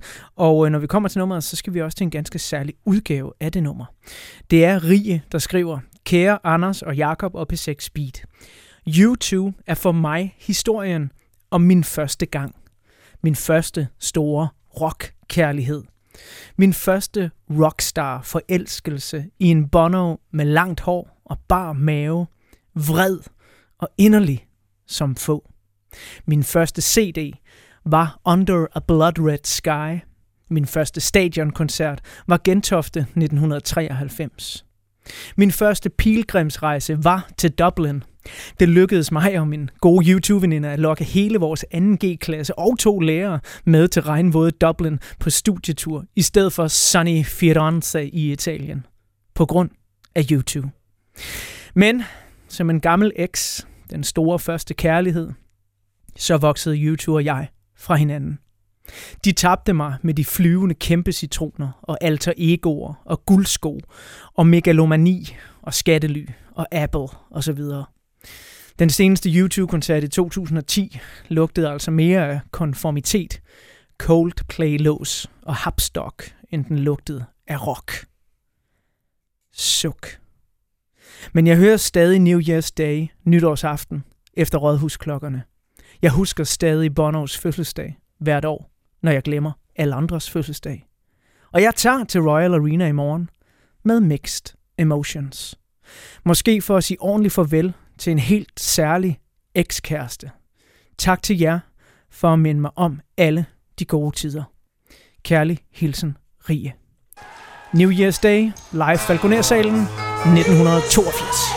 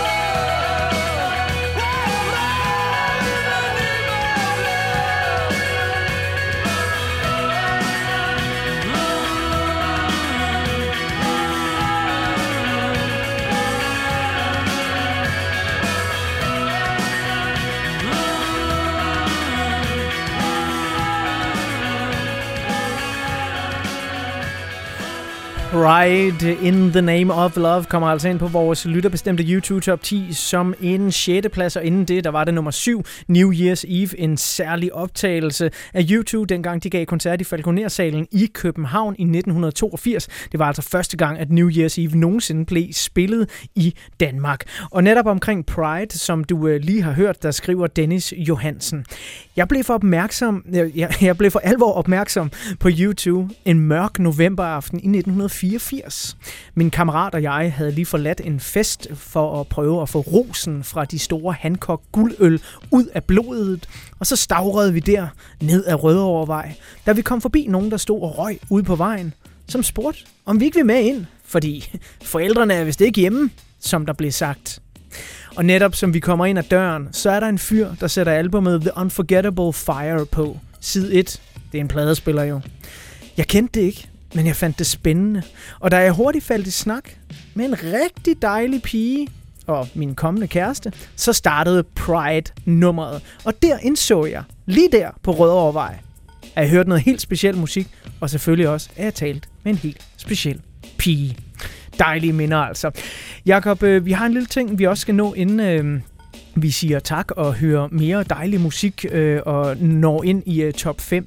Hvis du nu skal anbefale noget for dem, der sidder derude, og måske ikke kender så meget til YouTube, måske ikke ejer en opsamling, eller ejer en bog, eller aldrig har set en dokumentar, er der et eller andet, man skal gå efter derude? Ja, øh, det, den er lidt svær. Altså, jeg synes godt, at man kan anbefale lynhurtigt to dokumentarer. Der er blandt andet den, der handler om skabelsen af Acton Baby, som vi gennemgik, der kom for et par år siden. Den, der hed From the Sky Down. Men jeg synes, at man skal starte med Rattle and Hum. Det viser YouTube for deres bedste, skråstreg værste side. Det bliver ikke mere præsentøst, men det bliver heller ikke bedre. Altså, live peakmæssigt, så øh, når de næsten ikke højere, og det er ikke så voluminøst og overproduceret, som, som Popmart eller Su TV-turnéen var. Rattle and Hum er en god anbefaling, når det kommer til dokumentar.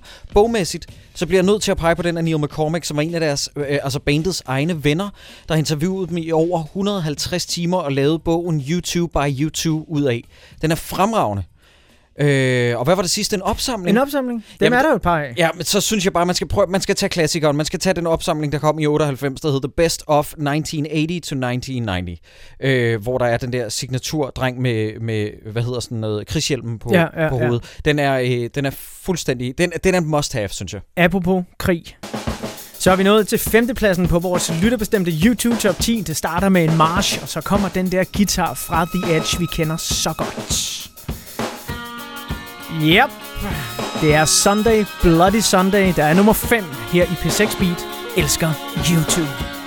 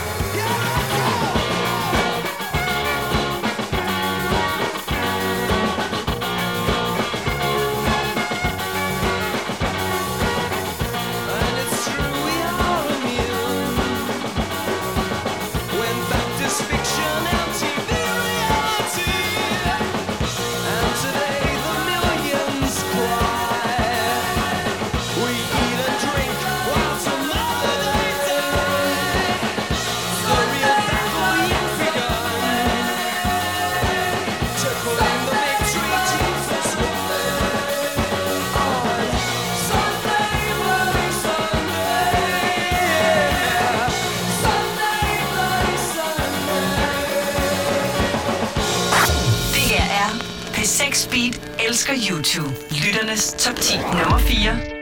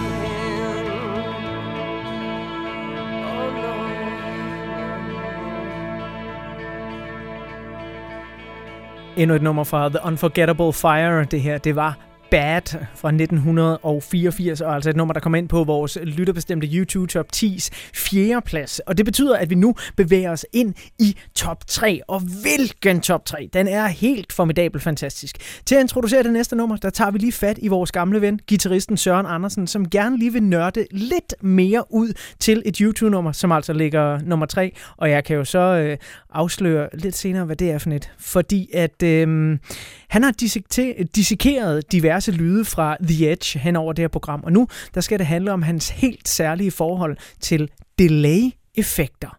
Her der er riffets anatomi til lytternes nummer 3, Where the Streets Have No Name. Det er jo en, en episk oplevelse at høre, hvis du spørger mig. Fordi det starter med alle de der pads og hele den der s- verden eller rumklangsverden, kan man sige. Og pludselig så kommer den her klare øh, Fender Stratocaster guitarlyd øh, i en Vox AC30. En Strat er jo meget klar i lyden. Og sådan en AC30 tilsvarende super classy og super sådan clean, clean sounding.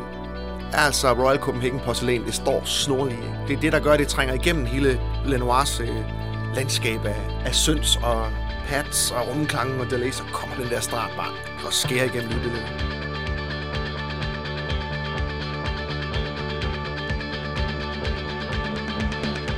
Og så med det her delay, som Edge han er kendt for. Og øh, nu bliver det lidt nørdet, men øh, det er vel også meningen. altså, han spiller i virkeligheden, så spiller han et riff, der siger... Det er alt, hvad han spiller. Så spiller hans delay, spiller så nogle trivialiseringer, som er øhm, ligesom er...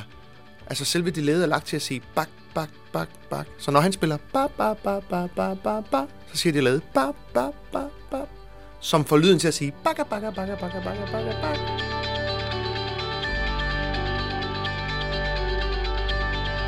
Og det kan man så som guitarist gå hjem og, og hygge sig med, fordi det er, det er faktisk ret svært at få det til at svinge. Fordi det der delay, det har jo sin faste tid, og mennesker, vi har jo lidt en løs tid. Så det er røvsvært at få det til at svinge. Men når man så navler det med den rigtige øh, øh midterposition på en Stratocaster, lidt rumklang og så en, en AC30, så, så kan man adresserer det til The Edge med, altså med et missil. Om han har fundet på det, eller om det er noget, Brian Eno og, og Lanoir har fundet på sammen med ham, eller om de har stjålet det fra et eller andet sted, I don't know. Det er i hvert fald altså, meget, meget, meget ikonisk The Edge. Øh, og er selvfølgelig stjålet og kopieret millions øh, siden, ikke? Det er meget, meget interessant, og det, jeg synes, det sætter ham ligesom bang på nappet, det efter. der.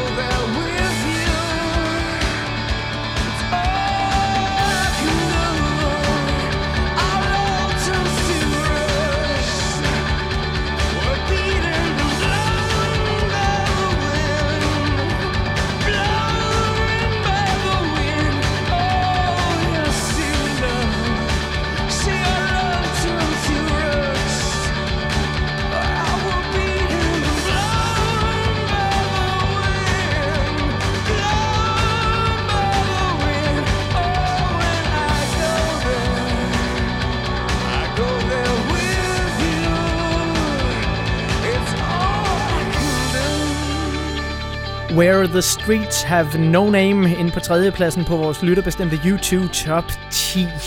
Og nu bevæger vi os over til anden pladsen jo, og det er også der, hvor jeg må spørge dig, Jakob. Øh, har du øh, så nogensinde haft øh, kærestesover til øh, YouTube? Er der et eller andet, der har gjort en nas i hjertet? Jeg tror, at øh, når det kommer til det emotionelle plan, der skal tale til mine øh, mørke dage og tider, så er jeg meget mere en Nick Cave and the Bad Seeds og emo øh, mand generelt. Øh, altså Nick Caves tekster taler virkelig til mig, når det kommer til det, det der at være heartbroken. Men med undtagelse af en ting, fordi du, du skal fandme være død indeni, hvis det ikke var for, at øh, hvis du ikke bliver reddet lidt rundt følelsesmæssigt med With or Without You for eksempel. Det er altså en af alle tiders største kærlighedssange. Ja, jeg er så glad for, du nævner lige præcis den.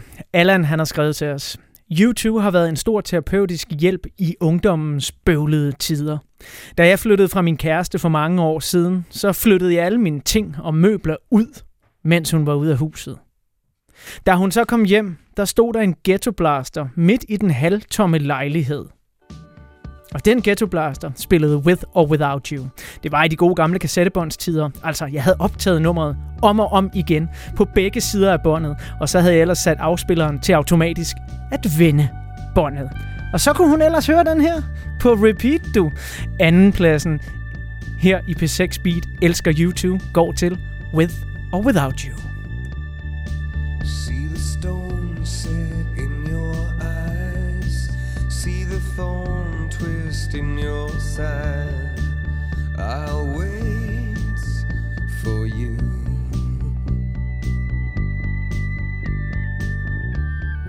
Sleight of hand and twist of fate.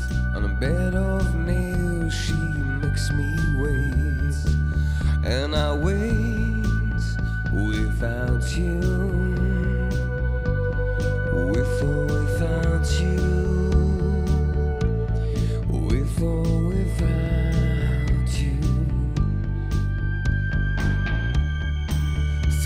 storm, we reach the shore. You gave it all,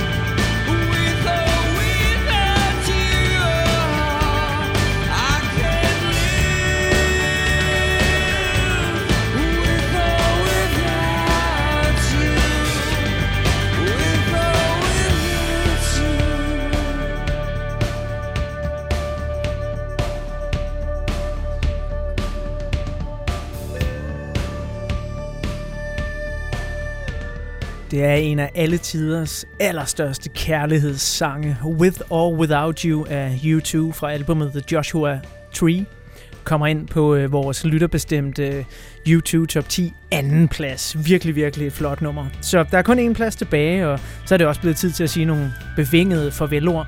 Jakob E. Hensley, tusind, tusind mange gange tak, fordi du gad være min medvært. Selvfølgelig, Anders Bøtter, og jeg ved godt, det lyder lidt som en kliché, men jeg kan ikke forestille mig, at du har sagt det ved slutningen af hver P6-bit-udsendelse øh, med P6 Beat elsker, fordi der er jo nogle kunstnere, hvor man kommer sådan ret vidt omkring på 6 timer, for eksempel Mm. Dismiss Lizzy og sådan noget. Ikke? Man kunne snilt lave 6 timer igen om YouTube. Sagtens, sagtens. Man kunne skære den på en helt anden måde. Man kunne spille nogle helt andre numre. Men det har været en fornøjelse at sende med dig. Derudover så skal jeg huske at sige, at øh, programmet her det var produceret og tilrettelagt af Mads Gundersen. Interviewer og tilrettelægger og praktisk gris i det hele taget var Robert Havsted. Ude på de sociale medier, der har Ida Medici haft sindssygt travlt, fordi du har været så åndssvagt god til at sende rigtig mange beskeder med hashtagget P6Speed elsker.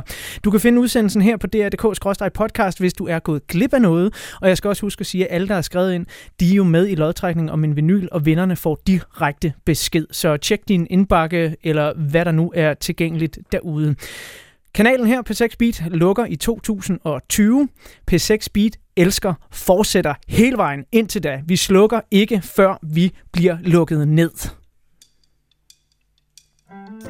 Og her, der er førstepladsen så på jeres lytterbestemte YouTube Top 10. Tusind tak, fordi I lyttede med fra Actung Baby, den helt store ballade One. Is it getting better?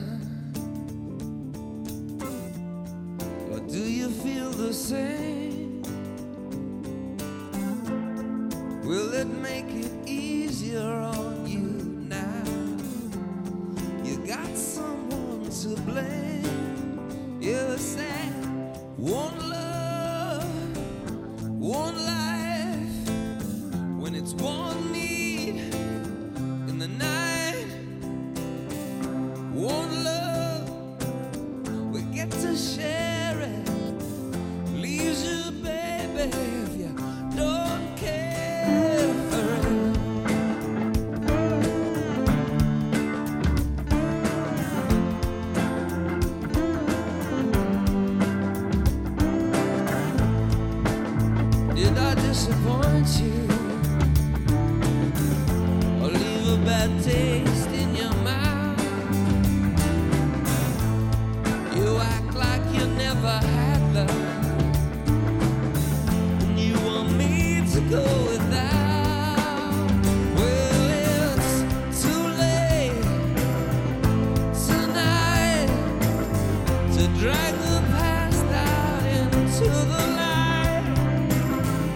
want